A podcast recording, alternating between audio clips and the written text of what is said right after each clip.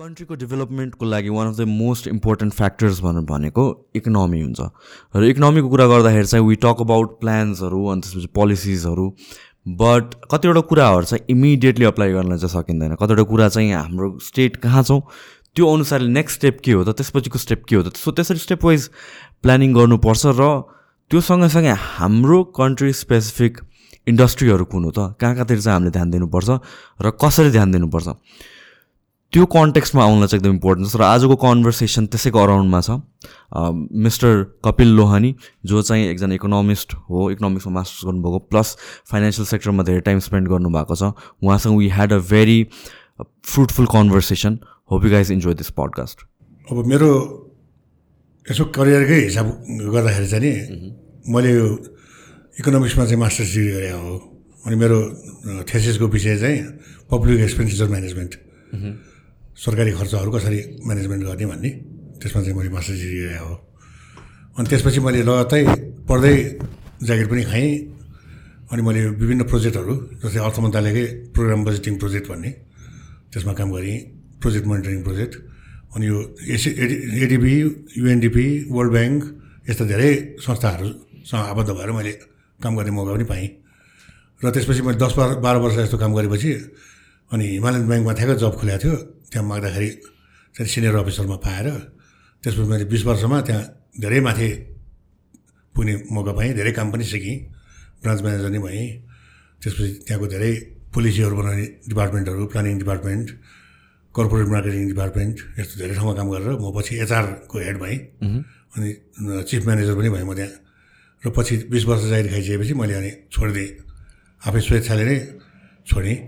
अनि त्यसपछि फेरि युएनडिपीमा काम गरेर म त्यो उन्नति एक्सेस टु फाइनेन्स भन्ने एउटा ठुलो प्रोजेक्ट थियो। यो चाहिँ पूर्वाञ्चलमा खास गरी यो कृषिहरूको विकास गर्ने यो नगदे पाँच छवटा चिजहरू को चाहिँ उत्थान गर्ने फाइनेन्सियल लिट्रेसीहरू दिने यस्तो कार्यक्रम थियो। अनि त्यो चिजमा हामीले चाहिँ म म टिम लिडरै भएर काम गरेर त्यो प्रोजेक्ट कम्प्लिट भयो सक्सेसफुल्ली अहिले पछि पनि अब यो नेपाल अब टु थाउजन्ड ट्वेन्टी सिक्सदेखि नेपाल पनि एलडिसीबाट ग्रेजुएट भएर डेभलपिङ कन्ट्री हुँदैछ।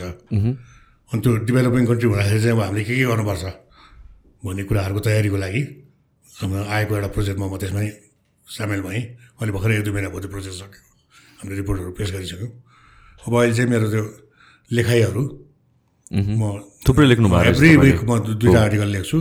यो टु ट्वेन्टी ट्वेन्टीदेखि आजसम्म चाहिँ मेरो अटुट छ। अहिलेसम्म कसैले मलाई लाग्छ probably no one has return this much articles in Nepal so publish केमा गर्नुहुन्छ त्यो चाहिँ? हजुर। पब्लिस चाहिँ कहाँ गर्नुहुन्छ? ए मैले एउटा चाहिँ त्यो फ्रेस न्युज नेपाल भन्ने एउटा अनलाइन छ। त्यसमा गर्छु। अनि अहिले पाँच छ महिनादेखि चाहिँ डिसी नेपाल वासिङटनबाट आउँछ नि म त्यसमा पनि लेख्ने गरेको छु। हरेक हप्ता स्याटरडे त्यसमा आउँछ। अब आज पनि मेरो यसमा फ्रेस न्युजमा आएको छ। अनि म योभन्दा अगाडि चाहिँ पत्रकार पनि थिएँ। मैले धेरै वर्ष पत्रिकामा काम गरेँ। ह्युमन राइट्स सम्बन्धी काम गरेँ। त्यसपछि अनि नाइन्टिन नाइन्टी फोरदेखि मैले यो इलेक्सन अब्जर्भेसनमा पनि म खुब लागेँ। इन्टरनेसनल अब्जर्भरै हो म। यसपालिको इलेक्सनसम्म सबै मैले भ्याएँ। अब म्युजिकमा पनि मेरो साँच्चै पहिलेदेखिको सोख एउटा चाहिँ म्युजिक थियो। म चाहिँ अमर गुरुङको अमर गुरुङसँगै मैले सिकेको हो म्युजिक। म खास गरी चाहिँ कम्पोजर हो म्युजिक कम्पोजर हो। तर मेरो गीतहरू पनि धेरै छ। त्यो कपिल लोनी भन्ने युट्युबमा गएर हेऱ्यो भने मेरो धेरै गीतहरू चाहिँ पहिलादेखि इन्भल्भ मैले मैले कम्पोज गरेको मैले गाएको गीतहरू पनि चले ओके सो फाइनेन्सियल कुरा गर्दाखेरि चाहिँ स्पेसली हामीहरू इकोनोमीको कुरा गर्छौँ। होइन इकोनोमीको कुरा गर्दाखेरि हाम्रो देशको अब अहिले राइट नाउ कुरा गर्ने हुन्छ। अब लिक्विडिटी क्राइसिस एन्ड एभ्रिथिङको कुराहरू आउँछ। जुन चाहिँ अब इट माइट बी टेम्पोरेरी तर अब लङ टर्ममा हामीले हेर्नु पऱ्यो कन्ट्रीको एउटा डेभलपमेन्ट हेर्दा त लङ टर्म हेर्नु पऱ्यो एक महिना दुई महिना एक दुई वर्षको कुरा भन्दाखेरि पनि। र जहिले पनि अब लाइक मेरोमा यहाँ चाहिँ थुप्रै इकोनोमिस्टहरू आउनुहुन्छ अनि म कुरा गरेर आउँछु डेभलपमेन्टको बारेमा। हाम्रो मोस्ट कन्भर्सेसन चाहिँ अब के गर्नुपर्छ भनेर चाहिँ कुरा चाहिँ हुन्छ बट देन लाइक यो डेभलपमेन्ट भने एकदमै लङ टर्म गेम हो नि त। यो भनेको आजको भोलि हुने कुरा होइन होइन? हामीले अब प्यासनेट भएर नेसनलिस्टिक भएर पाँच वर्षमा एभ्रिथिङ चेन्ज हुन्छ भनेर भन्न सक्छौँ बट प्र्याक्टिकली हेर्ने हो भने त्यो पोसिबल छैन। कति कुराहरू बिस वर्षमा गर्न पोसिबल हुन्छ होला जुन अहिले गर्न हुँदैन। जुन कति कुराहरू अहिले गर्नुपर्ने हुन्छ होला। सो एउटा डेभलपमेन्ट पनि हार्डली या गर्छु मात्र भनेर यो डिरेक्सनमा मात्र जान्छु भनेर हुँदैन कि।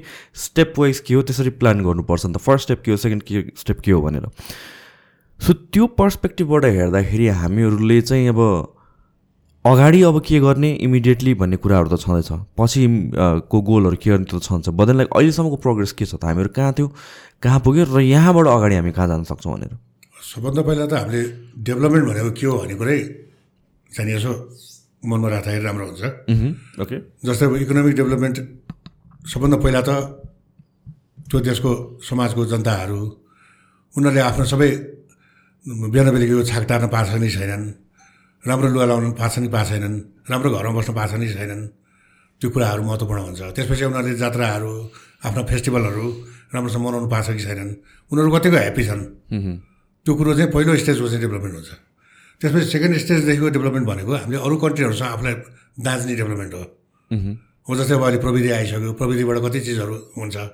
हो हामी कहाँ अहिले जग्गाहरू कम भए भएपछि हाम्रो चाहिँ प्रोडक्टिभिटी नै घटाएको छ एग्रिकल्चरमा हो त्यसमा हामीले प्रविधि युज गरेर चाहिँ प्रोडक्टिभिटी बढाउन सक्छौँ हामीले। यस्ता कुराहरू नै हामीले हेर्नुपर्छ। त्यही भएर यो विकास जति जति पपुलेसन बढ्दै जान्छ जति धेरै पपुलेसनलाई हामीले क्याटर गर्नुपर्ने हुन्छ जति जति अरू देशसँग हामीले दाँजोमा चाहिँ एट पार जानुपर्ने हुन्छ त्यो अनुसार हामीले अनि हाम्रो विकास पनि त्यही त्यही अनुसार गर्दै जानुपर्छ। अघि तपाईँले भन्नु जस्तै डेभलपमेन्टको कुनै एउटा सीमा नै छैन। अथवा यति दिनमा स डेभलपमेन्ट हुन्छ भन्ने नै छैन। यो एउटा अनगोइङ प्रोसेस हो यो भइरहेको छ। र हामीले यो यस्तो विकासको कुराहरू गर्दाखेरि चाहिँ एउटा हामीले बोर्डर लाइन पनि एउटा राख्नुपर्छ। जस्तै अब अहिले हामीले जाने अब हाम्रो सुरुवात चाहिँ हामी राणा शासन खतम भएपछि नेपाल खुला भयो। अनि त्यो बेलादेखि अहिलेसम्मको चाहिँ नि हामीले राम्रो नराम्रो सबै पक्षहरू खेलायौँ भने नेपाल खासमा एकदम पछाडि परेको देश पनि होइन नेपाल खासमा विकासमा धेरै पछाडि परेको देश थियो भारतहरू हामीभन्दा धेरै अगाडि ब्रिटिसहरूले उनीहरूलाई उनीहरूको विकास धेरै गर्ने गर्दै हामीले गरेनौँ। हामी हरेक कुरामा चाहिँ प्रजातन्त्र आइदेला कि भनेर डरले हामी गर्न चाहेनौँ। त्यस्तै हो अर्को चाहिँ नि रोडहरू काठमाडौँसम्म आयो भने भोलि ब्रिटिसै हुरेर काठमाडौँमा आएर हमला गर्ला भन्ने त्यसै नचाहिँदो फेयरमा हामी बसिरहेको त्यसले गर्दा हामीले विकास पनि गर्न दिएनौँ। ब्रिटिसहरूले त्यति बेला दार्जिलिङहरूमा चाहिँ चियाहरू रोप्दाखेरि नेपाल पनि रोप्न खोजेको थियो। नेपालको इलामतिर पनि हामी चिया बगानहरू बनाउँछौँ। भन्दाखेरि त ब्रिटिस घुस्छ बिस्तारै बिस्तारै त्यति बाहनामा छिर्छ भन्ने। खास ब्रिटिसले चाहेको भए त त्यो इन्डिया सबै खाइसकेपछि त नेपाललाई थोरै खाइदिन सक्थ्यो। तर उनीहरूले चाहिँ यहाँ पनि बिजनेस गरौँ गरौँ भनेर मात्र आउनु खोजेको थिएँ। त्यो त्यो पनि हामीले मानेनौँ। अनि चन्द्र शमशेरको पालामा उसको पालामा अलिअलि त्यो त्यो पनि त्यो विकास गर्छु भनेर गरे होइन। त्यो सबै जङ्गल फडाइ गरेर त्यो जङ्गलको काठ बेच्ने अनि त्यसपछि अनि त्यो जग्गा चाहिने सबै बिर्ताको रूपमा चाहिँ बाँड्ने। आफ्नो मान्छेहरूलाई बाँड्ने अनि पैसा कमाउने जुद्ध शमशेरले पनि त्यही गर्यो चन्द्र शमशेरले पनि त्यही गरे हो। तर चन्द्र शमशेरको बारेमा अलिअलि विकास पनि भएको छ फेरि। रेल आयो। पहिला त त्यही काठ उता लानलाई नै रेल ल्याएको हो। पछि तै पनि त्यो अमले गर्दादेखि अबसम्म चाहिने रेल आयो। अनि पछि अहिलेको जनकपुर जयनगर भन्ने रेल त्यो पनि पछि बनेको हो त्यो। रोपवे आयो। सबै यस्ता यस्ता विकासहरू अलिअलि भएको थिए। थोरै विकास भएको थिए। दरबारहरू बनेको पनि विकास भनेर भन्छौँ हामी। त्यो आफू बस्नलाई बनाएको चिजहरू भयो। त्यो त्यही भएर हामीले अब सात साल पछिको हिसाब गर्दाखेरि चाहिँ नेपाल साँच्चै नै ओपन भयो। नेपालमा चाहिँ विभिन्न राष्ट्रहरूले एमएसी खोल्न थाले। नेपाली पनि नेपाल पनि एउटा डेभलपमेन्ट पार्टनर हुन थाल्यो। युनाइटेड नेसन्सकै मेम्बर भएपछि नाइन्टिन फिफ्टी थ्री हो कि फिफ्टी फाइभमा भयो। यसरी चाहिँ नि नेपाल पछि अनि ओपन हुँदै गयो सेन्ट्रल ब्याङ्क खुल्यो नेपालमा। सेन्ट्रल ब्याङ्क पनि थिएन। त्यो नेपाल ब्याङ्क लिमिटेडले सबै हेर्थ्यो। अनि हाम्रो सिस्टम पनि अनि ब्युरोक्रेटिक ब्युरोक्रेटिक सिस्टमहरू पनि धमाधम बन्न थाल्यो मन्त्रालयहरू बन्न थाले। अनि अमेरिकनहरूले नै सहायता सहायता गरे। हाम्रो सबभन्दा बढी सहायता त इन्डिया र पछि चाइनाले पनि गरेको छ। अनि पूर्व पश्चिम राजमार्ग बनाउने कुरा आयो। त्यो एउटा ठुलो चिज हामीले उपलब्धि हासिल गऱ्यौँ। त्यो बन्न पनि एकदम धेरै टाइम लाग्यो तर त्यो बनेर नेपाल कहाँको नेपाल कहाँ फड्को माऱ्यो नेपालले। त्यो बन्न थालेपछि नै माथि पाहाडबाट चाहिँ पाहाडमा धेरै यो खेती खेती पनि हुँदैन थियो। पाहाडमा हुने खेती भनेको चाहिँ मकै कोदो फापर आलु यस्तो मात्र हुन्थ्यो। अनि पाहाडमा चाहिँ तराईमा चाहिँ अनि त्यो जङ्गलहरू फडानी भयो भयो। त्यसले गर्दाखेरि खेतीको जग्गा धेरै भयो।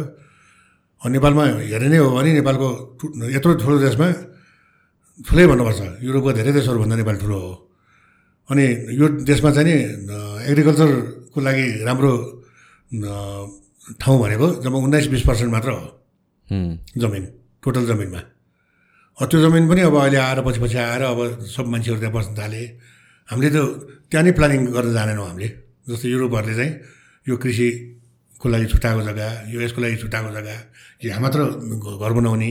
त्यो चाहिँ एकदमै जरुरी छ जस्तो लाग्छ हाम्रो। अहिलेको करेन्टली स्टेटमा जुन यो रियल स्टेट बबलमा छ अन्त एग्रिकल्चर डिक्लाइनिङ छ त्यसको one of the most important culprit भने नि त्यही हो जस्तो लाग्छ। किनभने चाहिँ अब अब यसरी अब मोनिटरी वाइज हेर्ने हो भने त जग्गा बेच्नु नै मोर प्रफिटेबल भएर जान्छ। Any and every kind of real estate so त्यो कारणले गर्दा एग्रिकल्चरल ल्यान्डहरू जुन कल्टिभेबल थियो त्यो त डिक्रिज हुँदै गयो नि त। अब यही काठमाडौँ भ्यालीकै कुरा गर्दाखेरि यहाँ यति फर्टाइल ल्यान्ड थियो। हो नि। उयो अहिलेको हाम्रो यो सिंहदरबारको सँगै राष्ट्रिय वाणिज्य ब्याङ्कहरू बनेको त्यो न्यू प्लाजाहरू त्यसलाई के भन्छ? यस्तै के सिंहदरबार प्लाजाहरू भन्छ क्या त्यो ठाउँ- त्यो प्लाजा हुने ठाउँ एरिया मैले बुझेँ। त्यो अहिलेको त्यो हेल्थ मिनिस्ट्रीहरू भएको त्यो- त्यो ठाउँ यति फर्टाइल हो त्यो नै। त्यस्तै अब सिंहदरबारको पछाडि अनामनगरहरू भनेको ठाउँहरू एकदम फर्टाइल ठाउँहरू। अब त्यसपछि झन् त्यो बागमतीको पछाडि एयरपोर्टको पछाडिको मनोहराको फाँट भने त तरकारीको लागि ठुलो एउटा ठाउँ हो त्यो। अहिलेको भ्रिगुडी मण्डप भएकै ठाउँ चाहिँ एकदम कौलीहरू पनि ठाउँ हो पहिला थियो अब बिस्तारै मासिँदै मासिँदै मासिँदै मासिँदै अब त खालि यहाँबाट टाढा सरे मात्र होइन कि अब जमिनै खालि छैन अब त। सबै जमिन सकिन लागिसक्यो। भैँचालो गयो भने कहाँ भाग्ने? त्यस्तो समस्या जस्तो परिसक्यो। एकदम हामीसँग जग्गाहरू कम छ। त्यसले गर्दाखेरि फर्टाइल ल्यान्डहरू सबै खतम भएर गयो। यो किन यस्तो भएको भन्दाखेरि जसलाई पनि घर काठमाडौँमा बनाउनु परेको छ। अनि काठमाडौँ ल्यान्डको प्राइस अनावश्यक रूपमा न्युयोर्कको जस्तो भइसक्यो। एक्ज्याक्टली मैले भने पनि त्यही कुरा हो। यहाँको like it doesn't make sense जुन हिसाबले हाम्रो इकोनोमी जिडिपी टु रियल स्टेटको रेसियो छ त्यो नै मिल्दैन कि डजन्ट मेक सेन्स र त्यो नमिलेसम्म त अरू everything else because of real estate I believe real estate is the pinnacle त्यहाँबाट ट्रिकल डाउन हुने हो बिजनेसेसदेखि लिएर सबै लेबरहरूदेखि लिएर सबै कुरा. जब रियल स्टेटकै जब मिलेको छैन कम्पेयर टु द जिडिपी भनेर भनेपछि एभ्री एभ्री अदर सेक्टरमा त एफेक्ट पर्ने भयो नि। अब हामीले यही रियल इस्टेटकै कुरा गर्दाखेरि के अस्ति म त्यही दिल्लीकै कुरा गरौँ म अस्ति भर्खर दिल्ली गएर आएको थिएँ। त्यहाँ पनि समस्या अब ठुलो सहर त्यत्रो महानगर छ त्यो दिल्ली भनेको। अब त्यहाँ चाहिँ के रहेछ भन्दाखेरि अब त्यहाँ पनि ठुला ठुला हाइराइज बिल्डिङहरू बनिरहेछ अपार्टमेन्ट बिल्डिङहरू तर एफोर्डेबल हाउसिङ छ त्यहाँ। हामी कहाँ यहाँ अपार्टमेन्ट किन्ने भने बित्तिकै करोडौँ रुपियाँको कुरो धनीले मात्र बस्ने ठाउँ हो त्यो अथवा धनीको चाहिँ व्यापारीहरूको चाहिँ आफ्नो एउटा घर छ अनि त्यहाँबाट चाहिँ यसो रमाइलो गर्न जाने घर बनाउने ठाउँ। त्यस्तो मात्र अपार्टमेन्ट भइरहेको छ अहिले। हुँ। तर गरिबको लागि अथवा चाहिँ मध्यमवर्गीय मान्छेहरूको लागि अपार्टमेन्टमा बस्ने एउटा चाहिँ सोच्नु नै सपना भइसक्यो तर त्यहाँ इन्डियामा चाहिँ नि पच्चिस लाख आइसीमा बिस लाख आइसीमा पनि अपार्टमेन्टहरू। आउँछ। अनि मान्छेहरू अब त्यो दिल्ली भनेको ठुलो विशाल छ युपीदेखि लिएर वहाँ दिल्ली चाहिँ त्यो मेन क्यापिटल उता गुजरातमा नै पर्छ के गुजरात यो उसमा पन्जाबभन्दा उतापट्टि अरू अर्को प्रान्त गुजरातै हो अरे इन्डियाको चाहिँ खास थाहा छ मलाई। त्यो प्रान्तमा युपीमा पनि पर्छ होइन? नोइडाहरू भने यता पर्छ। अब त्यो अरू मेदान्त हस्पिटलहरू भनेको अरू अर्को प्रान्तमा पर्छ। अनि आफ्नो आफ्नो ठाउँको चाहिँ प्राइस अनुसार त्यहाँ चाहिँ अब पोस एरियामा महँगो पनि छ। अलिक बाहिर बाहिर जाने। एफोर्डेबल पनि छ।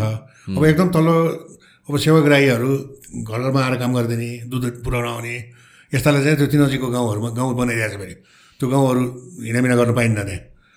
ओके सो त्यो प्लान्ड वेमै बनाएको मा बनाएको छ। ओके जग्गाहरू पनि अब त्यो पहिला पहिला जमिनदारहरू चौधरीहरू अहिले त्यो जग्गा चाहिँ यस्ता ठुल्ठुला प्लटिङ गर्ने मान्छेहरूलाई चाहिँ उनीहरूले लिजमा दिएको छन् हन्ड्रेड इयर्सको लिज मजाले आम्दानी खायो बस्यो। त्यहाँको बाल खानी बस्ने। अनि त्यो घर चाहिँ उनीहरू पनि अब बनाएर गरेर बालमा नि गएको छ किन्ने मान्छेले किने पनि छन्। त्यसरी चाहिँ एकदम प्लान वेबाट उनीहरूले गरे भएर सबै किसिमका मान्छेहरू चाहिँ बस्न पाएको छन्। मह्म। सो अब हाम्रो हाम्रो चाहिँ स्टेट के छ अहिले? हेर्नु पर्दाखेरि चाहिँ हामी अहिले कुन स्टेटमा छौँ? किनभने चाहिँ लाइक अब यो जुन भइरहेको छ यहाँ अहिले करेन्टली यो um, के अरे स्ट्रिट हकर्सहरूलाई काम गर्न पाउँदैन एन्ड अल द्याट थिङहरू जुन पोलिसीहरू अग्रेसिभ वेमा आइरहेको छ। एउटा वेले हेर्दाखेरि चाहिँ um, कहाँ कहाँ सपोर्ट गर्न पनि मन लाग्छ तर कहाँ कहाँ चाहिँ यसलाई अलिकति बेटर वेमा ह्यान्डल गर्न सकिन्थ्यो जस्तो पनि लाग्छ। किनभने चाहिँ वी अन्डरस्ट्यान्ड कि जथाभावी बेच्न दिन पनि मिल्दैन होइन? त्यो तपाईँ एउटा अर्गनाइज हुनु पऱ्यो ट्राफिकको यत्रो प्रब्लम छ प्लस अब इट्स अनफेयर पनि भनेर भनिन्छ सर्टन बिजनेसेसले रेन्ट पे गर्ने सर्टनले नगर्ने त्यो सबै कुराहरू ठिक छ त्यो सबै कुराहरू मान्छौँ। But with that being said cleanup गर्ने चाहिँ हो बाटो अर्गनाइज गर्ने चाहिँ हो बट देन एउटा अल्टरनेटिभ चाहिँ हुनुपर्छ जस्तो लाग्छ। किनभने अल्टरनेटिभ भएन भने प्रब्लम के हुन्छ भनेपछि रिच पिपल या जो चाहिँ मिडल क्लासको पिपलहरू अफोर्ड गर्न सक्छ जसको घर छ जसको बिजनेस छ एउटा प्रपर हिस्ट्री छ ब्याकग्राउन्ड फ्यामिलीको उहाँहरूले चाहिँ लिभिङ क्रिएट गर्न सक्छन्। बट देन लाइक जो चाहिँ स्ट्रगलिङ फेजमा हुनुहुन्छ उहाँहरूले चाहिँ अब के गर्नु त भन्ने कुरा हो। र यो सानो प्रब्लम चाहिँ होइन किनभने it's not just a problem for them किनभने इभेन्चुली यो घुमेर त क्राइम रेट बढ्छ नि त। मान्छे डेस्परेट भएपछि क्राइम बढ्ने हो। सो यो लङ रनमा कहाँ गइरहेछ भन्ने कुरा म क्वेसन गर्छु। अर्को कुरा चाहिँ अब यसको रिबर्टल युजली आउने भनेको त बाहिरको मान्छेहरू हो। यहाँ किन आएको त? बाहिर आफ्नो गाउँमा गएर केही गर भनेर भन्छन्। बट देन हाम्रो देश यस्तो भयो कि एभ्रिथिङ सेन्ट्रलाइज भएर आयो। केही पढ्नु छ काठमाडौँ नै हो। मेडिकल फेसिलिटिज काठमाडौँ नै हो। तिमीलाई जब अपर्च्युनिटिज चाहिन्छ काठमाडौँ नै हो। सो यो जुन यत्रो इयर्सको ब्याड डुइङ र ब्याड सिस्टम र अनप्लान्ड इकोनोमी छ त्यसले गरेर बिचमा फस्ने लास्टमा भनेर भनेको त middle lower middle class to lower class पिपलहरू नै हो। सो के अल्टरनेटिभ हुन सकिन्थ्यो होला र यसलाई चाहिँ अगेन हामी डेभलपमेन्टको कुरा गरेर जुन अघि भनेर भने सबै कुरा अहिले नै गर्न सकिँदैन। मेबी इट्स अ लङ प्रोसेसमा हुनुपर्ने कुरा थियो कि स्टेप वाइज सो बिचमा बफर चाहिँ के गर्न सकिन्थ्यो अब यस्ता स्ट्रिट हकरहरू सडकमा बसेर सामान बेच्ने मान्छेहरू यहाँ मात्र होइन एकदम एडभान्स कन्ट्रीहरूमा नै हुन्छ यो। धनी देशमा नै हुन्छ ऊ साउथ साउथ अमेरिकातिर पनि त्यस्तो छ। एकताका साउथ अफ्रिकामा त्यस्तो सडकमा बसेर माग्नेहरूलाई गोलीसम्म ठुके। धेरै पहिले। किन? सेभेन्टिजमा त्यो डिक्टेटरहरूले ए ओके। त्यस्तोसम्म गरे। मलाई मलाई पनि याद छ म सानो हुँदाखेरि जस्तो कि अब अहिले थाहा छैन सकेको छैन न्यु रोडमा नाइट मार्केट भनेर हुन्थ्यो कि त्यो बस्नुपुर एरियातिर। अहिले अहिले अलाउ गर्छ त्यस्तो? अहिले गर्दैन जस्तो लाग्छ र?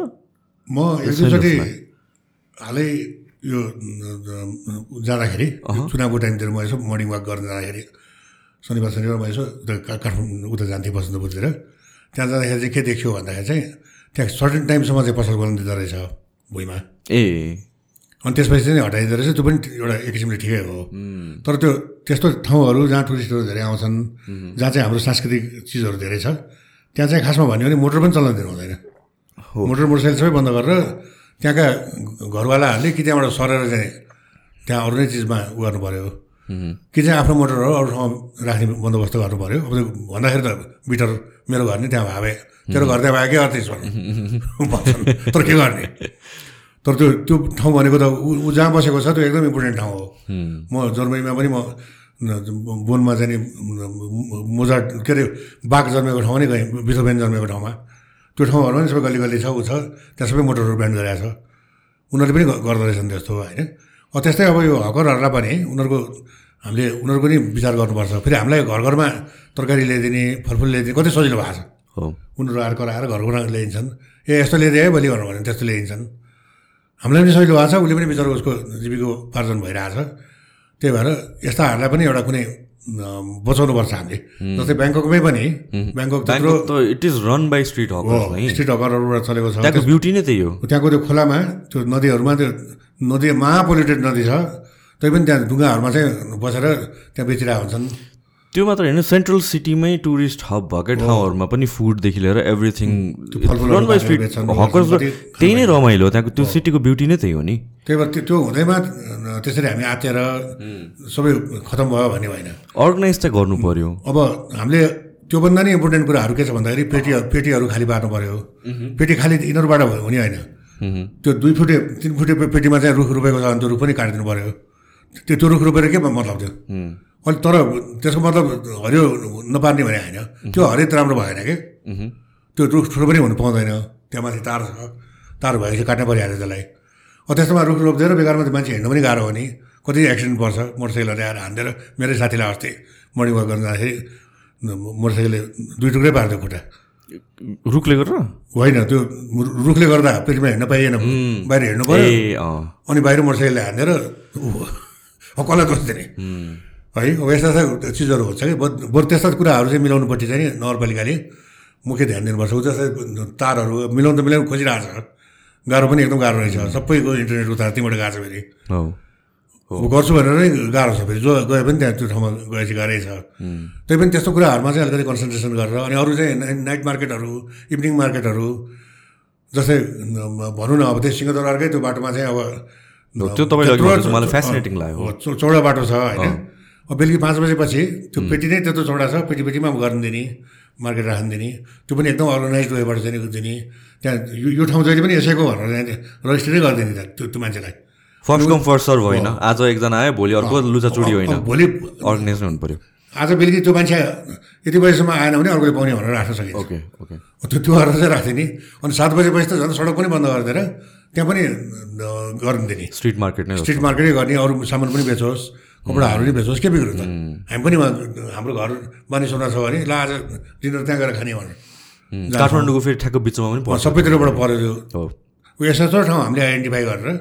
कुनै कुनै अब खोलाको नजिक पनि हुनसक्छ त्यो नदीको बागमती नदीको किनारमा ठाउँ ठाउँमा ड्याम बनाउनु पर्छ त्यहाँ। त्यो थापाथलीमा एउटा सानो ड्याम।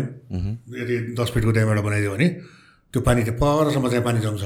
अनि त्यति ठाउँलाई सफा गऱ्यो त्यहाँ बोटिङ पनि गर्न पाइयो। अनि छेउछेउमा चाहिँ त्यस्तै मार्केटहरू फेरि नाइट मार्केटहरू राख्न सकियो।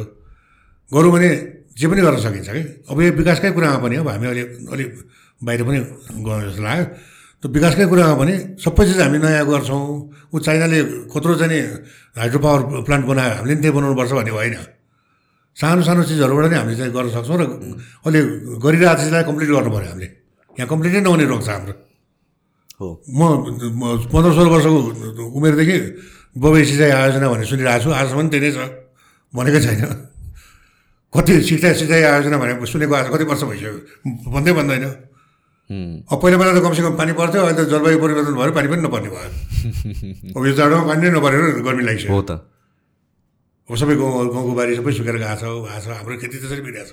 त्यही भएर चाँचाडै इरिगेसन गर्ने सिस्टमहरू ल्याउनु पऱ्यो चाँचाडै बिजुलीहरूको चाहिँ आपूर्ति हुने चिजहरू ल्याउनु पऱ्यो अब मैले यो हप्ता मैले धेरै यो बिजुलीहरू सम्बन्धी पढाएको थिएँ। अब यो माघ फागुनसम्ममा आठ सय मेगावाट बिजुली नयाँ प्लान्टहरू चालु भएर आउने भएको छ। अहिले हाम्रो इन्स्टल क्यापेसिटी चाहिँ चौबिस सय मेगावाट भइसकेको रहेछ। हामी त्रियासी लाख मेगा मेगावाट हामीले निकाल्न सक्छौँ नेपालको क्यापेसिटी। हो त्यो त सबै त अब निकालेर अहिले हुने पनि चिज होइन फाइदा पनि छैन। फेरि यो जलवायु परिवर्तनले गर्दा नि सबै अब त्यति एट्टी थ्री नै निक्लिँदैन होला। अब त्यो पचास साठीमा गएर रोकिन्छ त्यो। पानी नै घट्दै गएको छ हिमालमा। सबै हिमालहरू कालो भइसक्यो। पहिला व्हाइट गोल्ड भनेर भन्थे हो उहाँ स्विजरल्यान्डमा व्हाइट गोल्ड भनेर भन्थे यस्तो स्नोलाई। त्यही स्नो मेल्ट भएर पानी हुने अनि पानीबाट चाहिँ बिजुली निक्लिने भएर हिजो हिजो कि अस्ति मैले पनि त्यही ठ्याक्क परेर सबै त्यो स्नो क्यापहरू मेल्ट भएर अब सबै कालो देखिरहेछ भन्ने कुरा र मलाई यो क्वेसनहरू ठ्याक्क आएको त्यतिखेर चाहिँ के पनि हुनु भनेपछि हामीहरूको प्राइमेरी सोर्स अफ एनर्जी अब यो एकदमै पछिको कुरा हो है। तर प्राइमेरी सोर्स अफ एनर्जी भनेको त हाइड्रो पावर हो is the cleanest source of energy to be very honest तर यो हाइड्रो पावर पनि इभेन्चुली रिलाइ गर्न नमिल्ने स्थिति आउला कि? बिकज अफ क्लाइमेट कुनै चेन्ज समयमा आउन सक्छ घटेर जान्छ। जस्तै अहिले पनि मैले अघि भनिहालेँ नि ट्वेन्टी फोर हन्ड्रेड मेगावाट हाम्रो अहिले इन्स्टल क्यापेसिटी छ। तर यस्तो सुक्खा लागेको बेलामा त्यो सुक्खा लाग्ने किन भनेर भन्दाखेरि हिमालमा हिउँ पनि छैन। पानी पनि परेको छैन। भनेपछि खोला नालामा पानी छैन। अब यस्तो बेलामा चाहिँ त्यो घट्ने भनेको फोर्टी पर्सेन्ट घट्दो रहेछ। ओके। चौबिस सय अब अहिले हाम्रो यहाँ आठ सय मेगावाट मात्र हाम्रो उत्पादन चौबिस सयमा आठ सय मात्र नेपालले उत्पादन गरिरहेको छ अहिले। भनेपछि हाम्रो अहिले अहिलेको जरुरत कति रहेछ भन्दाखेरि चाहिँ नि हाम्रो अहिले बाह्र तेह्र सय जति जरुरत छ। सो इन्डियाबाट हामी किनिरहेछौँ अनि हामीले इन्डियाबाट किन्नुपर्ने अवस्था आयो। अब पछि चाहिँ फेरि अब यो पानी परेपछि यो बढेर सत्र अठार सय मेगावाटसम्म आउँछ। तर यो त हामीहरूले जहिले पनि एभ्री इयर हुने साइकल हो। इन्डियाबाट हामी किन्छौँ। बेसी भएको बेलामा तर बेच्छौँ यही अब भएको पछि पछि किन्नु नपर्ने अवस्था आउँछ। ओके। अब जस्तै हरेक वर्ष अब आठ सय मेगावाट जति अब थपिँदै जान्छ यसमा चाहिँ साना साना प्रोजेक्टहरू पचास मेगावाटभन्दा त तल तलका साना साना प्रोजेक्टहरू कम्प्लिट भयो हुन लाग्यो अब फागुनसम्म त्यसबाट हामीले आठ सय चान्सुन मेगावाट बिजुली नयाँ ल्याउँछौँ। अब अब आउने बिजुलीहरू चाहिँ एकदम ठुला ठुला प्रोजेक्टहरू आउन लाग्छन्। अनि अरूको खुसीको कुरो चाहिँ के छ भन्दाखेरि चाहिँ नेपालमा अब सोलर प्लान्टहरू पनि एकदम आउन थाले। सबभन्दा पहिलो ठुलो सोलर प्लान्ट चाहिँ नेपाल विद्युत प्राधिकरणले नै बनायो। अब त्यो चाहिँ त्यहाँ नुवाकोटमा बनाएको थियो पच्चिस मेगावाटको। अब अहिले उहाँ दुवाबीमा दुईवटा दस दस मेगावाटको बन्दैछ नवल परासीमा बन्दैछ। अरू पनि सानो सानो कति बन्दैछन् त्यो गरेर अहिले फेरि अर्को पैँतिस चालिस मेगावाट त्यस्तो बिजुली पनि बढ्दै जाने लक्षण आइरहेको छ अब विन्ड इनर्जी अलिकति हामीले गर्न सकेका छैन। यस्तो वैकल्पिक ऊर्जाहरू पनि निकालेर राष्ट्रिय ग्रिडमा हाल्दै जानुपर्छ। अब पहिला पहिला एउटा भुल के भएको थियो भन्दाखेरि चाहिँ हामी बिजुली निकाल्ने अनि फेरि ट्रान्समिसन लाइन नबनाउने। वेस्ट मात्र भयो त्यो। अनि वेस्ट हुने सम्भावना भइसकेको थियो। अहिले फेरि हतार हतार गरेर चाहिँ बनाए। ठुल्ठुलो पनि बन्यो। फेरि पहिलाको जस्तो त्यो सानो ट्रान्समिसन लाइनबाट हुँदैन। अहिले अब इन्डियामा एक्सपोर्ट गर्ने भने चाहिँ ठुलो लाखौँ लाख मेगावाट के अरे किलोवाट चाहिँ बिजुली एक्सपोर्ट हुन्छ होइन? अब अस्ति नै त्यति जब गर्दाखेरि पनि हामीले महिनामा आठ अरब दस अरब कमाइरहेको थियौँ। भनेपछि यो बिजुलीले हामी यति राम्रो समृद्ध हुन्छौँ। सो जुन यो बिज बिजुली हामीले बेच्ने कुरा छ नि त सो सर्टन मन्थ हामी बेच्छौँ सर्टन मन्थ हामी किन्छौँ। त्यसको ओभर द इयरमा चाहिँ इकोनोमी कस्तो कस्तो हुन्छ? लाइक हामी नेट पोजिटिभमा हुन्छ कि नेट नेगेटिभमा हुन्छ कि उत्तिकै न्युट्रल हो? अब अस्ति नै त हामीले खालि किन्थ्यौँ मात्र। हामी एकदम नेगेटिभमा थियौँ। नेगेटिभमा थियौँ। अब अहिले पछि चाहिँ किनेर बेच्ने दुइटै हुँदाखेरि अब सायद बराबर जस्तो स्थितिमा होला अहिले हामी। किन भन्छ मोस्ट मान्छेहरूलाई चाहिँ मैले यसो कुरा गर्दाखेरि चाहिँ हामी किन्छौँ पनि भनेर चाहिँ थाहा छैन रहेछ कि। हामीले किन न्युजहरूमा चाहिँ यति बेच्यौँ यति बेच्यौँ भन्ने कुरा चाहिँ आइरहेको हुन्छ। अब एउटा हिसाबले पोजिटिभ एस्पेक्ट मात्रै एस पोजिटिभ एस्पेक्ट हेर्नु राम्रो कुरा हो मोटिभेसन दिन्छ बट देन रियलिस्टिक पनि हुनु पऱ्यो। कति त हामी स्टिल हामी त्यो सिचुएसनमा छौँ जहाँ हामीले स्टिल किन्नु पनि परिरहेको छ। अब जुन किसिमबाट चाहिँ नि यो बिजुलीको विद्युत विकास भइरहेको छ नेपालमा त्यो हिसाबले अब हामीले किन्ने भन्दा पनि धेरै बेच्ने नै बेच्ने। बट अघि अगेन अनि त्यसपछि बेच्ने कुरामा पनि अब हामीले बेच्ने भर्सेस हामीले युटिलाइज गर्ने। होइन त्यसको लागि त हामीले अब इन्फ्रास्ट्रक्चरहरू बिल्ड गर्नु पऱ्यो। किनभने सम काइन्ड अफ रिपोर्ट आएको थियो जहाँ चाहिँ हामीले बेच्दाखेरि यस्तै कति दुई तिन रुपियाँ कति प्रफिट हुन्छ पर युनिट बट देन हामीले त्यसलाई युटिलाइज गर्न खोज्यो भने चाहिँ सत्तरी अस्सी रुपियाँ कति पर युनिटको युटिलाइजेसन पुग्न जान्छ हामीले सकेसम्म युटिलाइज गर्ने कोसिस गर्नुपर्छ। त्यो गरेर पनि हामी बेच्न सक्ने हुन्छौँ फेरि। त्यसपछि नै हाम्रो हामीसँग एक्सेस हुन्छ. त्यो हामी बेच्छौँ। तर अहिले हामीले त्यो युटिलाइज गर्नेतिर हाम्रो ध्यानै गएको छैन। हो त्यही त। अब त्यो इलेक्ट्रिक भेहिकलहरू आउँछ अनि त्यहाँ पनि एउटा लफडा भएर रोकिन्छ। है कहाँबाट किन्ने के गर्ने भन्ने कुरामा ऊ टेन्डरमा लफडा ऊ त्यहाँ लुम्बिनीमा आएर त्यत्रो भेहिकलहरू बसिरहेको छ इलेक्ट्रिक भेहिकल त्यो नि एडिबीको लोनबाट किनेर ल्याएको। तिन वर्ष हुनलाई अब त पुरानै हुने हुने बेला भइसक्यो चल्दै चल्दैन केले रोक्या हो किन भन्नु सक्यो होइन। अगेन दिस थिङ अबाउट तपाईँले अघि भन्नुभएको यो कन्टिन्युएसन अफ प्रोजेक्टहरू के प्लानहरू बन्छ स्टार्ट हुन्छ। अनि पोलिटिकल इन्स्टेबिलिटी या भन्छ सत्ता चेन्ज हुने बित्तिकै त्यो प्रोजेक्टहरू हल्ट हुन्छ। किनभने आई डोन्ट नो अरू कन्ट्रीमा कसरी वर्क गर्छ बट देन त्यो भनेको त सर्टन प्रोजेक्ट्सहरू त जो आए पनि यो त कन्टिन्यू हुनुपर्छ है। नेक्स्ट मान्छे जो आयो उसलाई ह्यान्डओभर गरेर उसले चाहिँ कन्टिन्यू गर्नुपर्छ है। भनेर चाहिँ हुनुपर्ने हो नि त। हाम्रोमा चाहिँ कसरी वर्क गर्छ? मुलुकको ब्युरोक्रेसी एकदम बलियो हुनुपर्छ कि? ब्युरोक्रेसी भनेको कर्मचारी तन्त्र। यो एकदम बलियो हुनुपर्छ।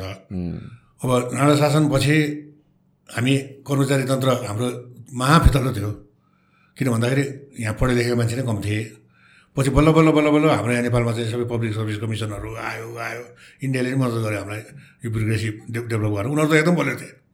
उनीहरूको पहिल्यै ब्रिटिसहरूले बनाइदिए भएर उनीहरू त त्यो ब्रिटिसले छोडेर गएपछि नि एकदम अब जस्तै नेहरू ठुलो इकोनोमिस्ट होइन नि तर नेहरू प्रधानमन्त्री भएर कसरी देश चल्यो त? भन्दा ब्युरोक्रेसी बलियो थियो। उसलाई मद्दत गर्ने मान्छेहरू बलियो थिए। त्यो सबै उनीहरू पनि हाम्रो यहाँका नेताहरू जस्तै जेलका जेल परे हो। तर फरक के भन्दाखेरि हाम्रो नेताहरू चाहिँ जेल परेर नै नपढिदिने उनीहरू चाहिँ अब जेलमै बसेर नै कति पढ अध्ययन गरेर गरेर कतिवटा किताब निकालेर महात्मा गान्धीले त्यो नेहरूले निकाले। हामी कहाँ नि भए बिपीले निकाले अरू कम्युनिस्टका नि कति नेताहरू युद्ध नै पनि निकालेका थिए मनमोहन अधिकारी राम्रै मान्छे थिए पुष्पलाल राम्रै थिए होइन?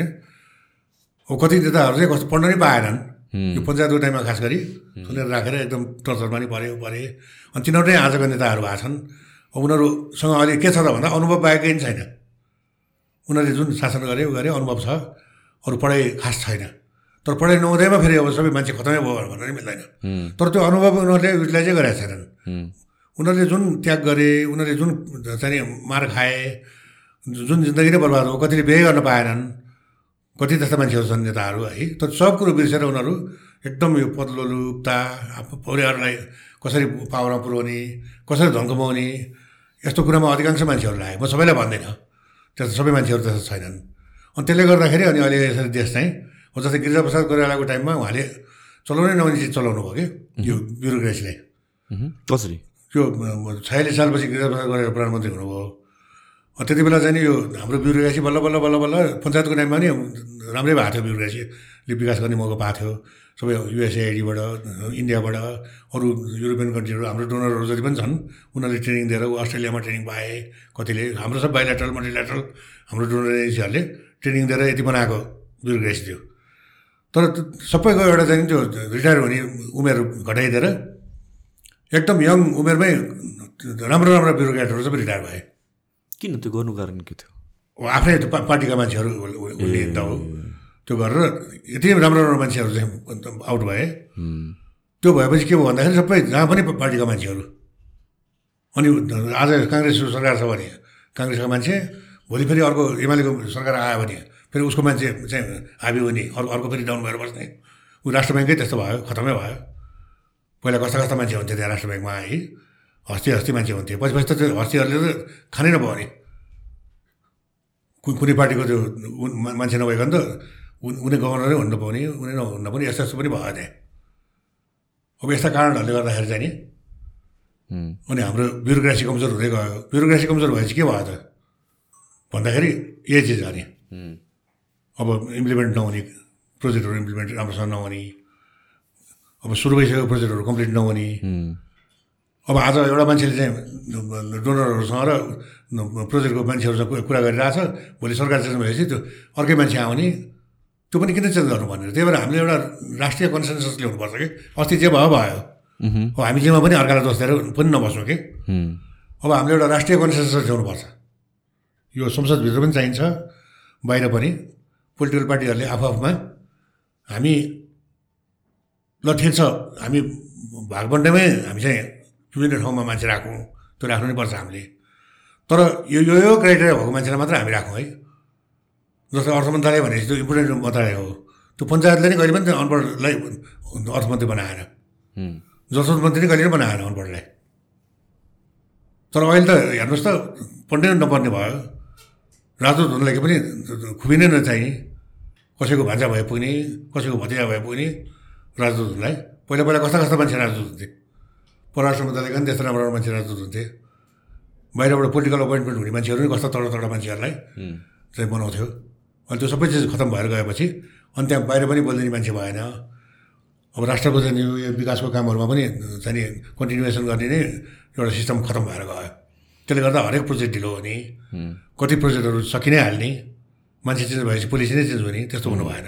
अब नेसनल कन्सेन्सस बनायो भने चाहिँ के हुन्छ भन्दाखेरि सबै अब हाम्रो चाहिँ रुलिङ पार्टी अब अपोजिसन पार्टी सबैले ल यस्तो यस्तो प्रोग्राम चाहिँ ल्याउनुपर्छ है यो प्रोग्राम हो भने चाहिँ भोलि हामी आयौँ सरकारमा भने हामी कन्टिन्यू गर्छौँ त्यसलाई भनेर अनि सबैले मान्नु पऱ्यो त्यो मान्नु भने एकदम एनाउन्स गरेर गर्नु पर्दैन। आफू आफूमा भित्र मानेर त्यसलाई खालि फलो गरेर हिँडे भयो। त्यस्तै अब अर्को कुरो के छ भन्दाखेरि अब संसदबाट घुरेर जे कुरामा पनि त्यो सबैजनाले साइन गरिदिने देशै उड्ला भन्ने पनि डर भयो त हामी विकासको कुरा गरिरहेछौँ त्यसै बस्ने हो कि होइन भनेको। यहाँ सवाल छ। जे पायो त्यसमा चाहिँ स- उ गर्दा देशै उ उ भइसक्यो बर्बाद भइसक्यो। अब त्यस्तो कुरो कसरी रोक्ने? त्यहाँ पनि नेसनल कन्सेन्स चाहियो। त्यहाँ पनि अलिकति त्यो टाङ अडाउने मान्छेहरू हुनु पऱ्यो त्यहाँ। अस्ति राष्ट्रपतिहरूले रोकिदिया भएर अहिले दुई चारवटा कुराहरू। अब त्यसपछि फेरि राष्ट्रपति दुश्मन भयो सब- सबको। है? त्यो पोस्टमा पुगिसकेपछि नि राष्ट्रपतिले पनि इन्डिभिजुअल भएर हिँड्नुपर्छ। म कसै पनि मान्छे होइन भन्ने। र अहिले पछिल्लो रोल खेलेको त ठिकै छ राष्ट्रपतिले। त्यसलाई गलत पनि भन्न मिल्दैन। त्यस्तै विकासमा पनि त्यसै गरी हामीले चाहिँ सबैले एउटै किसिमको लाइन लिएर हिँड्यो भने अब मैले अघि भने जस्तै कि अब हाम्रो नेपालमा जस्तै मैले एउटा सानो पोइन्ट अघि बसेर बनाएको थिएँ। अब नेपालको ले फड्को मारे केमा त भनेर भन्दाखेरि अब हामीले चाहिँ मलेरिया इरा- इराडिकेसन गऱ्यौँ। अरू पनि कति यस्ता किसिमका डिजिज सरुवा रोगहरू हामीले बच्चामा चाहिँ खोपहरू लाउने चिजहरू अहिले लाउनै नपर्ने भयो। त्यो इराडिकेसन भएर गयो होइन? त्यो त्यो भएपछि बच्चाहरूको पनि बाल मृत्यु दर घट्यो। अनि अरू पनि धेरै यसबाट चाहिँ फाइदा भयो होइन? अब मलेरिया हट्ने बित्तिकै तराईमा गएर बस्न सक्ने ठाउँ भयो। त्यहाँ अनि सबै किसिमको मान्छेहरू गएर बस्न जान थाले। त्यो हाइवेहरू बन्यो अरू पनि अन- अन्य सडकहरू बनेका छन्। त्यो सडकहरू बनेपछि के भयो त भन्दाखेरि मोबिलिटी बढ्यो। हाम्रो चिजहरू कहाँ कहाँ प्रडक्सन भएको चिजहरू चाहिँ फेरि मार्केटमा आउन सक्यो। त्यसरी शिक्षामा ठुलो विकास भयो होइन? हेल्थमा पनि त्यति नै विकास भएको छ पहिलाको हेरेर। अब उद्योग धन्दाहरू पनि कतै खुल्या छन् अहिले पछिल्लो समयमा आएर होइन? अब सञ्चारमा त तीव्र विकास भएको छ। अब हामीले हरेक चिज सुरुबाट लिनुपर्ने भन्ने छैन नि। अहिले लेटेस्ट संसारमा जे आयो त्यो चिज चाहिँ हामीले पनि पायौँ। हामी कहाँ ब्ल्याक एन्ड व्हाइट टेलिभिजनै आएन एकचोटि कलर आयो अब टेलिभिजन ल्याउने भनेपछि पहिला ब्ल्याक एन्ड व्हाइट ल्याउनु पर्ने जरुरी छैन नि। पहिला कलरै आयो इन्डियामा पहिला ब्ल्याक एन्ड व्हाइट आएको थियो। त्यसमा नि हामीले राम्रो गऱ्यौँ। अहिले विद्युतमा राम्रो हुँदैछ। होइन? अब यसरी चाहिँ नि हामीले चाहिँ नि त्यो यस्ता चिजहरूमा फड्को पनि मारे हो। तर त्यसपछि पछि पछि गएर यो राजनीतिक नै हामीले यो राजनीतिक खिचातानीले गर्दाखेरि शिक्षा खत्तम भएर गयो। अहिले नेपालमा बाह्रवटा छन् क्यारे युनिभर्सिटी। है त्यसमा त सबभन्दा पुरानो त्रिभुवन युनिभर्सिटी हो। त्यो त यो साउथ एसियाकै one of the best university छ। त्यो युनिभर्सिटी अहिले जर्जर अवस्थामा छ। म त त्यो पहिला पहिलाको प्रोफेसरहरूसँग मैले एउटा कुनै एकचोटि बसेर उहाँहरूसँग कुरा गर्ने विचार गरेको छु। अनि अहिलेका स्टुडेन्टहरूसँग पनि त्यहाँ पढ्नेहरूसँग पनि यस्तो नगरौँ यो युनिभर्सिटीलाई राम्रो बनाउने तिमीहरूको पनि हात छ। अनि पहिलाको मान्छेहरू पनि जसले पढाए जसले पढे त्यहाँ अहिले कता ठुल्ठुलो मान्छे भएको छन् कति बुढा भइसके। सबै मिलेर त्यो युनिभर्सिटीलाई रिभाइभ गराउनु पऱ्यो कि? त्यत्रो जग्गा छ ऊ छ है।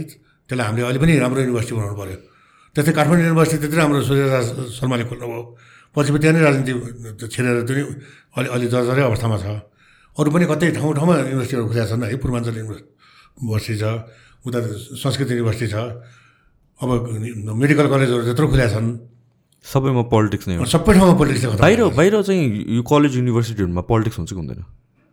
अब त्यहाँ पनि अब जस्तै जवाहरलाल नेहरू युनिभर्सिटीबाटै कति पोलिटिसियनहरू निस्केका छन् होइन तर यसरी युनिभर्सिटी नै खतम भने त्यो चिज चाहिँ गर्नु दिँदैन त्यहाँ। इन्डियाको डेमोक्रेसी हाम्रोभन्दा ठुलो डेमोक्रेसी हो। तर त्यहाँ लट्ठी हानेर यहाँ एक लट्ठी हान्यो भने त्यो ठुलो ह्युमन राइट्स भायोलेसन हुन्छ। त्यहाँ हुँदैन त्यो। एउटा लट्ठी बोकेको पुलिस देखे पनि सबै भाग भाग हुन्छन्। त्यो अनुशासन हुनु पऱ्यो है। हामीको अनुशासनै खतम भयो। पत्रकारीमा पत्रकारितामा नि त्यस्तै एकदम रेस्पोन्सिबल भएर पत्रकार हुनु पऱ्यो। है? नराम्रो चिज छ भने नराम्रै भनेर लेखिदिनुपर्छ राम्रो चिज छ भने एकदम त्यसको तारिफ पनि गरेर लेख्नुपर्छ।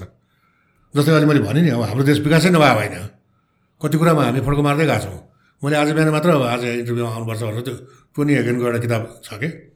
टोनी हेगेनले नाइन्टिन फिफ्टिजमा युएनडिपीबाट यहाँ नेपालमा आएर साठी हजार किलोमिटर नेपालमा हिँडेको पैदल यात्रा गरेको छ।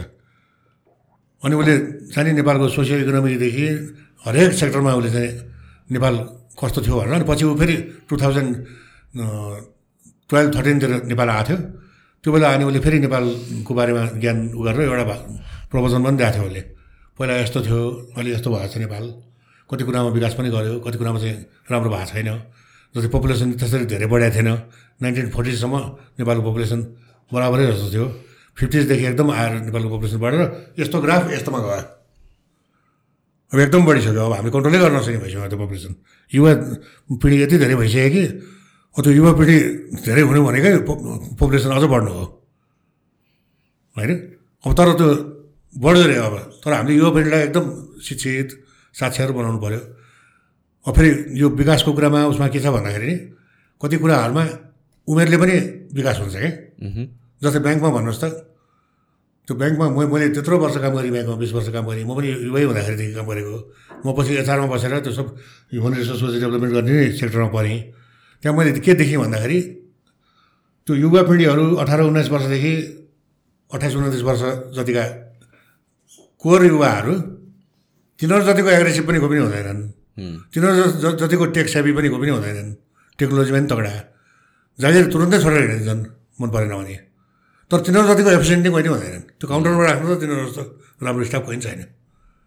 अनि त्यसपछि अनि अठाइस उन्तिस वर्षदेखि चालिस वर्षसम्मकाहरू बिहा गर्छन् बच्चा हुन्छ आधा ध्यान घरतिर पुगिरहेको हुन्छ आधा ध्यान अफिसमा हुन्छ। अनि तिनीहरूको अलिअलि एफिसियन्सी कम हुँदै जान्छ। अनि पछि चालिस नागेर गएपछि त धेरै कम भएर जान्छ एफिसियन्सी त्यसले गर्दाखेरि उमेरले पनि एकदम प्रभाव पर्छ। त्यो हामीले युवाहरूलाई खालि हडतालमा पठाउने। खालि नराम्रो काममा मात्र पठाउने भन्दा पनि उनीहरूलाई राम्रो एक्टिभिटीहरूमा हामीले लगाउनु पऱ्यो अब बाँकी चाहिँ अब त्यो उनीहरूले गएर त्यहाँ उसमा रोजगारीमा गए वैदेशिक के पनि होइन तर वैदेशिक रोजगारीमा जानुभन्दा अगाडि उनीहरूलाई सक्षम बनाएर पठाउनु पऱ्यो एउटा एयरपोर्टदेखि नै उनीहरू दशा सुरु हुन्छ। अब अहिले त त्यो भर्नु पर्दैन त्यो एयरपोर्टमा त्यो इमिग्रेसन के अरे त्यो पहिला पहिला भर्थ्यो नि एउटा फर्म। त्यो फर्म फर्मै भर्न आउँदैन थियो यिनीहरूलाई। म टु थाउजन्ड नाइनमा चाहिँ म न्युजिल्यान्ड जान लाएको थिएँ। त्यहाँ एयरपोर्टमा यसो गएँ बिचरा त्यहाँ फर्म भर्न नजानेर बसिरहेको थिएँ। एक दुईजनाको यसो भरिदिनु पऱ्यो भनेर मेरो टाइम पनि थियो। दुईजनाको के भनेको थिएँ त्यसपछि चाहिँ लाइनै लाग्यो मै भर्ने मान्छे हो कि भनेर। मेरो उता ट्रेन छुट्ला पनि डर अनि फेरि पन्ध्र बिसजना भरेर त्यहाँ भाइ मेरो त जानुपर्छ अरूको हेरेर घर है भनेर। यो चिज एक त सरकारले सिकाउनु पऱ्यो अर्को त्यो रोजगारी एजेन्सीहरूको काम के? त्यो वैदेशिक रोजगारकै एजेन्सीहरूले उनीहरूलाई अगाडि राखेर ल तिमीहरूको भम फर्म अहिले हामी भरिदिन्छौँ। पछि पछि तिमीहरूले आफै भर्नुपर्छ है। उहाँ गएर पनि त्यो एयरप्लेनबाट ओरिजिनल भर्नुपर्छ। यसरी भर्नु भने उनीहरूले वहीँ आफ्नै अफिसमा चाहिँ भराएर त्यो फर्म माग्यो भने त उहाँ इमिग्रेसनले दिइहाल्थ्यो। यिनीहरूले के पनि ट्रेनिङ दिँदैनन्। खालि त उ गर्ने अनि भिसा लगाएर ल्याएपछि हालिदिने प्लेनमा अनि गए बर्बाद भयो त्यस्तो पारिदिन्छन्। अब कति नेपालीहरू जो अलि बाठा छन् पढे लेखेका छन् त्यस्ताको राम्रो नै भइरहेछ। ऊ त्यो दुवाको एयरपोर्टमा म जान्छु कहिले। त्यो दुवाको एयरपोर्टमा सबै नेपाली छन् अहिले। विश्वास पनि उनीहरूले एकदम नेपालीहरूलाई गर्छन्। मलेसियामा कोलालम्पुरको गार्डहरू सबै ठाउँमा चाहिँ नेपालीहरू छन्। अलि बाठा टाठा बाठाहरू अरू अलि जानेकाहरूले चाहिँ राम्रो पनि अवसर पाइरहेछन्। जसलाई चाहिँ अवसर पनि पा जाने पनि छैनन्। उनीहरूलाई उताकोले पनि झुकाइन्छ यहाँकोले पनि झुकाइन्छ। अनि उहाँको पासपोर्ट खोसेर राखिदिन्छ। त्यस्तो गरिबमा चाहिँ रमाउनलाई भनेर त्यो माथि माथि चढ्नुपर्ने। यहाँ यहाँबाट जाने बेलामा अर्कै काम भने हुन्छ। त्यसरी चाहिँ हामीले यहाँबाट उनीहरूलाई तयार पारेर पठाउनु पऱ्यो कि? अनि अर्को चाहिँ हाम्रो एमएससीहरूले जस्तै अहिले कति एमएससीहरूमा म मलेसिया जाँदाखेरि त्यहाँको त्यो एकजना काउन्सिलरले एकदम त्यो त्यहाँको चाहिँ त्यो उसलाई लेबर फोर्सहरूले पाएको दुःखको बेलामा चाहिँ जेलमा पनि गइदिने। उ गरेर उनीहरू कामै त्यो हुँदो रहेछ। अहिले अरब कन्ट्रीहरूमा पनि त्यसो गर्छन्। यो चिजलाई अझ बढाएर एम्बेसडर चाहिँ एकजना अलिक ठुल्ठुलो एमएसीमा एम्बेसडर पनि हुनु पऱ्यो मतलब एम्बेसडरले सबै यस्तो चिज हेरेर साध्य हुँदैन। उसले चाहिँ फाइनल कुरोहरू हेर्ने तर उसले चाहिँ नेपालको इकोनोमिक डेभलपमेन्ट अब इकोनोमिक पोलिसी गर्ने हो। पहिला जस्तो इकोनोमिक त्यो डिप्लोमेसी भनेर खालि वाइन खाने। टाइ राम्रो लाउने होइन नि। अहिले त त्यहाँ गएर सबै नेपाललाई कसरी नेपालको बिजनेस कसरी बढाउने त्यहाँ? त्यो सोच्नु पऱ्यो अनि त्यसपछि नेपाललाई चाहिँ नि लोन दिन सक्ने देशहरूलाई यदि हामीलाई चाहिएको छ भने नचाहिकन त लोन पनि लिनुहुन्न अब इन्डियाहरूले चाइनाहरूले नचाहिकन लोनै लिँदैन। अब ग्रान्ड त सकेसम्म लिने कोसिसै गर्नु हुँदैन। हो हामी डेभलपिङ कन्ट्री पनि हुन लागिसक्यौँ। हो त्यो ग्रान्ड साइन्सतिर भन्दा पनि हामी चाहिँ आफ्नै आयबाट हामी बाँच्ने हुन सक्नुपर्छ। यो हाम्रो डेभलपमेन्टको कुरा गर्दाखेरि चाहिँ फरेन यो कन् कन्ट्रिजहरूको इन्फ्लुएन्स कतिको हुन्छ हाम्रोमा? अब पहिला पहिला आजभन्दा बिस पच्चिस वर्ष अगाडिसम्म धेरै जस्तो सबै ग्रान्टमा आउँथ्यो कि। उनीहरूले हामीलाई फ्रीमा पैसा दिन्थ्यो भनौँ न लोन आउँदैन थियो ग्रान्ट आउँथ्यो अथवा चाहिँ टेक्निकल एसिस्टेन्स दिन्थे त्यस्तो हुन्थ्यो। अब उनीहरू आफ्नै समस्या छ। अहिले कोभिडले गर्दा नि समस्या भइरहेछ अब अरू पनि उनीहरूको आफ्नै देशभित्र पनि अहिले कति जरुरत छ पैसाको। त्यसले गर्दा अब ग्रान्ट दिने देशहरू एकदम कम भएर गइसके। ग्रान्ट मात्र नभए पनि जस्ट पोलिटिकल इन्फ्लुएन्स या भने चाहिँ पोलिसी लेभलबाट कुनै हस्तक्षेप काइन्ड अफ कुराहरू हामी सुन्छौँ नि यो कतिको ट्रुथ हो कतिको रेलेभेन्ट छ नेपालको हो। कन्टेक्स्ट हुन्छ त्यस्तो जस्तै आफ्नो देश कस्तो ठाउँमा अवस्थित छ त्यसमा भर पर्छ। नेपाल एउटा सानो देश भए पनि हिमालको मुनि मात्र भएको देश भए पनि हामी एकदम स्ट्राटेजिक ठाउँमा छौँ। एकतिर इन्डिया छ एकतिर चाइना छ। अब इन्डिया पनि भोलि गएर ठुलो सुपर पावर हुने देश हो। अब रिजनल पावर त अहिले पनि भइसक्यो। अब इकोनोमिक सुपर पावर पनि हुन्छ एक दिन इन्डिया। अलिक पन्ध्र बिस बिस पच्चिस वर्ष लाग्छ। चिन त हुन लागिसक्यो दोस्रो नै भइसक्यो अब। अब अर्को चिन त मिलिटरीली पनि इन्डियाभन्दा नि अझ माथि हो। त्यो एरियाको त सबै साउथ चाइना सीमा त ऊ राजै भइसक्यो अब त्यहाँ। अब उसलाई कन्ट्रोल गर्न त्यो अब जस्तै अमेरिका अरू नेटो कन्ट्रीहरूलाई उसलाई चारैतिरबाट घेर्ने उसमा एउटा नेपाल पनि एउटा ठाउँ हुनसक्छ त्यो हिसाबले पनि नेपाल चाहिँ एउटा त्यस्तो ठाउँ हुन लाग्यो। एक किसिमले त्यो खास राम्रो भएन कि। हाम्रो लागि दुइटै नेबरिङ कन्ट्रीहरू बराबर हुन्। उनीहरूको दुइटैलाई बिगार हुने काम हामीले गर्नुहुन्न जस्तै इन्डियामा पनि कति टेरोरिजमहरू हुन्छ हुन्छ। तिनीहरू नेपालमा आएर चाहिँ जान्छ भन्छन्। त्यस्तो पनि हामीले रोक्न सक्नुपर्छ। इन्डियालाई नै एस्योर गर्न सक्नु पऱ्यो कि? नेपालबाट तिमीहरूलाई त्यस्तो हुँदैन भन्ने। त्यस्तै चिनलाई पनि हामीले एस्योर गर्न सक्नु पऱ्यो कि त्यहाँ हुने चाहिँ त्यो विध्वंसहरू हामी हुन दिँदैनौँ। नेपाल सेफ ठाउँ हो। तर त्यसको साथसाथै पनि हामीले अमेरिका बेलायतहरूसँग सम्बन्ध बिगार्नु भएन। उनीहरूलाई नै हामीले भन्न सक्नु पऱ्यो कुटनीति भनेकै त्यही हो। कुटनीति भनेको खालि वाइन खाएर हिँड्ने कुटनीति होइन कि? हामीले भन्न सक्नु पऱ्यो उनीहरूलाई यार। हेर तिम्रो तिम- तिमीहरू त्यति टाढाबाट हामीलाई चाहिँ यसो यसो भन्छौ। तर हाम्रो बाध्यता यो हाम्रो इन्डिया र चाइना हामी दुइटै हाम्रो लागि इम्पोर्टेन्ट छन् ऊ छन्। भनेर यो कुटनीति पहिला वीरेन्द्रको टाइममा नि जानेनन्। सेक्युरिटी काउन्सिललाई जापान र इन्डिया दुइटै उहाँ युएनमा हालेको थिएँ। सेक्युरिटी काउन्सिलको मेम्बरलाई एकजना मात्र हुने थियो। हामीले जापानलाई भोट त्यति बेला। अब एक किसिमले यसो हेर्दाखेरि जापान हाम्रो मित्र राष्ट्र पनि हो। हामीलाई मद्दत पनि गरेको थियो। तर चाइना इन्डिया त त्योभन्दा नि नजिक होइन? अनि रिसा आयो भने इन्डिया तर एउटा राम्रो सच्चा कूटनीतिज्ञले प्राइम मिनिस्टरै पठाएर अथवा चाहिँ त्यति बेला राजाहरू पावरफुल थिए आफ्नै भाइलाई नै पठाएर अथवा प्रधानमन्त्रीलाई पठाएर जापानको सम्राटलाई भेटेर त्यहाँको प्रधानमन्त्रीलाई भेटेर तिमीहरूसँग हाम्रो रिलेसन एकदम राम्रो छ। तर इन्डिया भनेको हाम्रो अझ चाइनाभन्दा नै अझ नजिक हो। हामीले यसो गर्नु हुँदैन। उसले पनि यसमा गइरहेको छ र एउटा मात्र सिट हो भने हामी बाध्य छौँ हामीले उसलाई दिनुपर्छ। यसमा माइन्ड नगरिदिएलास् भनेर सोच्नु सक्नुपर्छ त्यो भएन अब यसपालि चाहिँ गऱ्यो यसपालि चाहिँ नेपालले सपोर्ट पनि सपोर्ट गरेको थियो सिक्युरिटी काउन्सिलमा इन्डिया पनि छ होइन हामीले त्यस्ता कुटनीति सानो सानो कुटनीतिहरू जान्नु पऱ्यो कि सो फरेन डिप्लोमेसीमा हामी पनि अहिले पनि पछाडि नै छौँ हामी अलिक पछाडि नै छौँ हामीले चाहिँ सानो कुराहरूमा पनि खुसी पार्न सक्दैनौँ कि अब डिप्लोमेटहरू पनि हाम्रो पहिला पहिलाको जो थिए अब करियर डिप्लोमेटहरू पनि कति राम्रो राम्रो करियर डिप्लोमेटहरू पनि थिए। उनीहरू रिटायर भएपछि उनीहरूलाई फेरि युज गरेनौँ। त्यस्तो युज गर्ने फोरमहरू नि त बनाउनु पऱ्यो नि पछिसम्म उनीहरूको एउटा सल्लाह लिइराख्ने एउटा चाहिँ एडभाइजरी काउन्सिलहरू बनाउनु पऱ्यो। अनि पो नयाँ जेनेरेसनहरू पनि राम्रो डिप्लोमेटहरू निक्लिन्छन्। अहिले छन्। अहिले लोकसेवा पास भएर आएका मान्छेहरू कस्ता राम्रो राम्रो मान्छेहरू परराष्ट्रमा छन्। महिलाहरू कति परराष्ट्रमा छन्। महिलाहरूको नि अहिले सङ्ख्या बढ्दै गएको छ। अब भोलिभोलि गएर अब अबको आठ दस वर्षमा एम्बेसडर हुने महिलाहरू ती परराष्ट्र मन्त्रालयभित्रै कति हुन्छन्? एकदम लायकका एम्बेसडरहरू हुन्छन्। त्यस्तो पनि हुँदै गएको छ। सबै हामीले नेगेटिभ मात्र साइडहरू पनि हामीले हेर्नुभन्दा खालि के भन्दाखेरि हामीले गरेको विकासमा अब शिक्षामा पनि विकृति आयो स्वास्थ्यमा विकृति आयो। अब हाम्रो सडकहरूमा विकृति आयो भने राम्रो पनि भएको थियो। सडक पनि धेरै किसिमको छ कि उसले पनि यसले नै भनेको छ। नेपालमा चाहिँ चार पाँच किसिमका सडक रहेछन् भन्नु उसले थर्टिन फोर्टिनतिर एउटा चाहिँ नि डोनरहरूले बनाइदिएको सडक त्यो चाहिँ एकदम राम्रो बनाइदिएको हुँदो रहेछ। उनीहरूको भुइँको मापदण्ड अनुसारको बनाउँदो रहेछन्। अर्को गभर्मेन्टले बनाउने सडक रहेछ। त्यहाँ चाहिँ सबै नातावाद कृपावाद गरेर आफ्नो आफ्नो मान्छेलाई चाहिँ ठेका दिएर त्यो सडकहरू चाहिँ सबै पैसा खाएर बनायो भएर त्यो खतम हुँदो रहेछ। अनि अर्को तेस्रो किसिमको सडक चाहिँ फेरि त्यो त्यहाँ गाउँ गाउँलेहरू आफै त्यहाँ स्थानीय सरकारहरूले बनाउँदो रहेछन्। अनि त्यो सडकमा चाहिँ कुनै मापदण्ड इन्भाइरोमेन्टल इम्प्याक्ट पनि नगरेको स्टडी पनि नगरे केही नगरे भएर त्यो झन् बिग्रिँदो रहेछ। अर्को त्योभन्दा नि मुनिका चाहिँ त्यो फेरि स्थानीयहरूले बनाउँदो रहेछन्। अनि त्यो झन् खतम।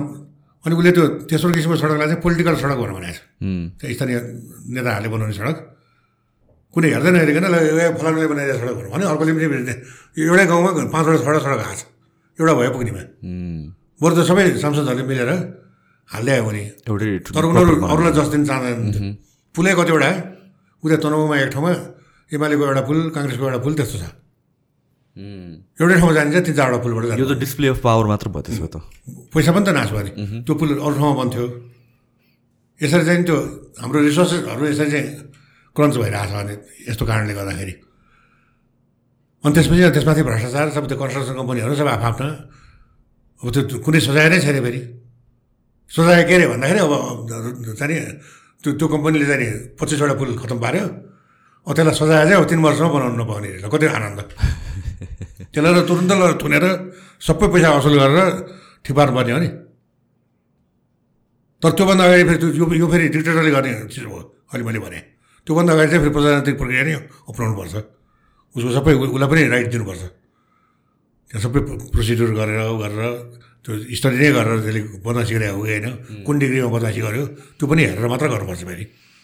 तर अन्तिममा अल्टिमेटली चाहिँ नि सजाय पाउने मान्छेले चाहिँ पाउनुपर्छ अनि मात्र डर हुँदैन अनि गर्नेले राम्रो काम गर्छ। गरेर खाऊ न। अब अर्को अब जस्तै भनौँ न टुरिज्म सेक्टर छ अर्को।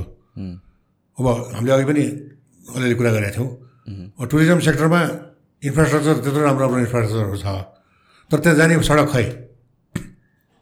काठमाडौँकै मात्र कुरा गर्दाखेरि पनि अब गोदावरी त्यस्तै राम्रो ठाउँ छ बोटानिकल गार्डन छ जाने सडकै छैन। हा खान्टाङ खुन्टाङ उता स्थानीय जनताले के चिज गरेर भनेर सडकै नभन्ने। जबसम्म त्यो के चिज सकिँदैन तबसम्म सडकै नभने ल। अब हेलिकप्टर चढेर जाऊ टुरिस्टहरू। भन्ने अथवा त्यही बाटोबाट जाऊ एडभेन्चर गरेर जाऊ तिमीहरूलाई साइकल चढाउने।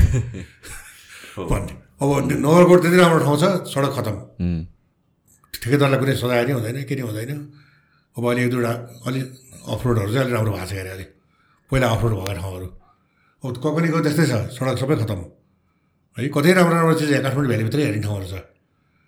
अब उता पोखरातिर चाहिँ स्थानीय सरकारहरू नि राम्रो त्यस्तो आएको भएर अनि त्यहाँ सांसदहरू पनि राम्रो आए।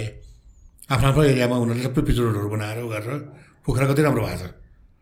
हो त्यहाँ चाहिँ अन्टरप्रिनियरहरू पनि त्यहाँको राम्रा। तिनीहरूले केबल कारहरू पनि आफै बनाए गरे। यहाँ पनि अब काठमाडौँ पनि आउँदा आयो एउटा केबल कार होइन? हो त अनि अर्को एउटा चिज के छ भन्दाखेरि विकासको निम्ति विनाश गर्नु हुँदैन कि? जस्तै त्यहाँ त केबल कार बन्यो त्यहाँ पनि अलिअलि रुख काट्यो तर धेरै खास धेरै काटेको थिएन। अब यहाँ त शिवपुरीमा नि केबल कार ल्याउने भनेर भनेको थिएँ बाटो पनि भित्र छिराउने भनेर भनेको थिएँ गर्नै हुँदैन। आज काठमाडौँको यति पनि राम्रो मौसम भएको त्यही शिवपुरीले त्यही उतापट्टिको त्यो के अरे ले लेलेको डाँडाहरू भएको जङ्गलले यस्तो गरेर हाम्रो इन्भाइरोमेन्ट यति राम्रो भइरहेको। शिवपुरीमा चाहिँ केबल कारको लाइन चाहिँ कहाँ बनाउने? कहाँसम्मको त्यो बुढाली कण्ठबाट माथि लाने भनेर कुरा थियो। त्यो त बाटो नै राम्रो छ नि त्यहाँ त। त्यो अहिले भित्रभित्र जे होस् ट्र्याकहरू बनाइरहेको छ त्यतिमै सीमित राख्नुपर्छ कि। त्यहाँ धेरै त्यो भिडभाड पनि गर्नुहुन्न त्यस्तो ट्र्याकमा। पिचै नगरे पनि केही हुँदैन। त्यो ग्राभेलै होस् तर त्यो उता नि त्यस्तै हुन्छ त्यो। अमेरिकातिर पनि कति नेसनल पार्कहरूमा ग्राभेलै रोड राखेको हुन्छ। त्यसो गरेर राम्रो बनाएर राख्नु पऱ्यो कि इको सिस्टम राम्रो हुनु पऱ्यो त्यहाँको। हो। जस्तै अहिले अब त्यो पानीको लागि अब कहिले काहीँ काठमाडौँलाई पानी न नपुग्ने बेलामा पानी भनेर त्यहाँ एउटा ऊ पनि गरेर छ ठुलो दह जस्तो बनाएर छ त्यहाँ माथि। त्यो त्यसले एउटा तालको पनि काम गर्यो मान्छेहरू जाँदाखेरि यसो हेर्नु नि पाइयो। र साथसाथै त्यसले पानीको नि ऊ बढायो। यस्तो चिजहरू गरेर टुरिज्म बढाउनुपर्छ। जस्तै भनौँ न अब इन्डियाले म अस्ति त्यहाँ उसमा गएँ लुम्बिनी गएको थिएँ। लुम्बिनीमा एउटा उताबाट ठ्याक्कै लुम्बिनीको ढोकामै आइपुग्ने एउटा बाटो इन्डियाबाट बनाएर रहेछ। बोर्डरबाट काँक्री हवा है के भन्ने ठाउँ रहेछ। त्यहाँबाट उनीहरूको सबै उनीहरूको त्यो बुद्धिस्ट सर्किट घुमाएर अनि नेपालमा फुत्त ल्याउँदो रहेछ। दुई घन्टा नेपालमा आएर यसो भनेर हेर त्यो एउटा फी मात्र नेपालमा तिर्ने त्यहाँभित्र छिरेको। अनि त्यसै खाना पनि उतै गएर खाने पानी पनि उतैको खाने। नेपाललाई के फाइदा भयो त्यस्तो टुरिज्म यहाँ त हामीले त सकेसम्म धेरै यहाँ बस्ने स्टे बढाउने काम होल्ड गर्न सक्नु पऱ्यो टुरिस्टहरूलाई हाम्रो टुरिस्टहरू यहाँ नेपालमा जति पनि आउँछन् सात आठ दिनभन्दा बढीको स्टे छैन यहाँ। यिनीहरूको स्टे बढाउनु पऱ्यो हामीले। खर्च गर्ने टुरिस्टमा बरु विदेशी भन्दा पनि इन्डियन छन् फेरि। खुब खर्च गर्छन् न टुरिज्मको कुरा गर्दाखेरि चाहिँ अब टुरिज्म अब इट्स अब नेपालमा भनौँ न लेट्स अलिकति पछाडिबाट हेरौँ। नेपालमा अब डेभलपमेन्टको कुरा गरौँ हामी प्रेजेन्टसम्मको त कुरा गऱ्यौँ। यहाँबाट अगाडि बढ्दाखेरि कुन सेक्टर्सहरू प्रोडक्टिभ हुन्छ? किनभने सबैतिर हात राखेर पनि भएन। होइन कुन सेक्टरहरू जुनमा चाहिँ जुनले चाहिँ फ्युचर चाहिँ इन टर्म्स अफ इकोनोमी नेपालको डेभलप गर्न सक्छ? अब त्यही नेपाललाई विकास गर्ने सबभन्दा ठुला सेक्टरहरू भनेकै चारवटा सेक्टर हुन्। एउटा कृषि एउटा पर्यटन अनि एउटा चाहिँ जलविद्युत र अनि एउटा चाहिँ नि यही वैदेशिक रोजगारी। अब मान्छेहरूले भन्दाखेरि चाहिँ वैदेशिक रोजगारी भनेरले भनेर चाहिँ उ गर्छन् तर त्यो रियालिटी हो कि? अमेरिकाबाट पनि वैदेशिक रोजगारीमा जान्छन् चाइनाबाट पनि जान्छन् भारतबाट पनि जान्छन्। फरक खालि के भन्दाखेरि हामीले चाहिँ नि तिनीहरूलाई सेक्युरिटी पुऱ्याउनु सकेका छैनौँ। त्यो जाने मान्छेहरूलाई हामीले राम्रो बन्दोबस्ती गरिदिन सकेका छैनौँ। उनीहरूको एमएसीहरूले चाहिँ एकदम राम्रो गर्छन्। हाम्रै मान्छेहरू चाहिँ त्यहाँ उहाँ इराक गएर गरेर गोलीमा घुटिन्छन् है। खोइ इन्डियनलाई मार्न सकेको छ त टेरिस्टले नेपालीलाई किन मार्छ त भन्दाखेरि यिनीहरू हाम्रो त कोही पनि छैन उहाँ।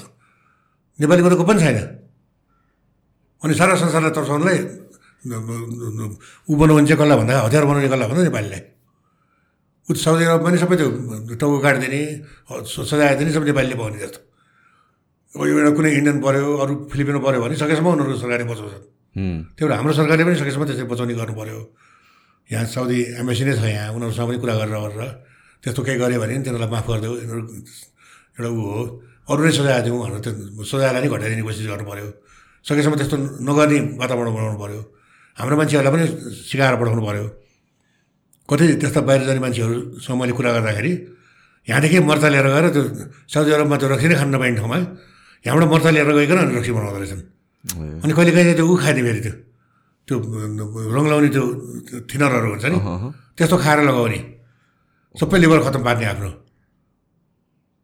तर किन खानु पऱ्यो त्यो चिज? त्यहाँ खानै पाइँदैन भने झन् नखाएरै बस् बस्दा राम्रो। त्यहाँ पाइने राम्रो चिज खानु। नेपाल आएर खानु यहाँ। एक दुई दिन यसो खानु। बानी पनि छुट्दै गइसक्यो भन्छ खान नै मन लाग्दैन।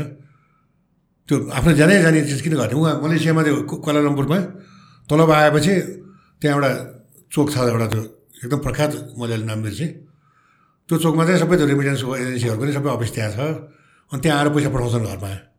अनि त्यहाँ आउने पैसा पठाउने अनि अलिकति पैसा चाहिँ त्यो अरू बदमासीहरू गर्ने जुवा खेल्ने यताउति गर्न हुने चिजहरू गर्ने। अनि त्यसपछि अनि त्यहाँबाट रक्सी खाने अनि त्यसपछि उठ्दाखेरि लिँदैपिँदै भएर बाँकी भएको पैसा सबै लुटेर हिँडिसक्यो त्यहाँको पुलिसले नै लुटिदिन्छन्। कागज पनि छैन केही छैन। आइडी कार्ड पनि हरायो। त्यस्तो गतिमा नेपाली पुगिरहेको हुन्छन्। हो तिनीहरूलाई यहाँदेखि नै सिकाएर पठाउनु पऱ्यो कि तैँले यसो गर्नुहुन्न उ गर्नुहुन्न। त्यहाँ गएर चाहिँ यस्तो यस्तो यी उहरू जान्नु पऱ्यो। एउटा एटिक्वेटदेखि लिएर काम गर्ने त्यो चिजहरू पनि जान्नु पऱ्यो। अनि दुःख पाइँदैन। अनि त्यसपछि अनि सरकारले पनि अझ बढी प्रोटेक्सन दिनु पऱ्यो अहिले नेपाली सरकारले गरेको छ। नेपालको एमएससीहरूले अहिले सकेसम्म आफूले गरेका छन् तर उनीहरूको पनि रिसोर्सै छैन। दिनका दिन चालिस पचासवटा घटना घटिरहेको हुन्छ उनीहरूले भ्याउँदै भ्याउँदैन है? अब कोभिडको टाइममा नि एमएससीभित्र ल्याएर खुवा पनि भन्नु गरे हुन्। तैपनि यो चिजहरूलाई अझ बढी हामीले चाहिँ हाइलाइट गर्ने। त्यस्तो गरेर चाहिँ गर्न सक्छौँ। अब अर्को कुरा चाहिँ अब यिनीहरूलाई स्किलहरू सिकाउने। अब चाहिँ यो हाम्रो एजुकेसनमै अलिकति चेन्जहरू ल्याउनुपर्छ। हामीलाई त्यो एकदम फर्मल एजुकेसन खालि त्यो टेबलमा बसेर गर्ने कामहरू भन्दा पनि हामीलाई चाहिँ अर्कै किसिमको एजुकेसन चाहिन्छ हामीलाई। भोकेसनल ट्रेनिङहरू चाहिन्छ। विभिन्न यहीँ नेपालैभित्र बस्दा पनि चाहिन्छ त्यो। फ्याक्ट्रीमा गएर काम गर्न सक्ने। त्यो पनि त राम्रो। जसरी पनि आफ्नो जीविकोपार्जन भयो भइहाल्यो नि। सबै अमेरिकन यहाँ नेपालमा आउने टुरिस्टहरू सबै विद्वान मास्टर आउन् र कोही कोइला खानेमा काम गर्ने आउँछन्। हामीले पो खैरो कपाल देखेर सबै विद्वान भन्ठान्छौँ। तर त्यहाँबाट आउने मान्छेहरू अधिकांश मान्छे? त्यो ब्याकप्याकरहरू सबै सानो सानो मान्छेहरू हुन्। तर सुखी नै छन् आउन सकेका छन् मिठो खान्छन् राम्रो ठाउँमा घुम्छन् होइन? त्यही नै जिन्दगी रहेछ। त्यस्तो बनाउने कोसिस चाहिँ हामीले गर्नुपर्छ क्या। अब जस्तै अब कृषिमा पनि अब त्यहाँ हर्टिकल्चरको कुरा आउँछ होइन? अब हाम्रो माथि माथि पाहाडहरूमा कतै फलफुलहरू हुन्छ। अब वीरेन्द्रले पनि एउटा राम्रो काम गरेका थिए। वीरेन्द्र राजा हुँदाखेरि उहाँ उहाँ त यो डेभलपमेन्ट सम्बन्धी एकदम मन भएका राजा हुन्। हाम्रो राजाहरूमध्ये विकासमा सबभन्दा विकास प्रेमी राजा वीरेन्द्र हुनुहुन्थ्यो। उहाँ चाहिँ त्यो क्यानाडाको बेलामा एकजना नाम बिर्सी मैले अहिले शेर्पा हो एकजना। ऊ एकदम त्यो यस्तो फलफुलको विज्ञ थियो। उसलाई बोलाएर उसले सबै ठाउँमा माथि माथि जुम्लाहरूमा उहरूमा सबै स्या स्याउको बोटहरू रोप्नु लगाएको। रोप्न त रोपे तर त्यो स्याउ ढुवानी गर्ने ऊ भएन। सबै त्यो कुहेर गयो रक्सी बनाए अलिअलि सुकाएर चाहिँ त्यो ड्राई स्याउहरू बनाए। त्यस्तो यस्तोमा चाहिँ बित्यो कि? त्यस त्यस्तो भयो। अनि त्यसपछि अनि त्यहाँबाट अब त्यति बेला रोपवे पनि बनाउन सकेनौँ हामीले किन गर्न सकेनौँ? अहिले चाहिँ अलिअलि रोडहरू पुगेर त्यो स्याउहरू आएको छ तर हामीसँग बजार छैन। अब नेपाली स्याउ उत्पादन भएको छ अब बजार नभएर विदेशी इन्डियाबाट आएको स्याउ खान्छौँ हामी। यो त्यही त यो अहिले रिसेन्टली यो चितवनमा पनि यो कुरा निस्केछ नि अस्ति किसानहरूले सबै फाल्यो। अनि अब यो त हामीलाई थाहा भइरहेकै कुरा हो किनभने चाहिँ नेपालमा चाहिँ इन्डियाबाट धेरै एग्रिकल्चरल प्रडक्टहरू आउँछ। अब कम्पेरिटिभली नेपालको महँगो पनि पर्न जान्छ किनभने इकोनोमी अफ स्केल पुग्दैन कम्पेरिटिभली त्यहाँबाट। तर गभर्मेन्टको पोलिसी के हुनु पऱ्यो अलिकति महँगो भए पनि नेपालकैलाई प्रमोट गर्नुपर्ने के हो नि? वाणिज्य सन्धिमा यो कस्तो भने हामी डब्लुटिओको मेम्बर भएपछि पनि हामीले हरेक कुरा चाहिँ नि हाम्रो मात्र बाहिर जाओस् बाहिरको भित्र नआओस् भन्नै मिल्दैन प्रिन्सिपलले हेर्दाखेरि अनि अर्को कुरो चाहिँ कस्तो भन्दाखेरि हामीले इन्डियासँग गरेको चाहिँ त्यो वाणिज्य सन्धिमा पनि हामीले बराबरको सन्धि गरेका छौँ कि? ओके। अब जस्तो तपाईँले अघि भने जस्तै उसको चाहिँ इकोनोमी अफ स्केल त्यत्रो ठुलो छ। उसको प्रडक्सन क्यापेबिलिटी त्यत्रो हाई छ। एकदम सस्तोमा उसले प्रडक्सन गर्छ। उसँग हामीले कम्पेयर गर्न सक्छौँ त एक्ज्याक्टली त्यही भएर हामीले त्यो व्यापार सन्धि गर्दाखेरि नै अलिकति फरक राख्नुपर्छ यहाँ कतै ठाउँमा त्यो स्नुकर खेल्न जान्छ नि मान्छेहरू चार गेममा चाहिँ छ गेममा चाहिँ गेम हुन्छ भने कुनै कुनै च्याम्पियनहरूलाई चार गेममा गेम हुन्छ भने कुनै कुनै च्याम्पियनहरूलाई छ गेममा मात्र गेम हुने बनाउँछन् उसलाई दुई गेम उसले एक्स्ट्रा खेल्नुपर्ने बनाउँछन् जस्तै गल्फमा पनि एउटा प्रोफेसनल गल्फर र एउटा अमेजरले सँगसँगै खेल्न पाउँछ तर त्यहाँ पनि राखेको छ ह्यान्डिक्यापहरू रुल्स चाहिँ डिफ्रेन्ट ह्यान्डिक्याप राखेको छ त्यहाँ। यसको यति ह्यान्डिक्याप यसको यति ह्यान्डिक्याप भनेर। भनेपछि बिजनेसमा पनि त्यस्तै हुनुपर्छ कि? नेपाल भनेको सानो देश हो। उसको एक आयो भने नेपालको पाँचजना पाउनुपर्छ भनेर यसो कुनै एउटा मापदण्ड बनाउनुपर्छ। त्यस्तो गर्न अलाउड हुन्छ? अरू कन्ट्रीहरू बाइलेटरले मानेपछि भइहाल्यो नि। हामीले मागेकै छैनौँ। हामीले मागेकै छैनौँ। हो। अहिले अब त्यो ऊ गर्ने बेला भयो क्या अरे बाहिर हाम्रो व्यापार सन्धि गर्ने बेला भएको छ अहिलेदेखि नै इन्डियासँग कुरा गरेर हामी यस्तो यस्तोमा अप्ठ्यारोमा छौँ यो नहुने चिज के पनि छैन क्या हामी त्यसै त्यसै टक्कर लिएर गएर उ गरेर अनि यिनीहरू रिसाएका हुन् हामीसँग दुइटा कारणले हामी दास जस्तो भइरहेको छौँ कि एउटा चाहिँ टक्करले जाने बानी हामीलाई धुमधाम घमण्ड छ हामी नेपाली भन्ने त्यत्रो इन्डियालाई पनि हामी मान्छेमा गर्दैनौँ चाइनिजलाई मान्छेमै गर्दैनौँ कसैलाई मान्छेमा गर्दैनौँ है अन्त अन्त त्यो भएर हामी हामी बराबर हौँ भन्न ठान्छौँ हो नि त सानो र ठुलो देश सबै बराबर हो त्यो पनि ठुलोलाई हामीले रेस्पेक्ट गर्नु हाम्रो कर्तव्य हो त्यो है अब अर्को चिजमा चाहिँ हामी यो एउटा यो चिजले चुकिरहेछौँ अब अर्को चिजमा चाहिँ हामी के गर्छौँ भन्दाखेरि चाहिँ हामी कटेसी नै जान्दैनौँ हाम्रो कटेसी अप्नाउने चलन हाम्रो राम्रो छैन हामी धेरै मान्छौँ उसलाई एक एकतिर चाहिँ मान्दै मान्दैनौँ एकतिर धेरै मान्छौँ धेरै मान्ने भने चाहिँ के भन्दा तपाईँको घर अगाडि एउटा मान्छे अलिक सानो घर भएको मान्छे छ अरे। तपाईँको ठुलो घर छ। एउटा तपाईँको घर अगाडि एउटा सानो घरमा मान्छे। तपाईँ त डेमोक्रेटिक मान्छे। तपाईँ त मोडर्न मान्छे। त्यो मान्छे दिनका दिन आएर तपाईँको घरमा आएर कुरेर बसेर नमस्कार गऱ्यो भने तपाईँलाई राम्रो लाग्दैन नि त्यो। चिनेको मान्छे आएर होला। अब फेरि आज मर्निङ वाक गर्नुलाई त्यो बाहिर बसिरहेको होला त्यो। फेरि नमस्कार गर्छ त्यसले भनौँ आफैलाई बोल्न आएर आउँछ त्यो। है? तर त्यो मान्छे सात दिन त्यहाँ पछि आएन भने ए त्यो त दिनका दिन नमस्कार गर्न आउँथ्यो। आज किन आएन त्यो भनौँ त्यो पनि आशा हुन्छ फेरि।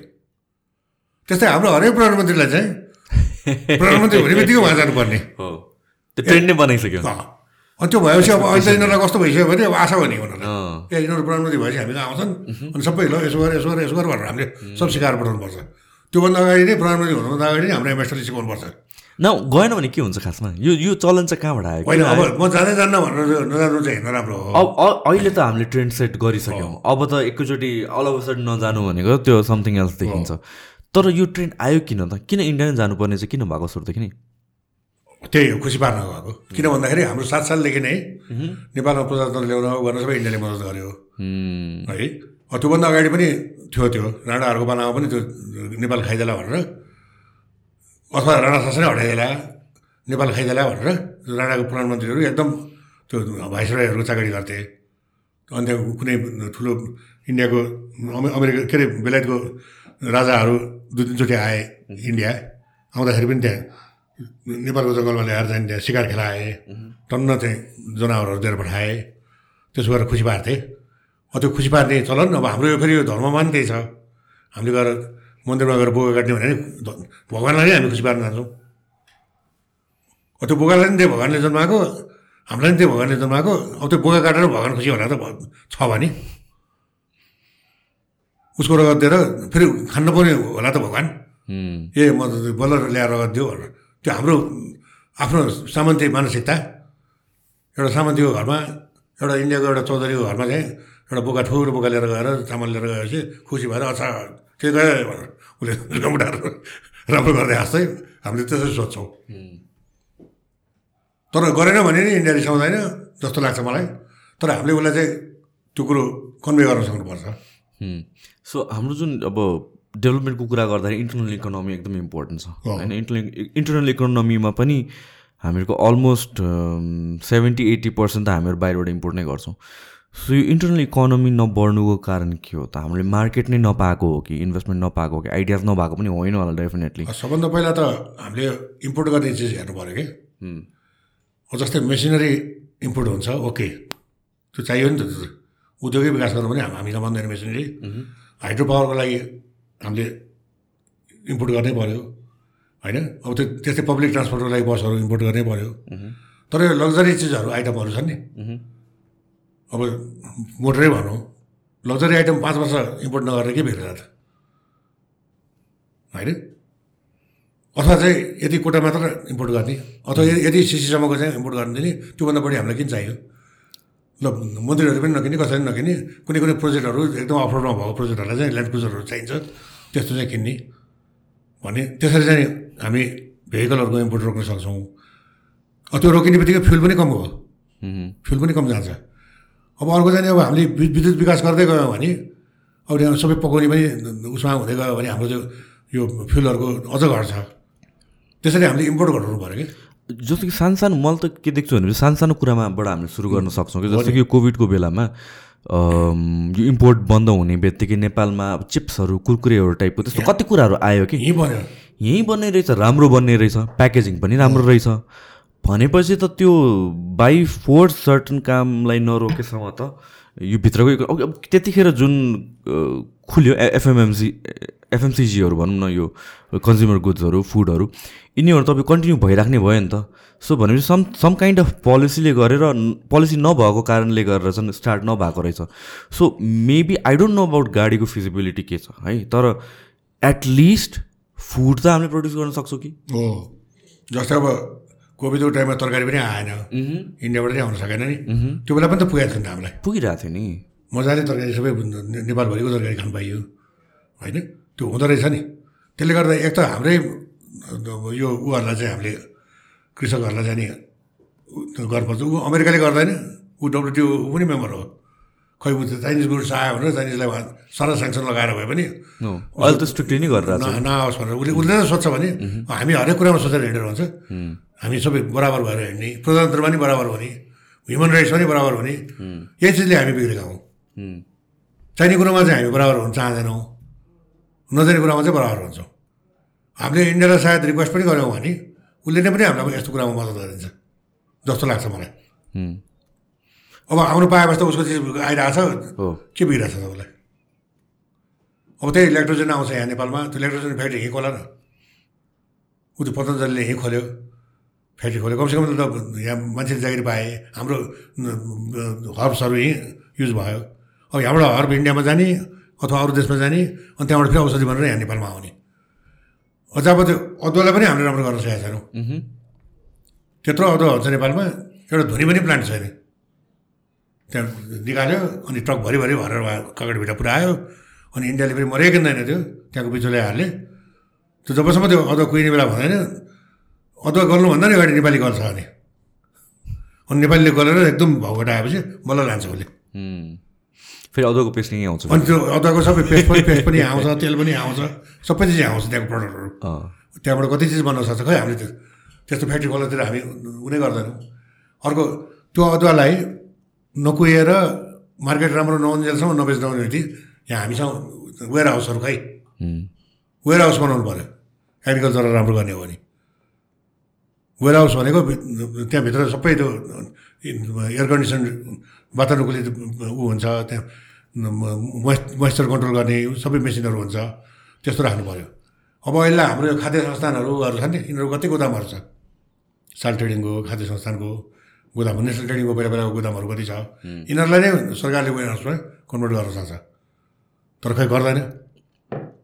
अनयुज्ड गोडाउनहरू अँ, त्यसै अनिवार्य छ अथवा चाहिँ बेचिदिने भाडामा दिने ऊ अहिले उयो भ्रिकुडी मण्डपको के के सिंहदरबार अगाडि अब त्यो पार्टी प्यालेस खोलिदिरहेको छ त्यसो गरेर चाहिँ नाश भइरहेको छ अनि त्यो अनि त्यो ऊ भने चाहिँ खाद्य संस्थान भनेको गाउँ गाउँमा लगेर चाहिँ खाद्यान्न खाद्यान्न लगेर खुवाउनु पर्ने त्यहाँ नभएको बेलामा है त्यहाँको खाद्यान्न उनीहरूले उब्जाएको जुम्लाको चामलहरू हाम्रो बजारमा आउनुपर्ने ऊ त्यो खाद्य संस्थानको त्यो गोदामभित्र राखेर बेचेर हुन्छ अनि प्याकेजिङ गरेर एक्सपोर्ट गर्नु पऱ्यो के पनि नगर्ने अनि उसले राम्रो काम गरे भने के भन्नु भन्दाखेरि दसैँमा हजारवटा पाँच हजारवटा खसी ल्यायो अरे त्यो त पहिला पन्ध्र सालको कुरो हो त्यो।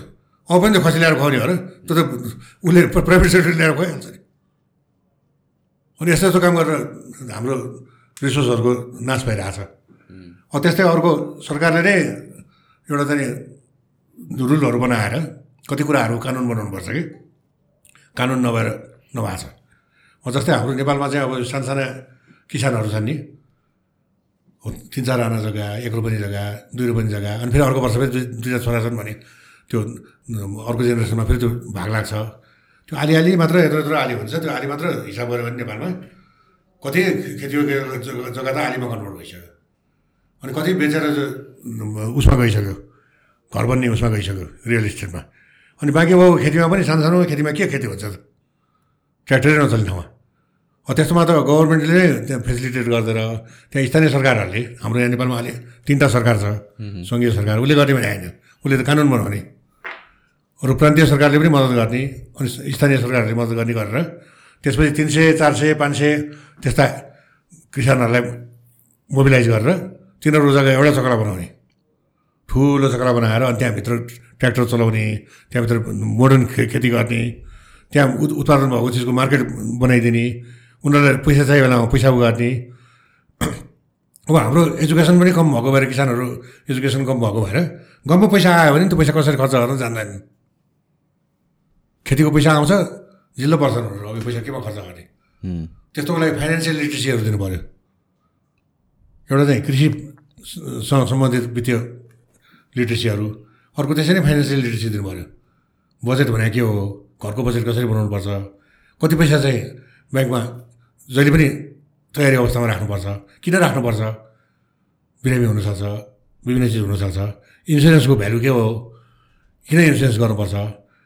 हामीले कस्तो मान्छेहरूसँग चाहिँ बिउ बिजनहरू किन्नुपर्छ? भने यो सबै ज्ञानहरू उनीहरूसँग गाउँलेहरूसँग हुनु पऱ्यो अब गाउँलेले नपढे पनि उसका छोराछोरीहरू त पढिरहेछ नि। त्यो फाइनेन्सियल लिटरेसीको ट्रेनिङ चाहिँ गाउँलेको साथसाथै उनका छोराछोरीहरूलाई पनि बिदाको दिन राखेर दिनुपर्छ। ताकि उनीहरूले बसेर घरको बजेट सबै छोराछोरीहरू बनाइदिउन्। उनीहरूलाई नै ज्ञान भयो। अहिले हाम्रो सबै सानो सानो माइक्रो फाइनेन्स चाहिँ नि अँ, गरेर हिँड्ने व्यापारीहरूहरू छ नि साना साना लघु उद्यमीहरू। त्यस्ताहरूको सबै उनीहरूको चाहिँ त्यो फाइनेन्सियल्सहरू ऊ यहाँ छ। दुई हजार पचहत्तर सालमा चाहिँ बहत्तर सालमा भइसकेर जाँदाखेरि तपाईँ प्रफिट कति हो भनेर भने यति। पचहत्तर सालमा कति थियो अरे यति। त्यो बेला मैले यतिको यतिको बिउ किनेँ भनेर हरेक वर्षको थाहा छ। तर लेखेर राखेका पनि छैन। त्यो लेख्न सिकाउनु पऱ्यो सिम्पल चाहिँ त्यो फाइनेन्सियलहरू कसरी बनाउने। अनि त्यो त्यो हुने बित्तिकै अनि ब्याङ्कले पनि लोन दिन्छ। ब्याङ्कले त त्यो खोज्छ नि। हो। अनि ब्याङ्कमा जाँदाखेरि उसले चाहिँ मेरो चाहिँ उयो यस्तो कागजमा लेखेर राखेको छु। यो हेरेर बनाइदिनुहोस् भनेर भनेपछि त्यस्ता मान्छेहरूलाई मद्दत गर्नलाई ब्याङ्क पनि मान्छे बस्नुपर्छ। दुई चारजना मान्छे ब्याङ्कले पनि एक्स्ट्रा राख्नुपर्छ। खालि प्रफिट कमाएर बस्नु भन्नु। अब अहिले हाम्रो यहाँ कस्तो छ भने माइक्रो फाइनेन्स इन्स्टिट्युसनहरू सहकारीहरू गाउँ गाउँमा पुगेका छन्। तिनीहरूसँग एकदम धेरै यस्ता गाउँलेहरूसँग यस्ता लघु वित्त वालाहरूसँग काम गर्ने यो सानसाना लघु उद्यमीहरूसँग काम गर्ने उनीहरूसँग नलेज छ। गाउँमा मात्र होइन त्यस्ता लघु उद्यमी भनेको त्यो हकरहरू पनि हो। उसलाई पनि पैसा चाहिन्छ। एक टोकरी सामान किन्नलाई उसलाई पनि पैसा चाहिन्छ। उसलाई पनि दिनका दिनको पैसा दिएर अनि उसले त्यो पैसा बेचेर आएपछि त्यो तिर्दै जाने। त्यसो गर्दै ऊ ठुल्ठुलो हुँदै जान्छ अनि रिक्सा किन्छ। रिक्सा किनेर के बिग्रेर त्यो रिक्सा त चलाउनु नदिने त्यसो गरेर नि कहीँ हुन्छ ठाउँ बनाइदिनु पऱ्यो चल्ने ठाउँहरू। ऊ त्यो टेम्पोले पनि त कति ऊ त्यो विक्रम टेम्पोले। सफा टेम्पो भए पनि अहिले त सफा सफा टेम्पो भन्छन्। त्यसको स्पिड कम भएर सबैमा ट्राफिक जाम हुन्छ। सफा भएर के उम्, कहीँ स्पिड पनि धेरै हुनुपर्छ फेरि। त्यो बिस तिस किलोमिटर पर आवरभन्दा बढी दौडिँदैन त्यो बिस्तारै हिँड्यो भने सबै बिस्तारै हिँड्नुपर्छ। त्यो भएर त्यसलाई त्यसै थोरै स्पिडमा चल्ने गल्लीहरूमा छिराउनुपर्छ त्यसलाई। त्यो माइक्रो बसहरूलाई नि सबै गल्ली गल्लीतिर पठाइनुपर्छ। अनि ठुलो सडकमा चाहिँ ठुलै मोटरमा चाहिँ न। ठुला ठुला उस साझा बस जस्ता अरू ठुल्ठुला कम्पनीहरूलाई उ गरेर। जस्तै नगरपालिकाले उस साझा बससँग चाहिँ पब्लिक प्राइभेट पार्टनरसिप गर्यो। होइन? त्यसै पार्टनरसिपमा काम गरेर चाहिँ नि नयाँ नयाँ यस्तो ट्रान्सपोर्टेसन बिजनेसहरू ल्याउने नयाँ प्राइभेट सेक्टरको चाहिँ अन्टरप्रिनरहरू निक्लिन्छन्। अनि सानाहरूलाई त्यसै गरेर चाहिँ नि हामीले चाहिँ शिक्षाहरू दिने साना बिजनेसम्यानहरूलाई ठुलो बनाउँदै लाने। अब अहिले इलेक्ट्रोनिक जमाना छ त्यो साना साना बिजनेसम्यानहरूलाई पनि हामीले सबै कामहरू कारोबार डेबिट कार्डबाट गर्ने बनाउन सक्छौँ। उनीहरूको आम्दानी नै सबै त्यहाँ अब अब त त्यो नै आइसक्यो भने क्युआर कोड। त्यो कहाँ कहाँ गरेपछि सबै आफ्नो पैसा आउँछ पचास रुपियाँको लागि पनि त्यही गर्न सकिन्छ। हामी पनि कफी खान गएर यसो कहाँ कहाँ गरिदिन्छौँ। पहिला पहिला हजार बाह्र सयको किनमेल भयो भने मात्र कार्ड दिन्थ्यौँ उम्, अब अहिले सानो चिज पनि त्यसबाट हुन्छ। उयो दिल्लीतिर पनि सबै त्यस्तै रहेछ। राम्रो काम त्यहाँ पनि भइरहेछ यहाँ नि भइरहेछ। हामीले सानो सानो कुराहरू त्यसरी सिकेर साना साना चिजहरूबाट गर्न सक्छौँ। अब अघि हामीले भने जस्तै कृषि पर्यटन अब विद्युत अब यो रोजगारी छ होइन। अब यो चिजका कयौँ प्रोजेक्टहरू अहिले चलिरहेछ। तर त्यो सबै प्रोजेक्टहरू चाहिँ हाम्रो चाहिँ पेन्डिङ छन्। कुनै पनि कम्प्लिट भएको छैन। पेन्डिङ त हाम्रो जे पनि फेरि प्रोजेक्टहरू जे पनि पेन्डिङ हुने पेन्डिङ। रहेछ। अब यो मेलम्चीकै कुरा पनि भनौँ न। यो अहिलेसम्म पनि भएको छैन। कम्प्लिट भएको छैन अस्ति नै तपाईँसँग कुरा गरेर तपाईँले एउटा स्टेटिस्टिक्स भन्नुभएको थियो लाइक पर लिटरको अठार रुपियाँ कति पर्न जान्छ? जुन त बाहिर निकालेको छैन नि यो कुरा। भित्रभित्र चाहिँ यसो कस्ट यति हाई भयो अरे कि। पर लिटर अठार रुपियाँ पर्छ यो पानी। मेलम्चीको पानी। तर बाहिर चाहिँ अब त्यति बेच्दैनन् त्यो सब कराइहाल्छन् फेरि। त्यसो भने त्यो लसमा जान्छ? त्यो त एकदम लस भइहाल्यो नि त्यो। अब त्यो टाइममा सके भए भन्दा थियो कि। त्यस्तो प्रोजेक्टहरू टाइममा सघाउनु पर्यो हामी अहिले मेट्रोको कुरा गर्छौँ। त्यस्तो टनल बनाउनु नसक्नेले मेट्रो ल्याउने अरे हामी फेरि। हाम्रा अर्थशास्त्रीहरू सब उहाँ उसमा लेखिरहेको हुन्छन् उहाँ पत्रिकामा यो ऊ चाहिँ त्यो थाइल्यान्डको जस्तो त्यो ब्याङ्ककको जस्तो त्यो मोनोरेल चाहिँ फिजिबल छैन अरे मेट्रो चाहिँ फिजिबल छ अरे यस्तो भैँचालो जाने ठाउँमा यत्रो भित्रभित्र पानी जम्ने ठाउँमा एकदम यङ माउन्टेन भएको ठाउँमा है मेट्रो संसारमा कहाँ निक्ल्यो रुसमा निक्ल्यो त्यसपछि बेलायतमा आयो अहिले दिल्लीमा नि हाल्यो यो सबै ठाउँको चट्टान चट्टानै चट्टान भएको चाहिँ भित्री भाग छ हो हाम्रो ऊ त्यो दुई किलोमिटरको त्यो ऊ बनाउनलाई आज पैँतिस महिना भइसक्यो भनेर छैन। यस्ताले मेट्रो निकालेर अब जब कि त्यो मोनोरेल भन्ने चिज ऊ हाम्रो यो पुल्चोकको सडकमा त्यो पेटी पेटीमा नै बनाउनु मिल्छ त्यो। यत्रो यत्रो मोटो एउटा पिलार कति बाई कति दुई फिट तिन अढाई फिटको पिलार लेन्थ ब्रेथ अढाई फिट भएको त्यस्तो पिलार हालेर त्यसको माथि दौड्न सक्छ मेट्रो। अनि स्टेसन हुने ठाउँमा चाहिँ त्यहाँ उतापट्टिको सडकदेखि यतापट्टिको सडकसम्म। पिलरहरू हालेर त्यो माथि चाहिँ अनि स्टेसन बनाउने अलिकति पैसा खर्च हुन्छ पहिला सुरुमा। तर त्यो पनि त्यो रिङ रोडमा हाल्ने होइन कि फेरि त्यो? यहाँ फेरि त्यस्तो चाहिँ आयो कि रिङ रोडमा हाल्ने भनेर भन्छन्? रिङ रोडमा त आई थिङ्क त्यो ओभरअल त्यो हाल्ने त उतै लगान खेलदेखि हो उहाँ स्वयम्भूदेखि Congested ठाउँमा। स्वयम्भूदेखि बौद्धसम्म। ऊ एयरपोर्टदेखि न्यु रोडसम्म। यसैसम्म त्यो हाल्दै जाने हो मोनोरेल अब त्यो एकदम त्यसले मेट्रोले जति रेल जस्तो धेरै त बोक्दैन होइन? तर त्यसको त्यो माथिबाट हिँड्ने भए आएर सडकले जस्तो घुमाउरो गर्दै ट्राफिक जाममा परेर जानु पर्दैन नि उसले हुरेर लगान खेलबाट बुढेलकण्ठ र बिस्तारै गयो भने पनि दस मिनटमा पुग्छ सुरु र दस मिनटमा पुग्थेँ अहिले ब्याङ्ककमा कस्तो सहिलो भएको छ त्यही भएर। पहिला कस्तो ट्राफिक जाम हुन्थ्यो? हाम्रो पनि त्यो मेट्रो चाहिने स्थितिमा के अरे रेल चाहिने स्थितिमा चाहिँ पुगिसक्यौँ। पुगिसक्यो। मोनोरेल त चाहिन्छ चाहिन्छ। तर अब हाम्रो बालनजीले पनि त्यो फिजिबल छैन भन्नुभयो। किन फिजिबल छैन भने फाइनेन्सियली खै Structurally? उहाँले कसरी भन्नुभयो त्यो छैन भन्नु अरे भनेर भनेर मैले एउटा न्युजमा देखाएको थिएँ। मैले पनि आई थिङ्क देखाएको जस्तो लाग्यो मैले राम्रो तर यसको राम्रो स्टडी गरेर पहिला पनि भएको छ स्टडीहरू धेरै कम्पनीहरूले गरिसकेका छन् यो फिजिबलै छ। घाँस यस्तो चिजहरू बनाउनुपर्छ कि? अनि अर्को चाहिँ नि अनि त्यो सकेसम्म ठुला ठुला बसहरू। एकदम अझ डबल बस हुन्छ नि मेन रोडहरूमा ठुल्ठुलो चार लेनको सडकहरूमा चाहिँ जस्तै रिङ रोडमै त्यो बसै दुई दुई टुक्रा भए बस हुन्छ रेल जस्तै। ट्राम जस्तो बस हुन्छ त्यस्तो बसहरू ल्याएर चलाउनु पर्छ त्यो कि डबल डेकर बस हुनुको? होइन डबल डेकर नभए पनि केही फरक पर्दैन। लामो। बिचमा चाहिँ रेलको जस्तो त्यो जोडिया। अनि घुम्दाखेरि त्यसो रबड रबड भएको हुन्छ त्यस्तो दुइटा बस एउटै बनाएर गएर हुन्छ। इन्जिन चाहिँ एउटा भएको। अब गल्ली गल्लीमा त जाँदैन तर मेन रोडहरू हामीसँग धेरै भइसक्यो नि। त्यस्तोमा त्यस्तो हाँक्ने अनि सकेसम्म यो कारहरू यस्ता यस्तोलाई चाहिँ डिस्करेज गर्ने। किनकि अनि कार चल्यो भने पनि त्यो त्यस्तोमा नि अलिकति कन्ट्रोल गर्नुपर्ने हुन्छ कि? तर आई थिङ्क वान्स यो mode of transportation public transportation efficient हुने बित्तिकै मान्छेहरूले। जस्तो लाग्छ। होइन अब म नै न्यु रोड जानु पऱ्यो भने म अब यहाँबाट जानु पऱ्यो भने म बरु पठाउ गरेर जान्छु कि। त्यहाँ गाडी कहाँ राख्नु? यत्रो झन्झट छ होइन। त्यो सबै सोच्नुपर्छ। तर पब्लिक ट्रान्सपोर्टेसन एफिसियन्ट भइदिएको भए त मान्छेहरूले आई थिङ्क धेरैले आफ्नो भेहिकलहरू त किन्दैन नि। किन्दैन। त्यो एकदम ठिक कुरा हो। जस्तो कि बाहिर हामी ट्राभल गर्न जाँदाखेरि त्यो कहिले पनि प्राइभेट भेहिकल चाहिन्छ जस्तो फिल नै हुँदैन क्या त्यो कहिले पनि हुँदैन त्यो। किनभने द द वे उनीहरूको मेट्रोदेखि लिएर अरू पब्लिक ट्रान्सपोर्टेसन जसरी सेटअप छ त्यो त्यतिकै एफिसियन्ट छ। जहाँबाट पनि जहाँ जानको लागि पनि अब भनौँ न मेट्रोबाट या ट्रेन स्टेसनबाट पाँच मिनट दस मिनटको वाकिङ पोइन्टमा हुन्छ होला। जस्तै अहिले भेहिकल भएको मान्छेहरूले पनि त्यस्तो मेट्रोहरू चल्यो चल्यो भने घरमै भेहिकल राखेर घरमै राख्छ नि? जान्छन् कि? म नै चढ्दिनँ अर्कालै चढ्दिनँ। हो। ऊ त्यो दिगो भयो भने एउटा बस छ कहिले कहिले सिनेमङ्गल जानु पऱ्यो भने म दिगोबाट सट्टै त्यसमा चढेपछि सरर लगिदिन्छ बिस रुपियाँ तिर्यो सक्यो अब अर्को फेरि पठाओ भने कति एफिसियन्ट भइसक्यो उम्, मोटरसाइकलमा चाहिँ अलिक डर लाग्छ। जो पाए ल्याएको यतिर लड लडाइदिएर भन्ने डर त्यो पनि नगर्ला। त्यस्तो भन्नु भएन बिचराको जागिर। होइन अरूले चलाउँदा त डर त लाग्यो। आफ्नै साथीले बुवाले कसैले चलाउँदाखेरि पनि पछाडि बस्नु चाहिँ डर लाग्छ एउटा चाहिँ। त्यो चाहिँ। त्यही भएर यो हामी यति सानो देश हौँ नि हामी एकदम सानो देश हौँ।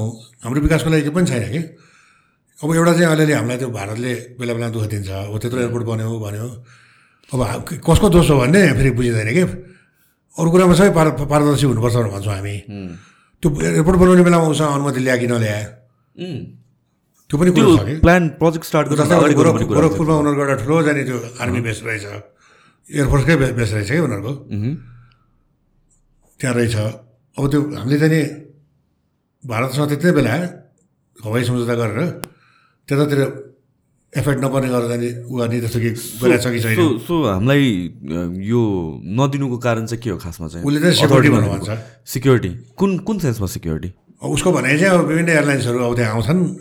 त्यहाँबाट जे पनि उनीहरूको स्पाइङ गर्न मिल्छ भने खास त अतो थाहा हो। के पनि हुनेवाला छैन त्यो। ओके। त्यति गरेर के पनि हुनेवाला छैन पर्मिसन नलिएकोले उनीहरूले त्यो पर्मिसन लिएर पनि त कति एयरलाइन्सहरू उसको माथिबाट गएर पर्मिसन पाएको ठाउँमा पनि त उसको माथिबाट गइरहेछ नि। हो तर हामीलाई त्यस्तो गर्नु कारण हामीले सुरुमै पर्मिसन नलिएको कारणले भनेर अतो थाप्दैन खास चाहिँ त्यो हाम्रोभन्दा उतापट्टि उनीहरूको एयरपोर्ट बनाएको छ। ए। त्यो हाम्रो भइरहेको त्यो एयरपोर्टभन्दा उतापट्टि कुशीनगर है के भन्ने ठाउँमा यिनीहरूको ठुलो एयरपोर्ट बनाएको छ नि इन्टरनेसनल हाम्रोभन्दा एक एक डेढ महिना अगाडि उद्घाटन गरे। त्यो चल्दैन भनेर उनीहरूको बुद्धिस्ट सर्किटलाई चलाउन भनेर चाहिँ गरेका आखिर दिनैपर्छ उहाँ मूर्ख त हामी नै हौँ फेरि। अब अस्ति मोदी आउनुभयो एक वर्ष अगाडि। त्यो उहाँ आउनुभयो होइन? लुम्बिनीमा आउनुभयो हेलिकप्टर चढेर त्यहीँभित्र आउनुभयो। त्यो बेला त्यो शेरबहादुर देवालले के हेरेर बस्नुभयो त? त्यहाँ पनि सुत्नुभयो उहाँ। उहाँ चाहिँ प्रार्थना गरिराख्नु भएको छ उहाँ सुतिराख्नु भएको छ त्यस्तो मान्छेले के- भन् भन्ने त अब नत्र त पहिल्यै प्रो- प्रोग्राम बनाएर हाम्रो नि यस्तो एयरपोर्ट बनाएको छ एकचोटि हेरिदिनुहोस् प्लिज। हाम्रो एयरपोर्ट हेरिदिनुहोस् त्यो कस्तो छ। अनि पर्मिसनै पाएको छैनौँ हामीले यसलाई दिँदै हुन्थ्यो। अब हजुरहरूले किन दिनु भएन हामीलाई? पर्मिसन थाहा छैन। एउटा कारण चाहिँ चाइनिजले बनायो भनेर नि हुनसक्छ। त्यसले त्यसको पैसाले बनाएकै होइन। त्यसले त ग्लोबल टेन्डरबाट ठेक्का मात्र पायो। हजुरको चाहिँ इन्डियनले नै हालेको थियो यसमा। ऊ क्वालिफाई भएन त्यो त्यो चाहिँ भयो त्यसले पायो। अब अरू प्रोजेक्टमा इन्डियनले क्वालिफाई भएको ठाउँमा त उसले नै पाएको छ। ऊ हामीले त्यत्रो चाहिँ अरुण थ्री नै इन्डियनलाई दिएको छौँ। अब यो एयरपोर्टहरू त अब त्यो पोखराको पनि चाइनिजले बनाएको मात्र हो। त्यो त्योसँग त हामीले ब्याङ्कबाट लोन पनि ल्याएको त भनेर त्यसको पैसा हामीले युटिलाइज गरे हो र भनेर भन्न सक्नु पऱ्यो नि यस्तो कुराहरू। उसलाई त्यो पनि रिस उठ्यायो हो हाम्रो बोर्डर अगाडि चाइनिजले आएर बनायो। अनि यिनीहरूले चाहिँ हामीलाई इखायो भने जस्तो पऱ्यो होला अब फेरि थाहा छैन फेरि हो हो भने कसरी भन्ने। हामी नेपालीको फेरि हो नै भनेर भन्ने मानिस हुँ, हुँ। तर त्यस्ता कुराहरूमा चाहिँ कुटनीतिक तहले चाँडै गर्नुपर्छ। नत्र त्यो एयरपोर्ट पनि महँगो पर्न जान्छ अब त्यो त्यही एयरपोर्टको आशले त्यहाँ कति ट्राभल एजेन्सीहरू खुले कति होटलहरू फाइभ स्टार होटलहरू खुले प्राइभेट सेक्टरले त इन्भेस्ट त गरिसक्यो आजभन्दा पाँच सात वर्ष अगाडिको भैरवा र आजको भैरवा कति फरक भइसक्यो। छ लेनको सडक त्यत्रो बोर्डरदेखि उहाँ बुटोलसम्म पुग्यो बुटोल कस्तो सहर भइसक्यो। अब त काठमाडौँ आउनै पर्दैन। हामी पो बरु घर त्यहाँ गएर बनाउने हो नि भनेर भइसक्यो। खालि एउटै चिन्ता चाहिँ त्यहाँ अलिक गर्मी छ भन्ने मात्र हो। नत्र यति रमाइलो ठाउँ छ त्यो ठाउँहरू के भन्ने? हो। मोटर हाँक्ने मान्छेलाई झन् रमाइलो। घरबाट निक्लिनु भएको छ नि असीको स्पिडमा दौडाउनु पर्छ यहाँ कहाँ दौडाउने? यहाँ त चलाउने नै होइन यहाँ त छलाउने हो यहाँ गाडी छलाउनु जाने हो। उता गाडी आउँछ उता मान्छे आउँछ उता ऊ आउँछ छलाउँदै जाने पटोल छलाउने। सो अब चाहिँ त्यो एयरपोर्टको चाहिँ के गर्ने प्लान छ तपाईँले?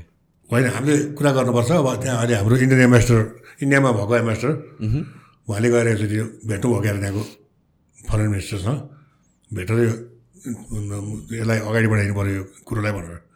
भनेपछि ऊ पनि पोजिटिभ भएको छ अरे। यसरी हामीले रिक्वेस्ट गर्नु पऱ्यो अरू उपाय नै छैन। उसले नदिकन हुँदै हुँदैन अब दिएन भने महँगो पर्छ जुन प्लेन पनि फेरि यही सिमराको बाटोबाट आउनुपर्छ। त्यो हो भने चाहिँ उता महाकालीतिर दिँदै भने पनि त्यहाँबाट एउटा प्लेन हुरेर उता दिल्ली दिल्ली जान नै सजिलो भयो। अब अहिले त हरेक प्लेन दिल्ली आउने दिल्लीबाट काठमाडौँ आउने प्लेन पनि यतै आउनु पऱ्यो होइन। अब भैरव जाने प्लेन पनि दिल्लीबाट यसो सिमराबाट छिरेर अनि फेरि भएर आउनु पऱ्यो अब उताबाट आए त्यो प्लेन तिस पैँतिस मिनटको फ्लाइट हुन्थ्यो होला। अनि त्यो फ्युलहरू महँगो पर्छ ऊ पर्छ। अनि फेरि ट्राफिक जाम त्यति नै हुने भयो फेरि। त्यही एउटा मात्र ठाउँबाट छिरेपछि। त्यस्तोको लागि हामीले मिलेर गर्नु पऱ्यो अब अर्को चाहिँ एउटा अब सोध्नु त भएको छैन म भनिदिइहाल्छु हामीसँग तिनवटा एयरपोर्ट भइसक्यो हो। हामीले त्यो विराटनगरलाई पनि त्यस्तै भैरवालाई गरे जस्तै गऱ्यो भने त्यो पनि राम्रो हुन्छ। पछि गएर होइन त्यो गर्ने पनि प्लान थियो। त्यो तिन हजार मिटरको चाहिँ रनवे बनाउने। त्यसलाई अनि पछि पछि गएर नेपालगञ्जतिर पनि एउटा त्यस्तो गर्ने त्यसो गरेर। हाम्रै पछि पछि नेपालमै पनि त्यो इन्टर सिटी जेटै चल्न सक्छ सो यो जुन एयरपोर्टकै कुराहरूमा आउँदा जहिले पनि निजगढको कुरा आउँछ त्यसलाई कसरी हेर्नुहुन्छ तपाईँ निजगढ एयरपोर्टलाई चाहिँ? त्यही कुरा गर्न लाग्यो ओके त्यो निजगढको एयरपोर्ट चाहिँ नि दुई हजार अन्ठाउन्न सालतिर चाहिँ नि त्यो त्यति बेला त्यो नाइन्टिन नाइन्टी वान नाइन्टी टूतिर त्यो अँ, थाईको र पाकिस्तान एयरलाइन्सको जेट पनि क्रास भयो। थाई थाईको जेट क्रास हुँदाखेरि धेरै जापानिजहरू मरे थाइले थाईहरू मरे हाम्रो नेपालका फिफाका रेफ्रीहरू सबै मरे। फुटबल खेलाडीहरू मरे। अनि त्यसको एक दुई महिनामै पिआइएको फेरि जहाज दुर्घटना भयो। त्यसमा फिफाका सम्पूर्ण इन्टरनेसनल रेफ्रीहरू मरे। नेपाललाई ठुलो हानि भयो त्यो। है? अनि त्यसपछि अनि अर्को यस्तो जेट एक्सिडेन्ट क्रास भएको भनेको आजभन्दा दस पन्ध्र वर्ष अगाडि त्यो चन्द्रगिरीको डाँडामा लुक्सान्साको एउटा त्यो कार्गो प्लेन क्रास भयो। अनि यो सबै कारण देखाएर यो चाहिँ सेफ नभएको भनेर भन्ने भयो। तर खासमा चाहिँ त्यो प्लेनहरूको सबै त्यो इन्जिनै त्यो उनीहरूकै प्लेनमै गडबडी भएर चाहिँ भएको भन्ने पनि देखाएको छ। त्यति बेला हाम्रो रनवेहरू पनि अलिकति राम्रो थिएन। अलिक बिस्तार भइसकेको छ रनवे। त्यो थाइको जेट क्रास हुने बित्तिकै जापानले राडर हालिदियो नेपालमा। यो ति त्रिभुवन एयरपोर्टमा राडरै थिएन। त्यसपछि फेरि दोस्रो राडर हाल्यो। अनि उहाँ फुलचोकीको डाँडामाथि चार सय किलोमिटर रेडियसमा भ्याउनी चाहिँ राडर हालेको छ। त्यो भनेको झन्डै झन्डै उता आग्रासम्म उता कलकत्तासम्म उतातिर चाहिँ म्यानमारसम्म उता झन्डै लासैसम्मको एउटा रेडियस चाहिँ नि त्यसले समात्छ त्यो राडारले अब अर्को इन्स्ट्रुमेन्टल ल्यान्डिङ गर्ने जस्तो तर एउटा टेक्नोलोजीहरू आइसक्यो अहिले। अब फरक के हो भन्दाखेरि ब्याङ्ककमा प्लेन ल्यान्ड गर्ने बेलामा चाहिँ त्यो प्लेन ठाउँ भएको भएर आधा घन्टादेखि बिस्तारै झार्दै झार्दै झार्दै ल्याएर अनि ठ्याक्क ओह्राल्छ हाम्रो हामी चाहिँ एकदम माथि त्यो डाँडा एघार हजार फिटको डाँडाबाट त्यहाँबाट आएर त्यसपछि अनि यसरी एकदमै एयरपोर्ट यहाँ छ यहाँ यहाँबाट ओर्लिनु पऱ्यो। अनि कसरले ल्याएर हाल्नु पऱ्यो। त्यति मात्र हो त्यो ठुलो खतरा पनि होइन कि होइन अहिले त्यस्तो ट्राफिक जाम भएको छैन। अलिअलि होल्ड हुन्छ हुन्छ त्यो यो तिनटै एयरपोर्ट चलेपछि त्यो होल्ड पनि कम भएर जान्छ। अहिले त्यो धुमधाम त निजगढमा एयरपोर्ट बनाउने अनि पछि अनि यस्तै विरोधहरू आएपछि त्यो एयरपोर्ट चाहिँ हामीले चाहिँ ट्रान्जिट एयरपोर्ट बनाउनु ला भनेर गफ लाग्यो फेरि। ट्रान्जिट एयरपोर्ट भनेको कस्तो एयरपोर्ट हो भने लङ हल ठुला ठुला जम्बो जेटहरू चाहिँ लङ हल ट्रा ट्राभल गर्दाखेरि त्यो फ्युल रिफ्युलिङ गर्नलाई त्यस्तोको लागि चाहिँ उहाँहरूले नि अथवा चाहिँ प्यासेन्जरहरूले चाहिँ आफ्नो अर्को ठाउँतिर जाने जस्तै अमेरिकाबाट आएको प्यासेन्जर ब्याङ्ककमा आएर ओर्ल्यो अनि अस्ट्रेलिया जानु पऱ्यो उसलाई। त्यस्तो त्यस्तो चिजमा जानलाई भनेर ट्रान्जिट बनाउने हो। अब अहिले यो हाम्रो रिजनमा सिङ्गापुर र थाइल्यान्ड बाहेक कुनै पनि ट्रान्जिट छैन। एउटा सिङ्गा ऊ स्याङ्घाई अलिकति भयो होला बेजिङ पनि भएको छैन कुनै पनि भएको छैन दिल्ली पनि भएको छैन कलकत्ता पनि भएको छैन। यस्ता त हुन सकेका छैनन् भने हो हामी त निजगढको जङ्गलमा लगाएर ट्रान्जिट एयरपोर्ट बनाउने अनि फेरि इन्डियालाई रिस उठेर पेट्रोल बन्द गरिदिन्छ। ए पेट्रोल नभएर दुई महिनाले ट्रान्जिट बन्द भयो भन। फेरि कत्रो त्यहाँ इन्फ्रास्ट्रक्चर चाहिन्छ ऊ चाहिन्छ है। यो के पनि होइन त सबै जङ्गल मासेर खाने त मात्र हो। अनि हाम्रो यहाँ कानुन बनाएको छन् एकको पच्चिस रोप्ने भनेर। कहीँ कहिले पनि त्यो कानुन इम्प्लिमेन्ट भएको छैन। अहिले उ त्यो आर्मीले सडक बनायो एकको पच्चिस रुपियाँ छ त। एक डेढ लाख रुख कति काटेको छ त्यो पच्चिसवटा रुख कहीँ पनि रोपेकै छैन अहिलेसम्म पनि। त्यो कहिले रोपेर कहिले ठुलो हुने फेरि रुख रोपेर हुने होइन नि। पाँच सात वर्ष त्यसलाई एकदम केयर गर्नुपर्छ। फेरि अर्को कुरो के छ भन्दाखेरि त्यस्ता रुखहरू जुन त्यो हजारौँ वर्षदेखि भएका रुखहरू छन् यत्रो मोटा मोटा मोटा चाहिँ रुखहरू छन् त्यहाँ। है? त्यस्ता रुख बनाउनलाई अब फेरि कति वर्ष लाग्छ?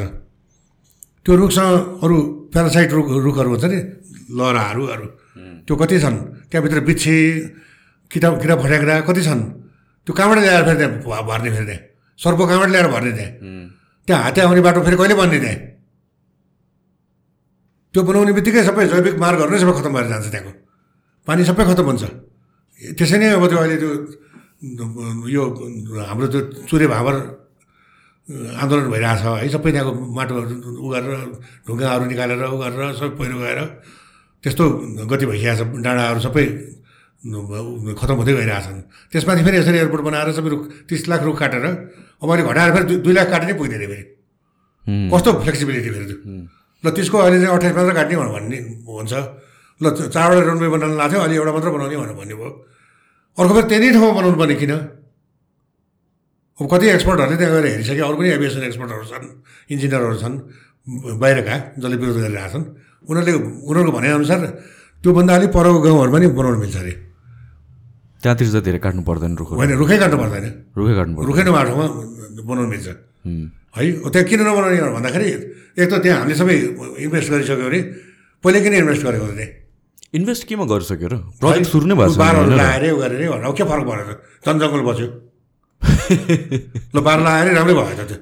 अब त्यहाँभित्र पनि पहिले पनि त्यहाँ रुख काटेर बसिरहेको थियो तिनीहरूलाई नै हटाउनु। तिनीहरूलाई अर्को ठाउँमा जग्गा दिनु। त्यो फेरि रुखै लगाइदिनु त्यहाँ।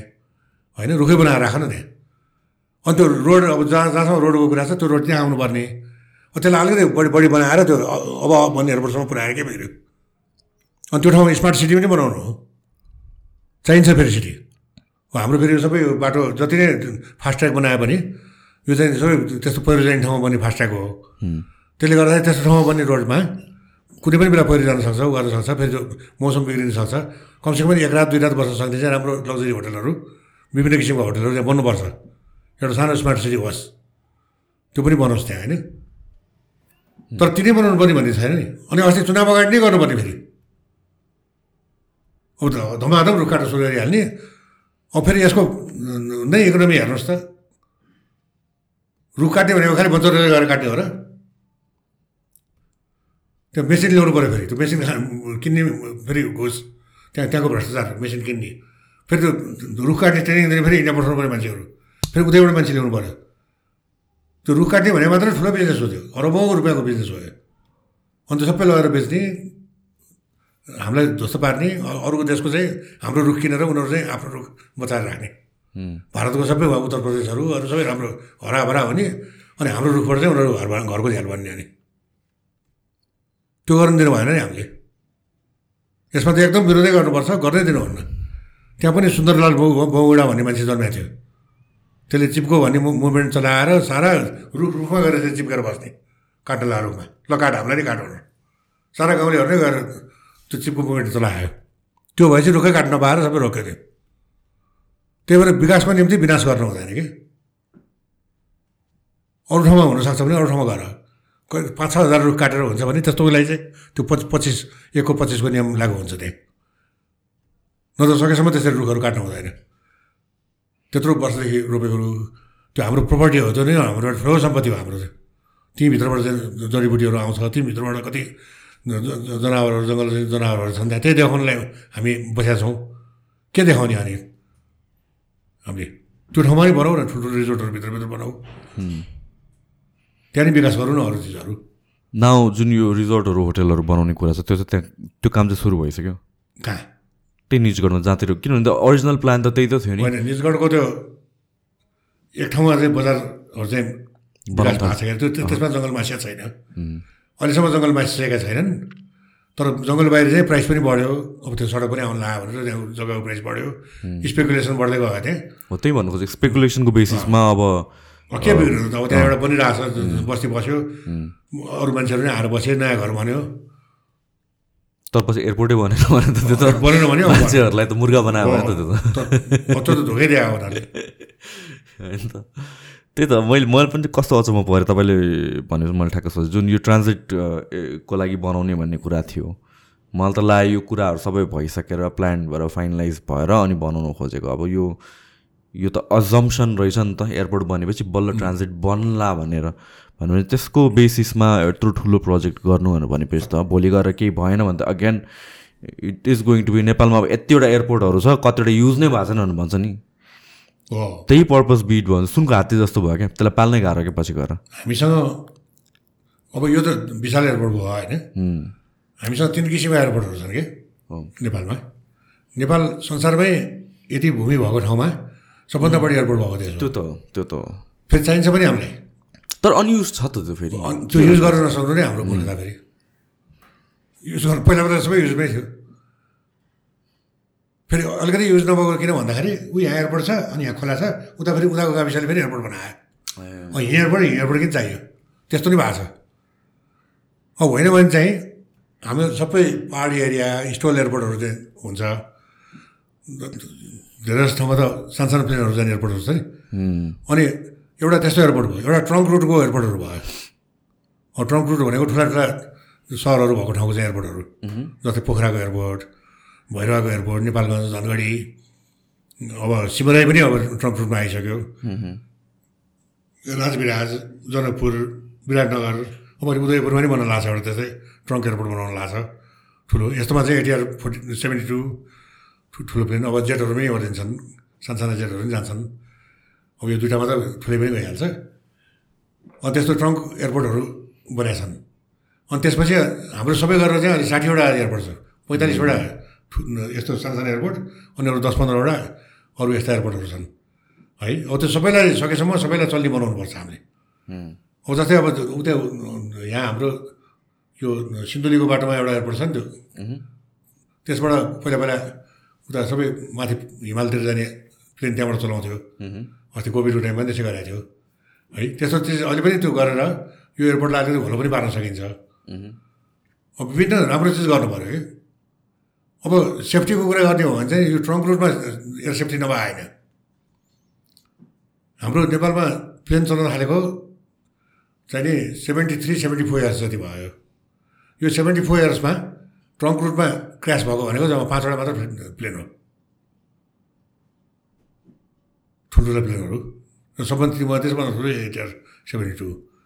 होइन भने जति पनि क्रास भएको छ सबै माथि माथि पाहाडहरूमा हिमालहरूमा भएको छ। त्यसलाई पनि सेफ बनाउने कोसिस गर्नु पऱ्यो त्यसको सेफ्टीहरूलाई काम गर्नु पऱ्यो अब जस्तै पाकिस्तानहरूमा पनि यस्तो हिमालहरू छ होइन? त्यो स्वाट भ्याली छ त्यहाँ जेटै ओर्लिन्छ अब कमसेकम यहाँ चाहिँ त्यो अठार सिटर नभए पनि पैँतालिस सिटर ओर्लिने बनाउनु पऱ्यो अब मैले सिभिल एभिएसनको मान्छेहरूसँग कुरा गर्दाखेरि त्यहाँ टर्निङै पुग्दैन भन्छन्। तिनीहरूको ल्याङ्ग्वेज पनि बुझ्दैन। अरू देशमा फेरि पुगेको छ। के हो के हो? उनीहरू साँच्चै नै हो कि न? अब त्यस्तै हो कि? त्यस्तो हो भने चाहिँ अब सानै प्लेन भए पनि त्यसको सेफ्टी मेजर्सहरू अलिक बढी चाल्नु पऱ्यो सबै चिज ठिक छ भनेर भन्छन् उनीहरू। खास ठिक भइरहेको छैन। वर्षको एउटा दुइटा प्लेन खसेकै छ। त यो एयर प्लेन क्रासहरू भइरहेकै हुन्छ होइन तर यो आई थिङ्क प्लेन क्रासको स्टेटिस्टिक्स हेर्ने भने स्टिल सबभन्दा सेफेस्ट वे टु ट्राभल त फ्लाइट नै हो। किनभने अब बस वर्षमा कतिवटा खस्छ कतिजनालाई ज्यान गुमाउँछ। त्यो चाहिँ हाम्रो त्यति त्यो न्युज पास हुन्छ कि हामीले नोटिसै हुँदैन। एयरप्लेन क्रास हुने बित्तिकै it become such a huge news अनि त्यसपछि अब जस्तै अहिलेको जुन इन्भाइरोमेन्ट छ मा एटमोस्फियर मान्छेहरू डराइरहेछ प्लेन्सहरू प्लेनमा ट्राभल गर्नलाई and stuff like that but although त्यो भनेको राम्रो कुरा त होइन डरलाग्दो कुरा त हो त्यो एउटा ठाउँमा छ बट स्ट्याटिस्टिकली हेर्ने हो भने त स्टिल सेफ वे भनेको त फ्लाइङ नै हो नि बाई एयर नै हो नि त। सेफ अब जाँडै पुगिने सबै चिज हुने तर त्यो एयरपोर्टहरूको हेसलहरू नै हटाउनुपर्छ हो। हाम्रो एयरपोर्टहरूको हेसल एकदम बढी छ कि। यहाँ मात्र होइन त्यो इन्डियामा पनि रहेछ त्यो। त्यो दिल्लीमा त्यो सेक्युरिटी चेक सेक्युरिटी चेक भनेर यस्तो दुःख पाइने कि के भन्ने हो त्यो? त उनीहरूको त्यहाँ फेरि अब त्यस्तै अब अप्ठ्यारो पनि छ उनीहरूलाई। त्यहाँ सेक्युरिटी चेक गर्नै पर्ने अवस्थाहरू आउँछ त्यहाँ। अनि त्यस्तोमा हामी पर्छौँ तर नेपालको एयरपोर्टहरूमा चाहिँ हामीले नचाहिने दुःख नदिएर। इन इन्डियामा जो सेफ्टी सिक्युरिटी ह्यासल भनेको कस्तो? अब त्यहाँ एकदम धेरै चेक गर्छ कि। एक त त्यो प्लेनबाट ओहोरदोहोर गर्ने मान्छेहरूको सङ्ख्या नै बढिसक्यो। त्यहाँ एकदम त्यहाँ प्लेनको त्यो चार्ज पनि कम त्यहाँ त्यो टिकटहरू धेरै महँगो छैन। फेरि एकदम कम्पिटिसन छ त्यहाँ अनलाइनबाट त्यो टिकट किन्न पाइने होइन। जो पनि प्लेन चढेर जान सक्ने भएको छ। त्यसले गर्दाखेरि एयरपोर्टहरूमा त्यो इमिग्रेसनहरूमा नि भिड सेक्युरिटीमा एकदम भिड। अन्त सेक्युरिटीमा नि दुई तिन टायर सेक्युरिटी।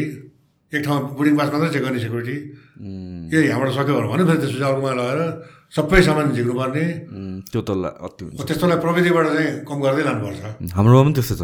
हामी कहाँ त्यस्तो छ। चाहिने कुरामा चाहिँ हुँदैन। नचाहिने कुरामा चाहिँ एकदम धेरै गर्छ हो त्यस्तो चिजहरूलाई चाहिँ कम गर्दै लानु पऱ्यो ओके एउटा सर्ट ब्रेक लिउँ अनि त्यसपछि कन्टिन्यू गर्नु। सो बजेटको के बजेटको कुरा आउँछ हाम्रो डेभलपमेन्ट भन्ने बित्तिकै र जहिले पनि सुन्ने कुरा के भन्नु भने चाहिँ पहिलो कुरा भनेको जहिले पनि असार पुग्ने बित्तिकै सबै खन्न थाल्छ बाटो। होइन मनसुनको बेलामा वर्स्ट टाइममा बाटो बनाउनु थाल्छ। मैले पछि हुँदै बुझ्दै आएको कुरा के भन्नु भनेपछि अब यो आर्थिक वर्ष सकिने टाइम हुन्छ बजेट स्पेन्ड गरौँ भनेर त्यो हतपत्ती गर्छ। र मेन देखिने कुरा के हो भने थ्रु आउट द इयर जुन हिसाबले बजेट स्पेन्डिङ हुनु पर्ने त्यो स्पेन्डिङ हुँदैन भन्नाले डेभलपमेन्ट त्यो नेपालीहरूको लास्ट मोमेन्टमा काम गर्ने बानी जस्तो कि? सो अहिलेको पनि इयरको हामीले प्लान हेर्दाखेरि चाहिँ डेटा के छ? अब सरकारी मान्छेहरूसँग सोध्यो भनेर यो सरसरी हेर्दा त्यो हो पनि फेरि उनीहरूले भनेको कुरा। उनीहरूको आन्सर। जस्तै एउटा चाहिँ हाम्रो असार मसान्तमा चाहिँ पुरानो बजेट सकिन्छ। फाइनेन्सियल इयर नयाँ इयर चाहिँ साउन एक गतेदेखि सुरु हुन्छ। अनि त्यसपछिको त्यो एक महिना तिन महिनै भनौँ न। त्यसको पछिको तिन महिना त्यो योभन्दा अगाडिको चाहिँ लेखाजोखा गर्दा वर्षको लेखाजोखा गर्दा सबै ठाउँबाट डाटाहरू आउँदा। त्यो हेर्ने काम र अनि त्यहाँबाट नयाँ कामको लागि टेन्डरहरू हाल्ने। टेन्डर माग्ने नयाँ प्रोजेक्टहरूको लागि। त्यो चाहिने काम सुरु हुन्छ। त्यो सबै त्यो टेन्डर हाले मान्छेहरूको टेन्डर खोल्दा त्यो प्रोसेस गर्दा फेरि त्यसमा दुई पार्ट हुन्छ टेन्डरको धेरै जस्तो कन्स्ट्रक्सनको टेन्डरहरूको चाहिँ एउटा फाइनेन्सियल पार्ट र एउटा चाहिँ टेक्निकल पार्ट हुन्छ। त्यो दुइटा नै हेरिसक्दाखेरि र फेरि हाम्रो फेस्टिभल आउँछ असोजमा। लामो छुट्टी हुन्छ ऊ हुन्छ। त्यो फेस्टिभलको अगाडि चलनै छ फेरि दसैँपछि भनेर भन्ने चलन छ। अनि यो सबै गर्दाखेरि जाडो आउँछ अनि अनि बल्ल काम सुरु हुने टाइम चाहिँ अनि त्यहाँबाट यो मङ्सिर पुसदेखि हुन्छ। त्यसपछि फेरि हाफ इयरली पुस एन्डमा फेरि हाफ इयरली रिभ्यू गर्दा गर्दै अनि त्यसपछि खास अलिअलि विकास चाहिँ नि वैशाख सुरु हुन्छ। अनि त्यसपछि मनसुन अनि त्यो नभएको नसकेको पैसा चाहिँ फेरि सकाएन भने। अर्को वर्ष त्यहाँ पैसा दिँदैन फेरि अर्थले। यसले कामै सघाउनु सक्दैन भनेर त्यो पैसा अर्कोतिर लगाइन्छ। त्यो डरले पनि सबै मन्त्रालयहरूले आफ्नो आफ्नो पर्फर्मेन्स देखाउनलाई गर्छन्। अब यो चिजलाई अब यसको उपाय चाहिँ एउटा चाहिँ हामीले बजेटिङ पनि अलिक प्रोग्राम वेबाट प्रोग्राम बजेटिङ भनेर चलन त यो अमेरिकामा निक्लेको चलन हो पहिला। प्रोग्राम बजेटिङ भन्ने। यो जस्तै three year rolling program program budgeting three rolling program भने कार्यक्रमहरू चलायो भने त्यो एक वर्षको मात्र हुँदैन क्या त? यो तिन वर्षसम्मको आफै अटोमेटिकली यो प्रोजेक्टमा अर्को वर्ष यति बजेट दिने अर्को वर्ष यति दिने भन्ने त्यो पनि एउटा एकदम राम्रो चलन हो। अर्को चाहिँ प्रोग्राम वेबाट बजेटिङ गर्ने। भोलि खर्च गर्न सकेन भने चाहिँ त्यो बजेट एउटा शीर्षकबाट अर्को शीर्षकमा चाहिँ गएर हालिदिने। अहिले पनि गर्छन् रिडाइरेक्ट गरिदिन्छन् अहिले पैसाहरू होइन। त्यसलाई अझ राम्रोसँग चाहिँ प्रोग्राम वेबाट गर्ने। अनि यो यो चिज चाहिँ अब हाम्रो प्लानिङसँग पनि हाम्रो जुन आवधिक योजना हुन्छ पाँच पाँच वर्षको त्योसँग पनि टाइअप गरेर ट्याग गर्नुपर्छ। र साथसाथै मोनिटरिङ सिस्टम एकदम बलियो हुनुपर्छ।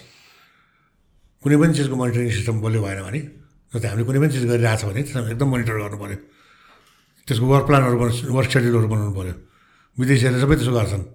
कुनै प्रोजेक्ट सुरु भयो सुरु भयो डे वानदेखि अब यति यति हप्तामा यो गर्ने यति हप्तामा यो गर्ने यो गर्ने गरेर कमसेकम पनि एउटा एउटा क्वार्टरको चाहिँ त्यो सेड्युलहरू बनाएर त्यो सेड्युलभित्र काम हुँदै गएको छ कि छैन? अनि त्यसको मोनिटर गर्दै जाने। यस्तो गर्दै गयो भने चाहिँ प्रोजेक्टहरू पनि टाइममा सकिन्छ। अब अर्को चाहिँ पोलिटिकल कारणले विभिन्न चाहिँ पोलिटिकलले चाहिँ पनि प्रोजेक्टहरू खतम हुन्छन्। भाइलेन्स भएर भएर। अब त्यो नेपालमा अब त्यो जमाना छैन। अब कुनै पनि पोलिटिकल पार्टीले सायद अब त्यस्तो हडतालै गरेर रोक्ने काम गर्दैनन्। अब त्यो एरा नै सकिसक्यो अब। अब त्यस्तो नहोला। हडताल है एउटा जमानामा त हडताल भनेको त कस्तो हुन्थ्यो नि। आजकल त हडताल भएकै छैन छैन अब गर्दैनन् अब यिनीहरू सब रेस्पोन्सिबिलिटी भइसक्यो फेरि अब त्यस्तो रिभोल्युसनै गर्नुपर्ने अथवा चाहिँ जहिले नै आन्दोलन गरिराख्नुपर्ने जरुरी पनि छैन अब एउटा सर्टेन चिजहरू बन्दै गइसक्यो अब अहिले संविधानमा चित्त नबुझेको कुराहरू अलिअलि छन् त्यो पनि अब आफै आफू आफै डिस्कस गरेर गर्नुपर्छ अहिले मलाई संसदमा नि यसो हेर्दा सबभन्दा राम्रो रोल त मलाई त अहिले त हाम्रो त्यो एकजना हुनुहुन्छ नि मधेसको नेता के अरे उहाँको नाम? जो चाहिँ अस्ति नै एकदम उग्रो हुनुहुन्थ्यो सिकेर अँ, सिकेर हो त। अनि उहाँ जस्तो असल मान्छे त म कोही देखेकै छैन कति राम्रो रोल खेलिरहेको छ उसले। उसले भनेको कुरो सबै राइट छ त्यहाँ। अस्ति पनि एउटा ठ्याक्क म टिभी अन गरेको भागै आइरहेको रहेछ अन्त भन्दै हुनुहुन्थ्यो उहाँले हामी यहाँ संसदमा बोल्छौँ गर्छौँ। यो कुराहरूको चाहिँ सबै रेकर्ड राखेर यो हामीले भनेको कुराहरू चाहिँ सांसदहरूले भनेको कुराहरू त्यो चाहिँ इम्प्लिमेन्ट भयो कि भएन त्यो त्यस्तो सबै कुराहरूको चाहिँ पछि हामीलाई रेकर्डिङ रिपोर्ट गर्नुपर्छ गभर्मेन्टले। त्यसरी रिपोर्ट गऱ्यो भने हामीलाई पनि अनि हामीले भनेको कुराहरू हामीले जनतालाई पनि जवाफदेही हुन सजिलो हुन्छ भन्ने यस्ता यस्ता कुराहरू। यो यो नै प्रोसेसर हो कि? अब यस्ता प्रोसेसरबाट चाहिँ विकास हुँदै जाने हो। छयालिस सालमा भर्खर प्रजातन्त्र आउँदाखेरि त्यसपछि केही पनि भएन। हामी पनि प्रजातन्त्रलाई कति लड्यौँ गऱ्यौँ। अनि पछि अब हाम्रो बुवाहरू पनि त्यो पहिला पहिला राजनीतिमै लाग्यो मान्छे विकासको काम पनि लाग्नुभएको ठुलै इकोनोमिस्ट हो हाम्रो नेपालको। अनि बुवासँग चिया खानु बस्दाखेरि खै त के गरे त? खै यिनीहरूले नि के गरेन? भन्दाखेरि होइन त्यो कुद्नुपर्छ यिनीहरू सब जेल जेल जेल भएर आएका मान्छेहरू यिनीहरूलाई अनुभव पनि अहिले त्यति छैन। अब स्विमिङ गर्नु पनि सबभन्दा पहिला तिन फिटमा हाम फाल्नु पऱ्यो अन्त तिन फिटबाट पाँच सात हुँदै अनि अगाडि बढ्ने हो। अनि यसो सोच सोच्दाखेरि भयो जस्तो लाग्यो। मैले पनि तिन फिटमा गएर कतिसम्म बसेँ त्यसरी पाँचमा पुगेँ। हो बुवाले एकदम ठिक भने अब। यिनीहरू तर यिनीहरू दसमा कहिले पुग्छन् त अब? माथि हाई जम्प हान्ने कहिले हुन्छ यिनीहरू हाई टाइप हान्ने? भने जस्तो लाग्थ्यो। पछि द दस वर्ष बित्यो पन्ध्र वर्ष बित्यो बिस वर्ष बित्यो जहिले पनि तिन फिट तिन फिटमै छन् अब अहिले चाहिँ यसो हेर्दाखेरि सात फिटसम्म पुग्यो भने कि यिनीहरू जस्तो लागेको छ। अब यिनीहरूलाई सात फिटमा पुगेनन् भने पनि अब नयाँ पिँढी छन् नि तिनीहरूले यिनीहरूलाई कि धकालेर चाहिँ नौमा लगेर डुबाइन्छन्? किन किन कि चाहिँ यिनीहरूले आफै जानेर चाहिँ नौमा गएर पौडी खेल्न सक्ने हुनुपर्छ। यिनीहरूको अनुभव हामीलाई काम लाग्छ? यिनीहरू गएर डुबेरै पऱ्यो भने हामीलाई नोक्सान छ। नयाँ पिँढीले नि त्यो सम्झिनुपर्छ उसले धेरै कुरो जानिसक्यो। जस्तै मैले मास्टर्स डिग्री गर्दा म भर्खर जागिर खाँदाखेरि म जस्तो जाने मान्छे त कोही छैन भने मलाई घमण्ड लाग्छ। त्यो बेला हो पनि फेरि। तर अहिलेको चाहिँ नि भर्खर अहिले ब्याचलर्स गरेका केटा केटीहरू यो युवाहरू हामीभन्दा तगडा छन् यिनीहरू। जे कुरामा पनि। जे कुरामा तर फेरि नलेज र एक्सपिरियन्स दुवै इम्पोर्टेन्ट छ यो पोलिटिक्समा पनि। कुरा आउँछ। सिक्नुपर्छ त्यो। सो यो पोलिटिक्समा पनि अब अहिले जुन यो वेभ आएको छ सबैजना युथ लिडर्स युथ लिडर्स भन्ने एउटा हिसाबले त राम्रो पनि हो होइन? नयाँ फेस देखिरहेको छौँ नयाँ आइडियोलोजीहरू देखिरहेको छौँ। तर कता कता एक्सपिरियन्स अलिकता नपुग्ला कि एडभाइजरी रोलमा सम एक्सपिरियन्स भएको ओल्ड पोलिटिसियन पनि चाहिन्छ कि? सो यो दुई दुईवटा जेनेरेसनको तपाईँले रोल कसो देख्नुहुन्छ? अब अहिले चाहिँ नि जुन युथ लिडरहरू संसदमा पुगे यिनीहरू चाहिँ नि त्यो पुराना लिडरहरूकै गैर जिम्मेवारीले गर्दाखेरि पुगे हुन्। तर पुराना लिडरहरूले पनि आफ्नो आफ्नो पार्टीमा नयाँ नयाँ जेनेरेसनका मान्छेहरूलाई अब प्रोत्साहन दिँदै जानुपर्छ क्या। पार्टीभित्र पनि अब राम्रो काम गर्ने डिसिप्लिन मान्छेहरू अलिक एफिसियन्ट मान्छेहरूलाई माथि माथि बढाउँदै यो मेरो मान्छे मान्छे भन्नु है तिनीहरूलाई अगाडि बढाएर लानुपर्छ। अनि एउटा सर्टेन टाइम पुगेपछि बिस्तारै बिस्तारै अब अहिले आज नेपालमा यसरी रिटायरै हुन्छु अब म चुनाव लड्दिनँ भन्ने मान्छे एउटा मात्रै देखियो। एउटा नारायणमान विजेसी भन्ने मान्छे मात्रै देखियो। उसले चाहिँ अब म पार्टीमा चाहिँ बस्छु अध्यक्ष भएर बस्छु त चुनाव लड्दिनँ भनेर दुइटा चुनाव भइसक्यो नलडे त्यो मान्छेलाई म मान्छु है हो त्यस्तो मान्छे हुन सक्नु सक्नु पऱ्यो तर पार्टी छोड्न हुँदैन। उनीहरू पार्टीमै बस्नुपर्छ। त्यहाँ बसेर एडभाइजरी रोलहरू खेल्नुपर्छ उनीहरूले। अब यी मध्येका यस्ता राम्रो राम्रो मान्छेहरूको मध्येकै मान्छेहरूबाट राष्ट्रपति हुनुपर्छ। अनि राष्ट्रपति भइसकेपछि पार्टीमा नै बस्नु हुँदैन फेरि त्यसपछि। त्यसपछि उनीहरूको सक्यो अनि। इन्डिपेन्डेन्ट हुनु पऱ्यो इन्डिपेन्डेन्ट भएर बस्नु पऱ्यो अनि आफ्नो मानमा बस्नु पऱ्यो नचाहिने कुरो बोलेर हिँड्नु भएन। त्यस्तो हुनुपर्छ अहिलेसम्म देखेका दुइटै राष्ट्रपतिहरू ठिकै छन्। अलिअलि बायस भए पनि उनीहरू पनि अब भर्खर भर्खर प्र्याक्टिस गरेका हुन् नेपालमा सिकेका हुन्। अलिअलि केही गल्ती गरे होलान्। तर हेर्दा एउटा महिला राष्ट्रपति नै भयो एउटा चाहिँ पुरुष राष्ट्रपति नै भयो। अनि दुइटाले फेरि कयौँ कुराहरूमा राम्रो काम पनि गरे। रामवरण यादवले पनि विदेशमा गएर औषधि गर्न सक्नुहुन्थ्यो। पछि एउटा ठुलै रोग लाग्दा मात्र जानुभयो नत्र अरू सबै औषधि यतै गर्नुभयो। वीर हस्पिटलमा दाँत देखाउन जाँदाखेरि लाइनमै बस्नुहुन्थ्यो। अरू मान्छेलाई लाज लागेर ए राष्ट्रपतिज्यू हजुर अगाडि जानुहोस् न सम्म भन्नुपर्ने हुन्थ्यो। यस्ता संस्कार चाहिन्छ हामीलाई कि?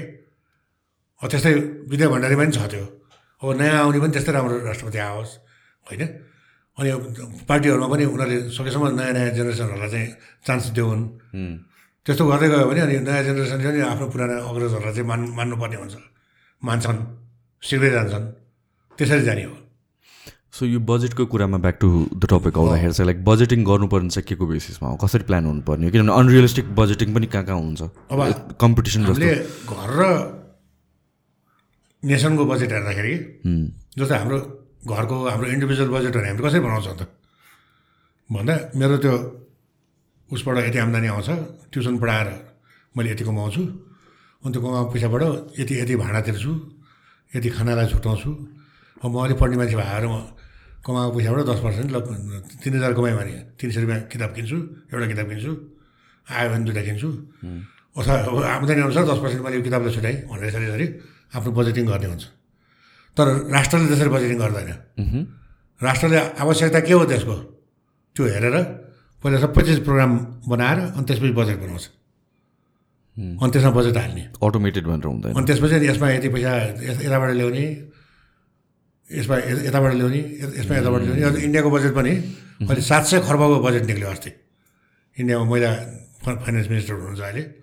एकदम डाइनामिक महिला हुनुहुन्छ। उहाँले बनाएको बजेटमा सात सय खर्बको बजेट बन्यो। त्यो मध्ये झन्डै झन्डै सेभेन्टी सेभेन्टी फाइभ पर्सेन्ट खर्च ट्याक्सबाटै पुऱ्याउनु भयो उहाँले राजस्व आन्तरिक राजस्वबाट। उनीहरू हाम्रो जस्तो त्यो ग्रान्ड स्याङ त इन्डियाले नै ऊ त्यस्तो कन्ट्री नै होइन एक त डेभलपिङ कन्ट्री भइसक्यो। अर्को कुरो इन्डिया चाइना भनेर यिनीहरू त अर्काको पैसा त लिँदैन नि लोन लिन्छन्। उनीहरूलाई पनि चाहिन्छ ठुल्ठुला मल्टिनेसनल ब्याङ्कहरूबाट ठुल्ठुलो प्रोजेक्टको लागि उनीहरूलाई पनि लोन चाहिन्छ। कति चिजहरू मल्टिनेसनल कम्पनीहरू आएर चाहिँ इन्भेस्ट गर्छन् त्यसको लागि उनीहरूले ठाउँ राखेको हुन्छ। अब त्यो बजेटमा नपुगेपछि त्यसको लागि बोलाउनु भनेर गरे हो। पहिल्यै कुरा भइसकेको हुन्छ। होमवर्क भइसकेको छ उनीहरूको। तर एउटा जो फर्मल च्यानलबाट हामी कहाँ के पनि होमवर्क नभइकन। हामी पन्ध्र अरबको बजेट के खरबको बजेट भनेर भन्छौँ। बनाउने मान्छे पनि कस्तो भन्दाखेरि घरको बजेट नै बनाउन नसक्ने एसएलसी आइएम मात्र पढेको मान्छेले बजेट बनाउने। कति लाजमहरू बरु पञ्चायतको टाइममा बरु कस्ता कस्ता अर्थमन्त्रीहरू थिए है। भरतबहादुर प्रधान जस्तो अर्थमन्त्री प्रकाश चन्द्र लोहिया जस्तो अर्थमन्त्री कस्ता कस्ता आए अर्थमन्त्रीहरू देवेन्द्रराज पाण्डे जस्तो चाहिँ अर्थमन्त्री भए। अब अहिले आएर के भएको? रामशरण महतहरूसम्म ठिक थिए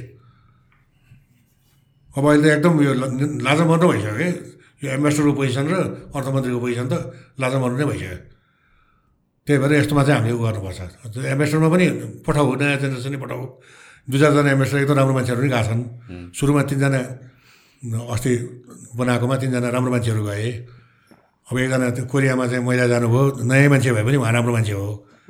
किन भन्दाखेरि महिलाले पनि चान्स पायो फेरि एकदम पढे लेखेको महिला जानुभयो होइन इन्डियामा एकदम राम्रो पढे लेखेको ठुलो प्लानरै जानुभयो। अब अमेरिकामा पनि राम्रो मान्छे राजदूत भएर जानुभयो। बेलायतमा एकदम राम्रो मान्छे जानुभयो राजदूत भएर। हो यसरी चाहिँ त्यहाँ गएर पनि बोल्न सक्ने त्यहाँ नेपालको प्रतिष्ठा राख्न सक्ने नेपालको लागि राम्रो गराएर आउन सक्ने त्यस्तो मान्छेहरू हुनु पऱ्यो कि। अनि त्यस्तै बजेट बनाउँदा नि रियलिस्टिक बजेट बनाउनु पऱ्यो। रियलिस्टिक बजेट भनेको के भन्दाखेरि साँच्चै नै त्यो हामीले त्यति उठाउन सक्छौँ त कर भनेर। कर उठाउने भन्दैमा फेरि त्यो जनतालाई मारै पर्ने गरेर कर उठाउने। जनतै खतम हुने गरेर पैसा उठाउने। त्यो पनि भएन। बरु त्यसको सट्टा बरु बजेटलाई त्यस्तो ठुलो ठुलो बढाउनु जानुभन्दा हामीले एक्स एक्सपेन्सहरू कटेल गरेर सिक्नु पऱ्यो हामीले एकदम अब चाहिँ यो दुई चार वर्ष यो पाँच वर्ष हामी चाहिँ अब पाँच वर्षमा हामीले के गरेर देखाउने हो भने नचाहिने खर्चहरू हामीले सबै फजुल खर्चहरू काट्नु पऱ्यो अस्ति सुनेअनुसार सिंहदरबारभित्र चाहिँ पानीको जार मात्र महिनाको दुई करोडको आउँदो रहेछ। त्यो त करप्सन होला नि दुई करोड करप्सन गर्नलाई त अनि खर्च बढ्छ नि। अन्त करप्सन गर्नलाई खर्च बढ्छ अनि करप्सन हुने बित्तिकै सबैजना आँखा चिम्लेर बस्छ नरेगाहरू हो यहाँको न्याय प्रणाली पनि त्यस्तै करप्सन रहेछ। सबै ठाउँमा करप्सन छ यहाँ। यो पैसा नभएको मान्छेले त केही पनि चिज पाउँदैन। अब एक किलो मासु किन्नु पऱ्यो भने चौध सय पर्छ। अब पैसा नभएकोले एक छटा किन्छ। पहिला आधा किलो किन्थ्यो भने अहिले एक छटामा पैसा हो अब पैसा हुनेले चाहिँ एक किलै किन्छ तर जति पैसा पऱ्यो नि किन्छ उसले। त्यसरी चाहिँ त्यो डिफ्रेन्स भइरहेको छ कि? रक्सी नै भनौँ न। त्यो ब्ल्याक लेबलहरू पहिला चौध सय पन्ध्र सयमा आउँथ्यो अठार सय उन्नाइस सयमा आउँथ्यो। अब त्यो बढ्दा बढ्दा अहिले आठ हजार नौ हजार पुगिसक्यो। अब हुनेलाई केही फरक छैन। डेली त्यही नै खाइरहेको छ नहुनेलाई त्यो बिचरा त्यो नेपाली रोटी खानु नै भएको छैन बिचरा। नेपाली नै मगाउँछ फेरि त्यहाँदेखि त्यसमा नै अन्त शुल्क एकदम बढाइरहेको छ गरिरहेको छ। अनि त्यो- त्यसपछि अनि नराम्रो रोटी खान्छ त्यो चाहिँ नखाएर भन्छ सरकार फेरि खानेपानी लागेको छ हाम्रो सबै जात्रा पर्व सबै रोसी खाने नै छ। अब अलिअलि खाएर नखाइकन बस्नै सक्दैनन्। नेपाली मात्र होइन। ऊ चाइनिजले नै खान्छ। सबै फार आफ्नै कल्चरमा छ नि। फार इस्टर्न कन्ट्रीहरूमा सबै कल्चर छ सुँगुर मासु खाने रसी खाने धेरै मासु खाने भनौँ न सुँगुर त कोही खानेछन् कोही नखानेछन्। अब यस्तो भएपछि त्यो हाम्रो कल्चर अनुसार हामी बाँधिन पनि उ गर्नु पऱ्यो नि। यो रक्सीको कुरामा पनि आई थिङ्क यो लोकल रक्सीहरूलाई पनि रेगुलेट गर्न सकिन्छ नि होइन? त्यो त्यसलाई चाहिँ ब्रान्ड बनाउनु पर्ने हो नि त्यसलाई त ब्रान्ड बनाउनु पर्ने साके भने के हो? ऊ साके भने। जापानले त्यसलाई चामलको रक्सीलाई हो। त्यहाँदेखि ब्रान्ड बनाउँछ। ऊ त्यो माउताई भनेको थरै हो त्यो। धेरै हेर्नै पर्दैन नि कोरियाले नै छ्याङ भनेर कोरियामा छ। हाम्रो छ्याङ उसले बनाइदियो। उसले बनाइदियो भने त हो नि। त्यो टकिला सकिला भनेकै सबै मेक्सिकन मेक्सिको मेक्सिकोको र हाम्रै जस्तो ठरा हो त्यो। उनीहरूले त्यहाँ क्याक्टसबाट चाहिँ त्यस्तो बनाएर चाहिँ ब्रान्ड बनाए। अनि हामी चाहिँ लास्टमा सर्ट हान्ने भनेर भन्छौँ। ओ हाम्रो आफ्नो चाहिँ छैन त्यो। एउटा अलिकति जलखेल डिस्ट्रिक्टले ऐला भन्ने बनाएको थियो। त्यस्तोलाई चाहिँ एकदम प्रोत्साहन गर्नुपर्छ। यो फालिनुको कारण के हो? त्यो सेफ्टी स्ट्यान्डर्ड मिट नहोला भनेर त होला नि होइन? एउटा त अहिलेका रक्सी बनाउनेहरूले पनि त्यो तिनीहरूको सबै बाहिरका उनीहरूसँग त्यो ब्लेन्ड गर्ने गर्ने त्यो हुन्छ तिनीहरूले गर्न जानेनन् उम्, अब अर्को त्यो सजिलो तरिकाले पैसा कमाउने उपाय अब अब यो कसले पैसा खानेहरूले पनि फेरि त्यो लामो प्रोसेस हेर्दैन नि। थोरै मिहिनेत गरेर धेरै पैसा आओस् भन्ने ठान्छन् त्यो भ्रष्टाचारकै भाषमा पर्या हो यो। अर्को चाहिँ फेरि कति चाहिँ त्यो रक्सी नखाने मान्छेहरू छन् अनि तिनीहरूलाई चाहिँ रक्सी भने ठुलो शत्रु। जस्तै डाक्टर बाबुराम भट्टराईकै टाइममा उहाँले खानु भएन भनेर ड्युटी फ्री नै बन्द गरिदिनु भयो तर एउटा इन्टरनेसनल एयरपोर्ट बनाउने नै ड्युटी फ्री नै नभएको। त्यस्तो पनि गर्नु भएन। अब त्यो बजेट चाहिँ नि रियलिस्टिक हुनुपर्छ होइन हामी फेरि बजेटमा जाउँ। अब जस्तै अब इन्डियाले आफ्नो बजेट बनाइसकेपछि त्यो सेभेन्टी पर्सेन्ट चाहिँ ट्याक्सबाटै उसले उयो गर्यो। अझ नेपाल जस्ता देशहरूलाई ग्रान्ट पनि दिएको छ। यो वर्षको बजेटमा नि उसले भुटानलाई चौबिस अरब रुपियाँ दिन लाग्छ नेपाललाई पाँच अरब दिन लाग्छ है? अलिअलि बढाइ पनि दिएको रहेछ। नेपाललाई दुई अरब नेपाली जति बढेछ। भुटानलाई अलिकति घटाइदिएछ एक दुई अरब। त्यसपछि बङ्गलादेशलाई पनि दिएको छ। उसलाई मालदिप्सलाई चार अरब दिएको छ। अफगानिस्तानलाई पनि दिएको छ। तर मलाई अलिकति इन्डियाकै बजेटमा पनि मलाई अलिकति खुसी नलागे। नेपाललाई बढा भए पनि अहिले नेपाललाई भुटानलाई बढाएर दिनुभन्दा पनि त्यो श्रीलङ्कालाई दिएको हुन्छ नि बिचरा। है। त्यो एक अरब मात्र राख्दो रहेछ त्यसलाई बजेट। अब त्यहाँ चाहिँ खै इन्ट्रेस्ट नभएर हो कि भेस्टेड इन्ट्रेस्ट नभएर हो कि? सबले आफ्नो आफ्नो इन्ट्रेस्ट हेरेर मात्र दिन्छन् कि? श्रीलङ्काको अहिले के छ स्टेट खासमा? अब अहिले अलिकति इम्प्रुभ हुँदै आइरहेको छ। हुन्छ। यो हरेक नराम्रो चिजले पनि एउटा लेसन पनि सिकाउँछ क्या त्यो बेला त्यहाँको रेजिम पनि राम्रो थिएन। प्रजातन्त्रबाट आएको मान्छे एकदम डिक्टेटर भएर निस्क्यो। सारा आफ्नो परिवारलाई पोस्यो भ्रष्टाचार गरायो अनि देश बिग्रियो। होइन? अब अहिले आएर अब नयाँ परिपाटी आयो नयाँ सरकार बन्यो। अब यिनीहरूले अहिले बिस्तारै बिस्तारै उ गर्दैछन्। अहिले अलिअलि बाहिर विदेशबाट नै यिनीहरूलाई अलिकति लोनहरू आयो। सबैलाई अलिअलि पैसा हालिदिएका छन्। इन्डियाले नै मद्दत गरिदियो अलिअलि सो श्रीलङ्कामा चाहिँ अहिले रन चाहिँ कसरी गरेर गभर्नेन्स कसरी चलिरहेको छ? पहिलाकोहरू त गइसक्यो भाग्यो। उनीहरू त भाग्यो नयाँ राष्ट्रपति भइसक्यो। पहिला प्रधानमन्त्री भएको मान्छे अहिले राष्ट्रपति भएको छ। अब अहिले राम्रोसँग चलिरहेको छन्। त्यो पुरानो रेजिम गयो। अब त्यहाँ फेरि त्यो रक्तपात बिना कुनै बिना त्यसलाई जान पनि दिए बाहिर। त्यसो गरेर शान्तिप्रिय तरिकाले यिनीहरू फेरि त्यो बौद्ध मार्गीहरू फेरि यिनीहरू साउथ एसियामै यो श्रीलङ्कनहरू भनेको सबभन्दा ब्युरोक्रेसी राम्रो भएको देश हो क्या ब्रिटिसहरूले सिकाएकोमा सबभन्दा जानेका यिनीहरू हुन् पहिला कोलम्बो प्लान भन्ने पनि त्यहाँबाट निक्लेको हो एकदम राम्रो उहरू हुन् यिनीहरूले चाँडै अहिले पनि उनीहरूले अस्ति हिजो मात्र मैले एउटा सिएनआई भन्ने टिभी टिभीमा हेरेको थिएँ त्यो इन्टरभ्यू लिँदाखेरि त्यहाँको एउटा मन्त्रीले हो हामीले ठुलो भयो नराम्रो भयो श्रीलङ्काको बेजतै भयो संसारभरि तर हामीले यसबाट पनि सिक्यौँ हामीले यसलाई पोजिटिभली ल्याएको छौँ यो नराम्रो चिजले अब हामी यति माथि पुग्छौँ हेरिराख्नु तिमीहरूले हुन पनि हो नि। हुन पनि हो नराम्रो चिजबाट हामीले सिक्नुपर्छ। हो त। त्यस्तै अब हामी कहाँ त्यस्तो नराम्रो चिज हुनु भएन क्या फेरि? अब ए हामी कहाँ नि यसरी भइहाल्छ नि त्यसपछि सिकेर ऊ त्यहाँ भएकोबाट सिक्नु पऱ्यो हामीले। ऊ हाम्रो भैँचालोबाट अरूले सिके अब त्यहाँको नराम्रोबाट हामीले सिक्नु पऱ्यो। त्यही भएर अहिले नै इम्पोर्टहरू कन्ट्रोल गरेर हाम्रो फरेन एक्सचेन्ज चाहिँ नि अहिले आठ महिनालाई पुग्ने भएछ अब। सात महिनामा पनि पुग्ने थियो। त्यो अझ बाह्र महिनालाई पुग्ने होस् न। अलिकति रिजर्भै बसिरहेको होस्। सो स्ट्यान्डर्ड चाहिँ हुनुपर्ने रिजर्भ कति हो खासमा? चाहिँ कति महिनाको लागि पुग्नुपर्ने हो यो छ सात महिनालाई नै एउटा मापदण्ड मान्छन्। सेफ हो ओके अरू बेला नर्मल टाइम छ अब अहिले यो कोभिड सोभिडले गर्दाखेरि एकदम सबै ठाउँको बिग्रिएको थियो। अब आठ नौ महिनाको भयो भने त एकदम राम्रो भनेर भन्छन् किनकि त्यो एसम्सन चाहिँ त्यति बेलासम्म फेरि अर्को कमाएर अर्को एक्स फरेन एक्सचेन्ज आइसकेको हुन्छ हामी सब फरेन करेन्सी आउँछ भन्ने। अनि त्यो बढी उ गर्नको निम्ति हामीले एक्सपोर्टहरू पनि बढाउने अब बिजुलीबाट नै हामीले कमाउँछौँ राम्रो हुन्छ हाम्रो होइन? अरू चिजहरू पनि एक्सपोर्ट गर्ने वातावरण बनाउनु पऱ्यो अब हाम्रो एकदम अस्ति मैले त्यो यही लिस्ट डेभलप कन्ट्रिजहरूको स्टडी गर्दाखेरि लिस्ट डेभलपबाट अब हामी नेपाल पनि अब डेभलपिङ कन्ट्री भन्ने लाग्छ नि। अनि त्यसमा हडलहरू के के रहेछ हामीले के केमा चाहिँ जोड दिनुपर्ने रहेछ भन्ने कुरा हेर्दाखेरि लिस्ट डेभलप कन्ट्रीलाई धेरै किसिमको चाहिँ छुटहरू दिएको हुँदो रहेछ क्या संसारले। डेभलप कन्ट्रीहरूले। र युएनले पनि अब त्यो चिजहरू चाहिँ नि हामीले कति चिज पाउँदैनौँ अब। जस्तै उनीहरूले अमेरिकाले बेलायतहरूले उहाँहरूले यहाँबाट एक्सपोर्ट हुने चिजमा चाहिँ त्यहाँको त्यहाँ लाग्ने कर छुट गरिदिएको हुन्छ भइगयो यिनीहरूले एक्सपोर्ट गर्नु बिचराहरूले भनेर दिएको हुन्छ। अब त्यो दिँदैनन् तर हामीले अहिले यसो हेऱ्यौँ ट्रेन्डहरू हेऱ्यौँ श्रीलङ्का हामीभन्दा पहिला भइसक्यो डि डेभलपिङ कन्ट्री भइसक्यो है। उसलाई पनि अहिलेसम्म पनि दिइरहेको छन् फेरि। हटाइ हटाइ चाहिँ हाल्दैन रहेछन् क्या तिनीहरूले पनि। अब अरू लोन दिनेहरू अब त्यो वर्ल्ड ब्याङ्क एडिबीको त खास उनीहरूको लोन हो के फरकै छैन त्यो। राम्रो डिप्लोमेसीको कुरा चाहिँ। डिप्लोमेसीको कुरा आउँछ अनि पर्फर्मेन्सको कुरा आउँछ। हामीले राम्रो पर्फर्मेन्स गरिरहेछ भने भइगयो यिनीहरूलाई पाँच छ वर्ष अझ गर्न दिउँ न अलिकति यिनीहरू एउटा पोजिसनमा बसुन्। अनि त्यसपछि मात्र झिक्दुला त्यो बिस्तारै ग्रेजुअली झिक्दुला अनि त्यो चिज भनेर झिक्छन्। अनि त्यस्तै अब हामीले एक्सपोर्टहरू बढाउनु पर्ने हुन्छ। जस्तै हाम्रो चियामा एकदम राम्रो छ। अस्ति त्यो दुई वर्ष अगाडि चाहिँ त्यो इन्डियामा दार्जिलिङमा एकदम हडताल भयो नि। तिन सय पैँसठी छैसठी दिनसम्म हडताल भयो त्यहाँ चियाको बगानहरूमा त्यो बेला हाम्रो लागि ठुलो अपर्च्युनिटी पायो हामीले। त्यो बेला सबै युरोपियन टी उहरू इम्पोर्टरहरू नेपालमा आएछन् अनि यहाँ आएर हेर्दाखेरि त कति कुरामा त इन्डियाको भन्दा नेपालको चिया राम्रो रहेछ।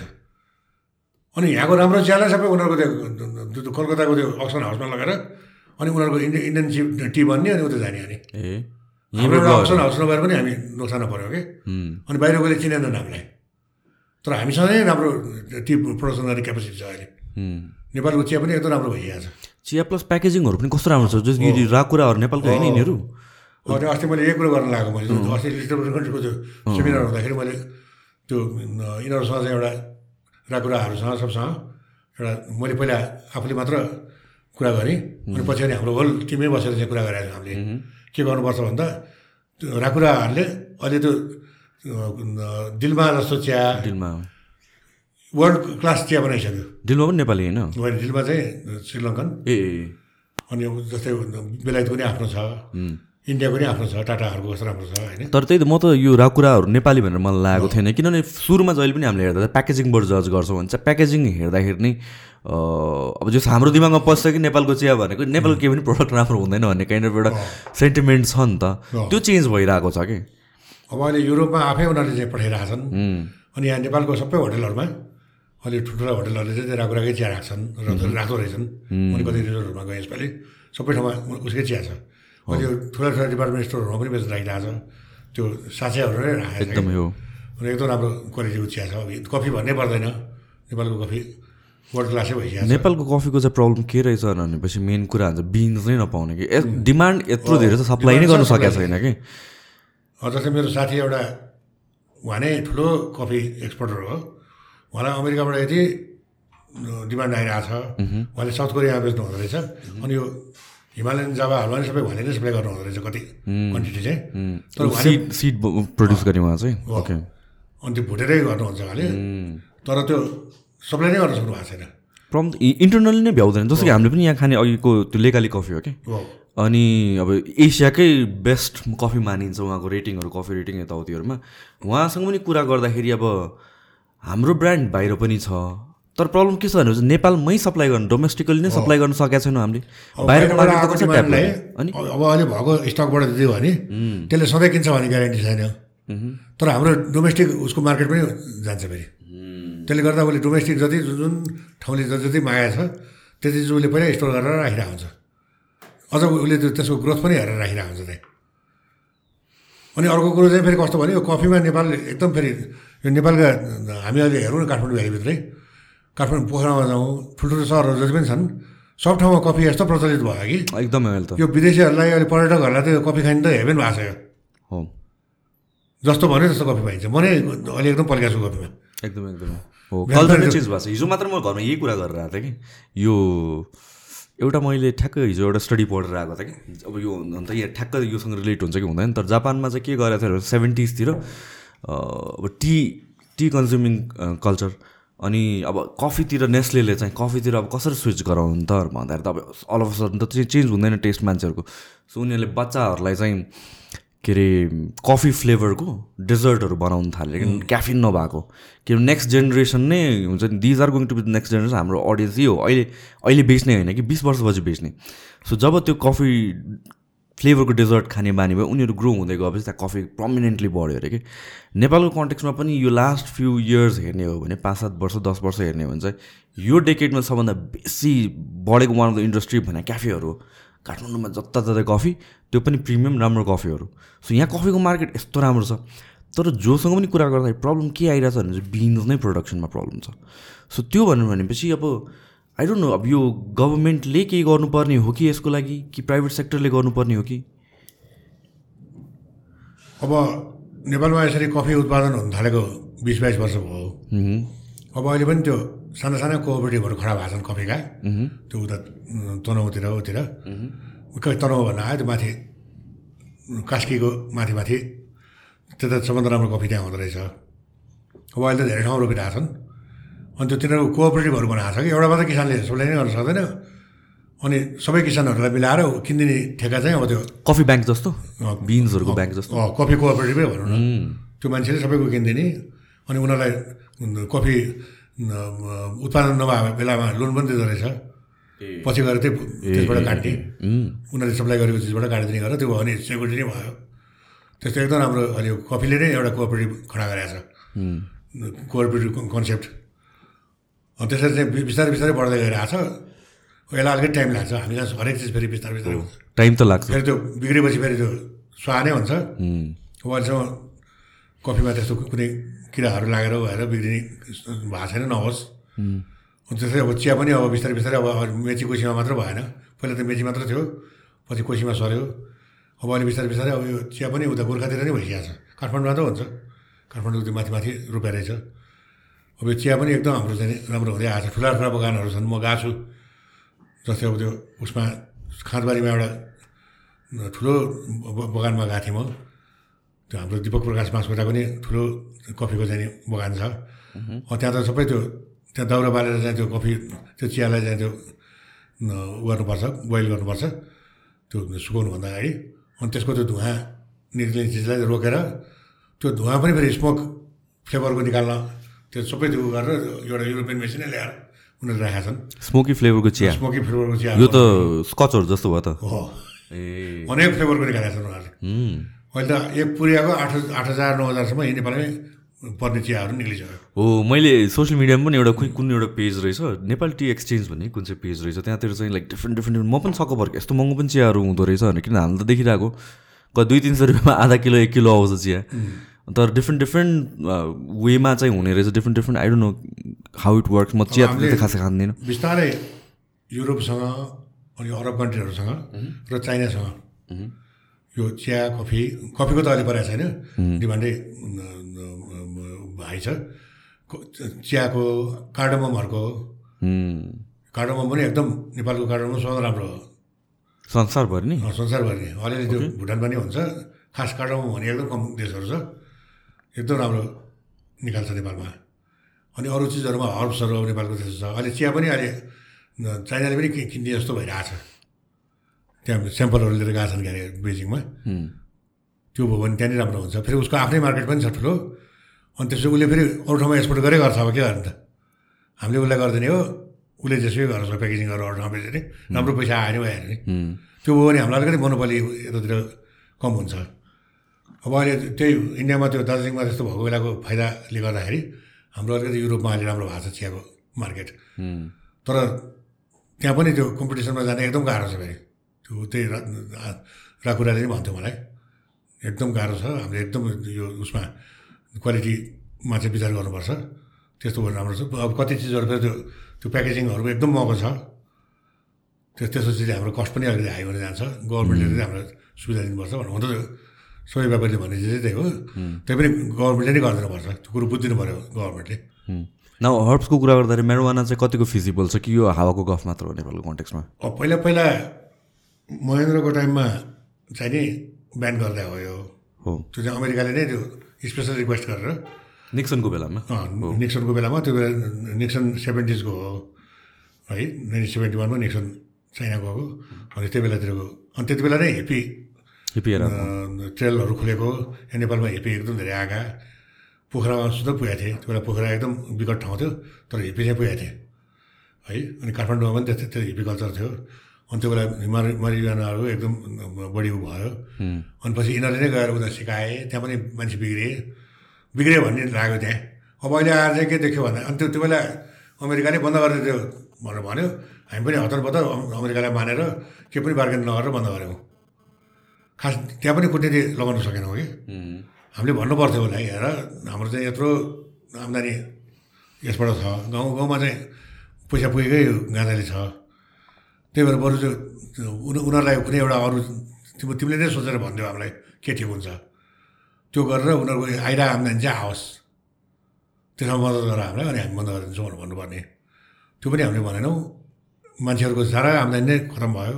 उता उता अफगानिस्तानमा पनि त्यस्तै भएको थियो। उसले मान्दै मानेन कसैलाई। त्यहाँ त त्यो एकदम त्यो ड्रग किङहरू थिए लर्डहरू।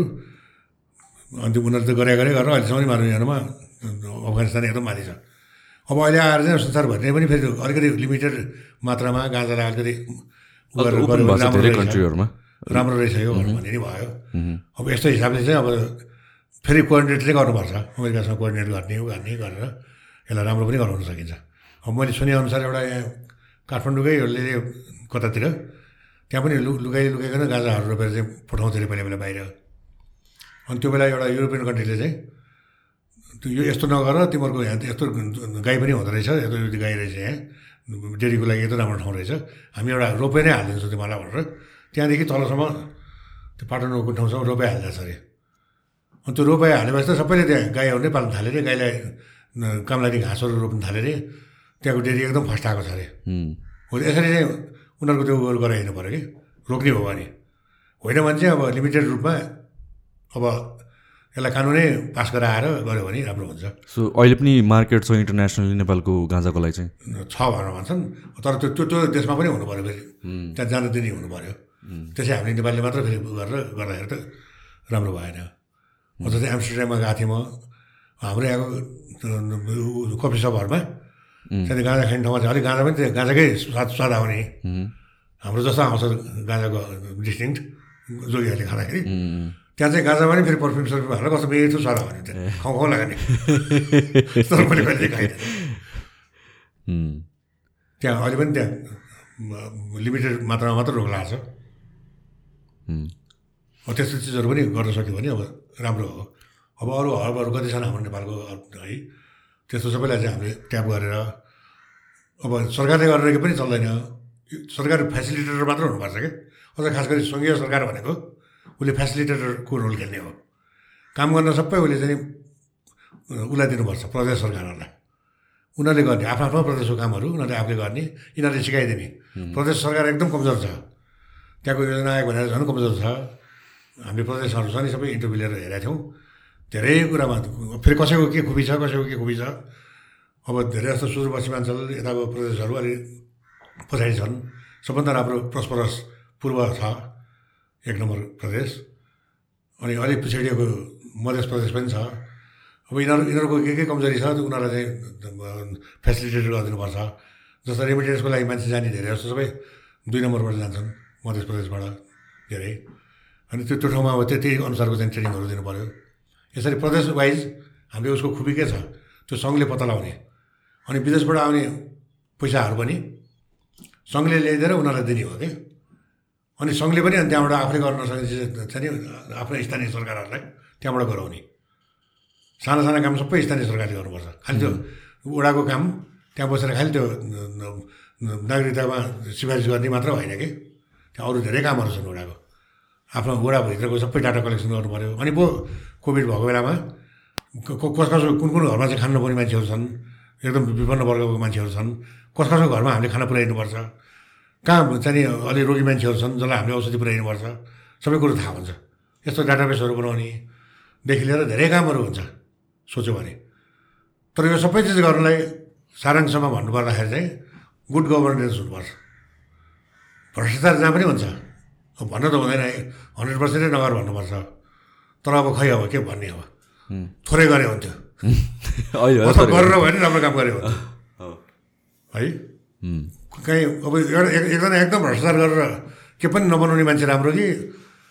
एउटा मेयर भनौँ न ल एउटा कुनै ठाउँको मेयर भने एकदम पावरफुल पद हो कहीँको मेयरले चाहिँ भ्रष्टाचार नै भ्रष्टाचार गरेर चाहिँ पैसा खायो अरे अनि केही पनि आएन अरे। एउटाले चाहिँ भ्रष्टाचार गर्दै गर्दैन भनेर भन्यो अरे। अन्त तर उसले गर्नै पाएन अरे भ्रष्टाचार नगरे भएर एउटाले चाहिँ अलिअलि भ्रष्टाचार पनि गरेर काम पनि गरेर देखायो अरे। को राम्रो त हो? आफै भनौँ अब म भन्दिनँ। होइन त्यही भएर त्यो हाम्रो तलब पनि धेरै छैन। हाम्रो कर्मचारीहरूलाई राम्रो सुविधाहरू पनि दिनु पऱ्यो सरकारले। अब सोसियल सेक्युरिटी भनेको पनि त्यस्तै कुराहरू हो। हामी सोसियल सेक्युरिटी दिने भनेर भन्छौँ। ए ल अब वृद्ध भत्ता यति बढाइदिने कति सजिलो? दुई हजार बढाइदिने भनेर भन्छन्। अब सबै वृद्धलाई बढाउँदाखेरि कति हुन्छ? त्यो पनि आजको मात्रै हेर्छन् फेरि। आज नेपालमा कति युवा छन्? अब यसरी फेरि भएर त्यो सबै युवा वृद्ध हुन्छन्। अहिलेको वृद्धभन्दा बढी वृद्ध हुन्छन्। हो त। अनि त्यो बेला कसरी चलाउने? परिहाल्छ फेरि। हामीले त यो सोसियल सेक्युरिटी भनेको कुरो त धेरै पछिसम्मको सोच्नुपर्छ हो अहिले अमेरिकामा ठुलो बर्डन भइरहेको छ अमेरिकामा बिस पच्चिस वर्षपछि सोसियल सेक्युरिटीको पैसा दिन नसक्ने स्थिति आइरहेको छ त्यो अहिलेदेखि नै उनीहरू एकदम चिन्तामा छन् अमेरिका अमेरिकन गभर्मेन्ट वेस्टर्न कन्ट्रीहरूमा पनि त्यस्तै भइरहेको छ कसरी त्यति बेला हामीले सोसियल सेक्युरिटीको पैसा दिने भनेर त्यही भएर हामीले अहिले नै विचार गरेर हाम्रो घाँटी हेरेर हानिदिनुपर्छ हामीले अहिले दिन सक्ने सोसियल सेक्युरिटी भनेको के भन्दाखेरि एकदम बुढा मान्छेहरू खुसी पनि हुने वृद्धहरू भनेको हस्पिटलमा जाने बित्तिकै उसको उपचार हुने।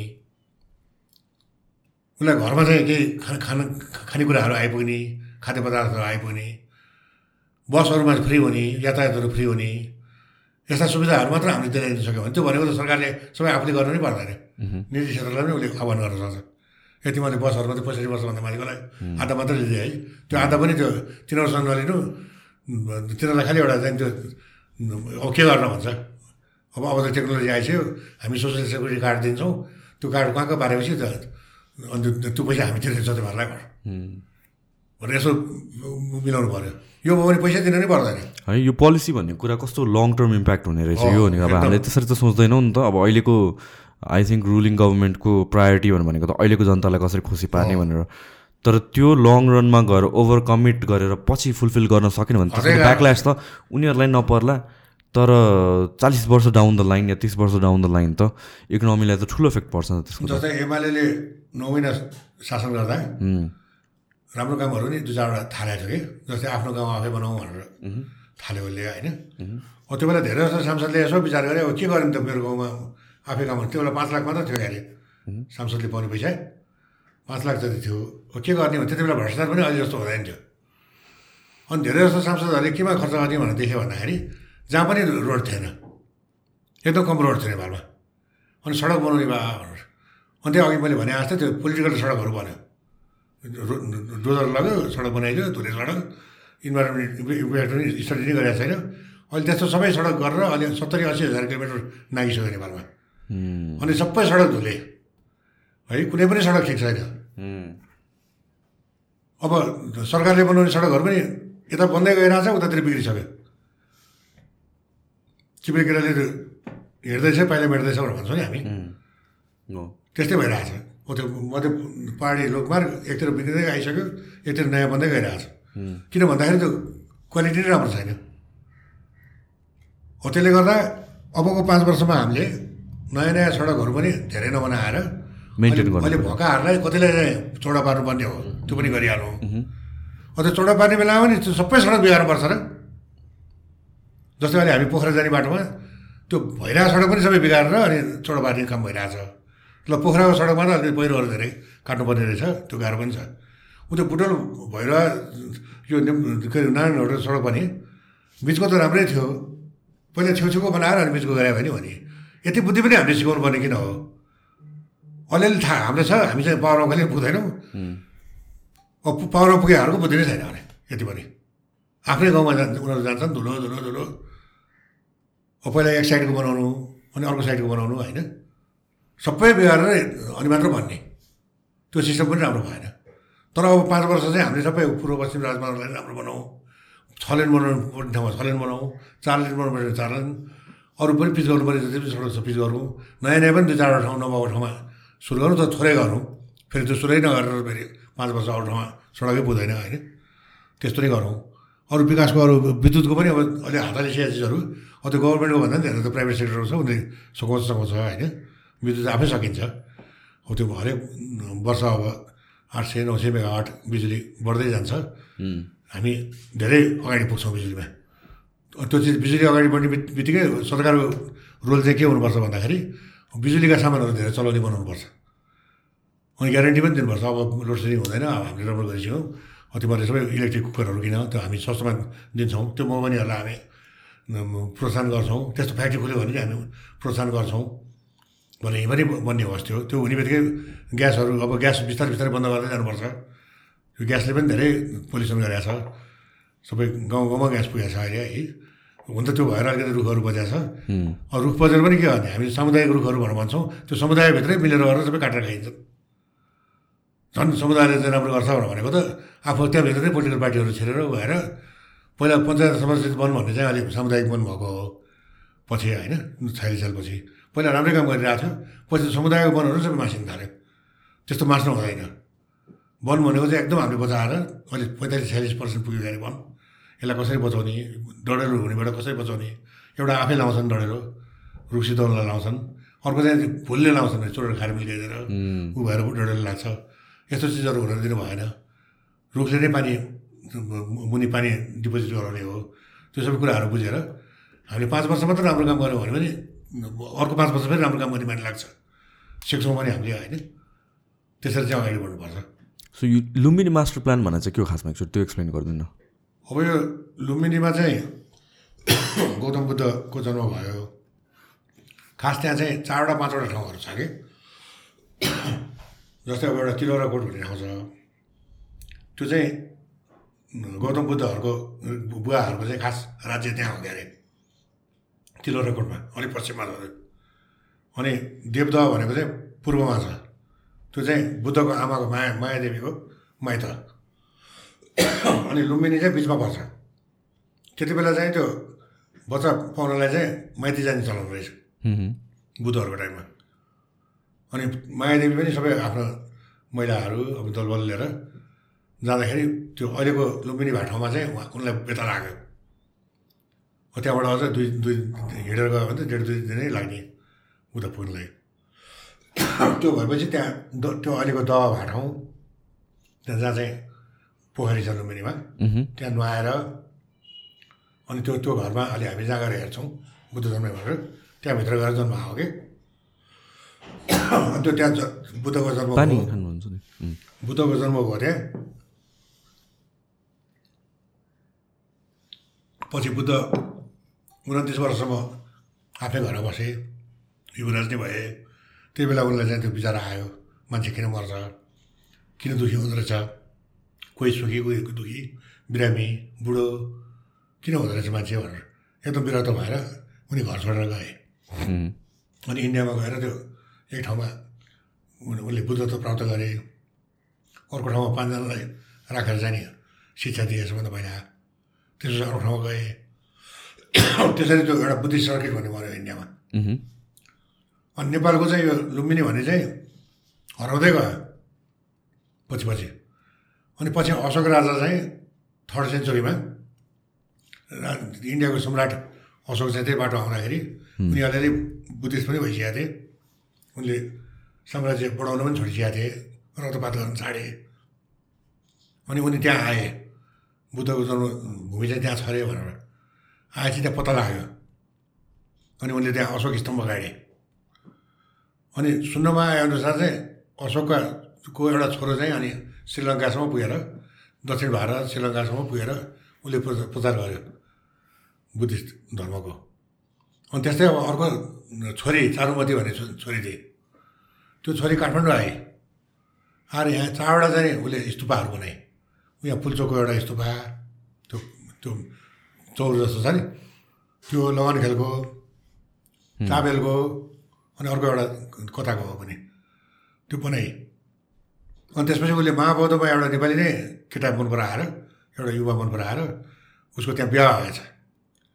अनि बिहा गरेर ऊ यतै घरसम्म गएर बसी अनि उसले त्यो पछि त्यो सायद त्यो केटोलाई नि लिएर ऊ तिब्बत पनि गए त्यहाँ पनि प्रचार गरिन् उनले। अनि त्यसरी चाहिँ लुम्बिनीको चाहिँ ठुलो ऊ थियो। पछि त्यो ठाउँ झाडी जस्तो भएर बस्यो नेपालमा परेपछि उता ब्रिटिस उसमा परेन नेपालतिर पऱ्यो। एकजना त्यो एक्सप्लोरर एउटा ब्रिटिस एक्सप्लोररले त पछि पत्ता लगाएछ त्यहाँ। त्यहाँ लुम्बिनी छ भनेर त्यहाँ रहेछ बुद्ध जन्मे ठाउँ भनेर। अरू सबै इन्डियामा परेछ त्यो मात्र त्यहाँ परेछ। भनेर त्यसले त कस्तोसम्म त्यहाँ चिठी लिएर पठाएको थियो भने बेलायतमा।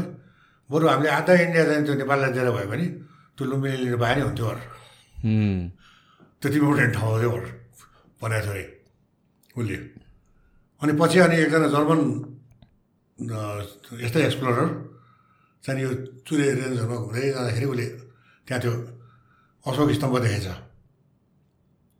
यो सेभेन्टिन एट्टीतिरको कुरा हो अनि त्यसले पनि अनि आफ्नो किताबहरूमा लेखेको छ अरे अनि पछि वीर शमशेरले चाहिँ आफ्नो भाइलाई यो शमशेर शासनमा आएपछि आफ्नो भाइले फेरि उसलाई उल्टाइदिन्छ भन्ने डरले त्यसै मन मन गर्न डरले उसले आफ्नो भाइ खड्ग शमशेरलाई निकाल्यो यहाँबाट निकालेर पठायो पाल्पाको गौडाको चिप बनाएर पठायो। अनि त्यो लुम्बिनीहरू चाहिँ पाल्पाकै अन्डरमा पर्थ्यो अनि ऊ आफ्नो क्षेत्रमा घुम्न जाँदाखेरि त्यहाँ एक दुई ठाउँमा भग्नावशेषहरू देख्यो। अनि उसले चाहिँ सबभन्दा पहिला उसैले नै त्यहाँ एक्सप्लोर गर्न लगाएर छ अब त्यसपछि फेरि रोकिँदा रोकिँदा रोकिँदा रोकिँदा अब त्यो लुम्बिनी छ भने नि थाहा भयो त्यहाँ थियो सबै चिज थियो। एक्चुली चाहिँ नाइन्टिन फिफ्टिजमा चाहिँ सिक्सटीमा हो क्या अरे फिफ्टिन सिक्सटीमा चाहिँ नि बर्माको उथान्ट भन्ने मान्छे युएनको चाहिँ सेक्रेटरी सेक्रेटरी जेनरल भएर आएको थियो भएको थियो। अनि उसले त्यो बेला चाहिँ आफू बुद्धिस्ट भएको भएर नेपाल आउँदाखेरि म लुम्बिनी जान चाहन्छु भनेर भनेछ। अनि उसलाई हेलिकप्टरमा त्यहाँ लगेँ। अनि त्यसपछि हात्ती चढेर अनि त्यहाँभित्र गएछ। आ झाडी झाडी बाटोमा अन्त सबै त्यो ठाउँ हेरेर बुद्ध जमेको ठाउँमा गएर नमस्कार गऱ्यो धोग्यो त्यसपछि बेसरी रोएछ ऊ त्यहाँ। आँखाभरि हाँस पारेर यस्तो ठाउँलाई यस्तो बनाएर राखेको छ नेपालले अरू देशले पाए कस्तो भएको थियो भनेर। अनि उसले नै यहाँबाट गएर युएनमा गएर चाहिँ एउटा कमिटी नै बनायो उसले। लुम्बिनीको विकास गर्नु पऱ्यो गर्नु पऱ्यो अनि त्यो कमिटीले चाहिँ एउटा मास्टर प्लान बनायो। यहाँ मान्छेहरू पठाए अनि नेपाल गभर्मेन्टको मान्छेहरू र त्यो लुम्बिनीको त्यो मान्छेहरू मतलब त्यो कमिटीको मान्छे भयो उहाँ बाबु कमिटीको मान्छे भएर कहाँ के के छ त? अहिलेको मास्टर प्लान जुन छ सबभन्दा अगाडि मायादेवीको टेम्पल अनि त्यो पोखरी अनि कुनामा अर्को कुनामा गएर चाहिँ शान्ति स्तूप बनाएको छ। अनि त्यसको बिचमा चाहिँ ज्योतिर्लिङ्ग मतलब के अरे ज्योति अखण्ड ज्योति बल्ने। अनि त्यहाँ अरू सबै चाहिँ कन्ट्रीहरूको चाहिँ बुद्धिस्ट कन्ट्रीहरूको चाहिँ आफ्नो आफ्नो चाहिँ स्तूपहरू बनाएको छन्। अहिले धेरै राम्रो विकास भइसकेको छ होइन? त्यो मास्टर प्लान हो। त्यो मास्टर प्लान बनाउनलाई भनेर नाइन्टिन एटी फाइभमा अनि लुम्बिनी डेभलपमेन्ट ट्रस्ट भन्ने भन्यो। नाइन्टिन एटी फाइभमा। त्यही बेलातिर चाहिँ मास्टर प्लान पनि तयार भएको हो। तर एटी फाइभदेखि आज कति भयो त? टु थाउजन्ड ट्वेन्टी थ्री हुँदाखेरि अहिले thirty seven thirty eight years भयो होला अहिले। तेइस वर्ष त्यही भयो तेइस दस तेत्तिस। अडतिस वर्ष जति भइसक्यो। है तर खै त प्लान सबै सफल भएको? त्यहाँ पनि करप्सन फेरि। अहिले पछि पछि आएर त्यो लुम्बिनी डेभलपमेन्ट ट्रस्टमा को बस्ने खालि घुम्न जाने विदेशीहरूसँग ठग्ने त्यस्तो मात्रै ठाउँ भएको छ अहिले त्यो। काम पनि भएको छ नभए आएन फेरि। तर त्यहाँ अहिले जुन त्यो विदेशीहरूले आएर बनाएको छन् विभिन्न गुम्बाहरूहरू त्यो नै त्यहाँको स्वभाव हो। हाम्रो सरकारले नै गरेको छ। अहिले धेरै त्यहाँ हिँड्ने बाटोहरू बनाएको छ गरेछ अहिले अलिकति हेर्न लायकको म्यानमार जाँदाखेरि बर्माका स्तुपाहरूमा जाँदाखेरि थाइल्यान्डको स्तुपाहरूमा जाँदाखेरि जस्तै सफा सुग्घर राम्रो हुँदै गएको छ। तर यसलाई यसलाई पनि चाँडै बनाओस् के? यो नि पाँच वर्षभित्रमा यसलाई नि सघाउनु पऱ्यो हामीले। आजको हाम्रो कुरा अनुसार। सो आई थिङ्क हामीले मेजोरिटी थिङहरू कभर गर्छ. लास्टमा केही any any special message anything कि तपाईँलाई एड गर्नु मन लागेको यो कुरामा?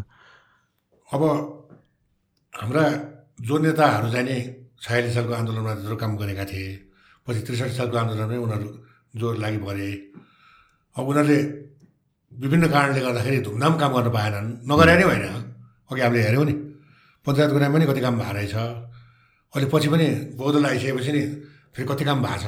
अहिले पनि जारी छ कामहरू। है अब कता कता ठुला ठुला प्रोजेक्टहरू नै कुरा गरिरहेको छन्। नभएको नि होइन तर के छ भन्दाखेरि यिनीहरू दृढ भएर लागेका छैनन् कि? अब त यिनीहरूको कस्तो टाइम आयो भने नि हाम्रो अहिलेका पुराना नेताहरूको अब कति पुराना नेताहरू बिति पनि सक्नुभयो। अब कति बुढो हुँदै गइराख्नु भएको छ। नौबितोस् उहाँहरू सय वर्ष बाँच्नुहोस् होइन? उहाँले नयाँ पिँढीहरूलाई आफ्नो काम सिकाउनुहोस् नयाँ जेनेरेसन यहाँ निकाल्नुहोस् कति कुरामा हामी प्रजातन्त्रमा पनि हामी साउथ एसियामा अरू कन्ट्रीहरूभन्दा भारतपछि भारत र श्रीलङ्कापछि हामी नै माथि छौँ। कति कुरामा? हाम्रो जस्तो प्र्याक्टिस हाम्रो जस्तो ह्युमन राइट्स हाम्रो जस्तो त्यत्रो एफएम रेडियोहरू त्यत्रो पत्रिकाहरू पत्रिकालाई चाहिँ ठुलो प्रेस फ्रिडम कहीँ पनि छैन। ऊ अहिले मैले जे जे कुरा यहाँ बोलिरहेको छु नि यहाँ कति कुरा त अहिले बाहिरै मलाई समातेर लाने कुरा पनि छ त्यहाँ।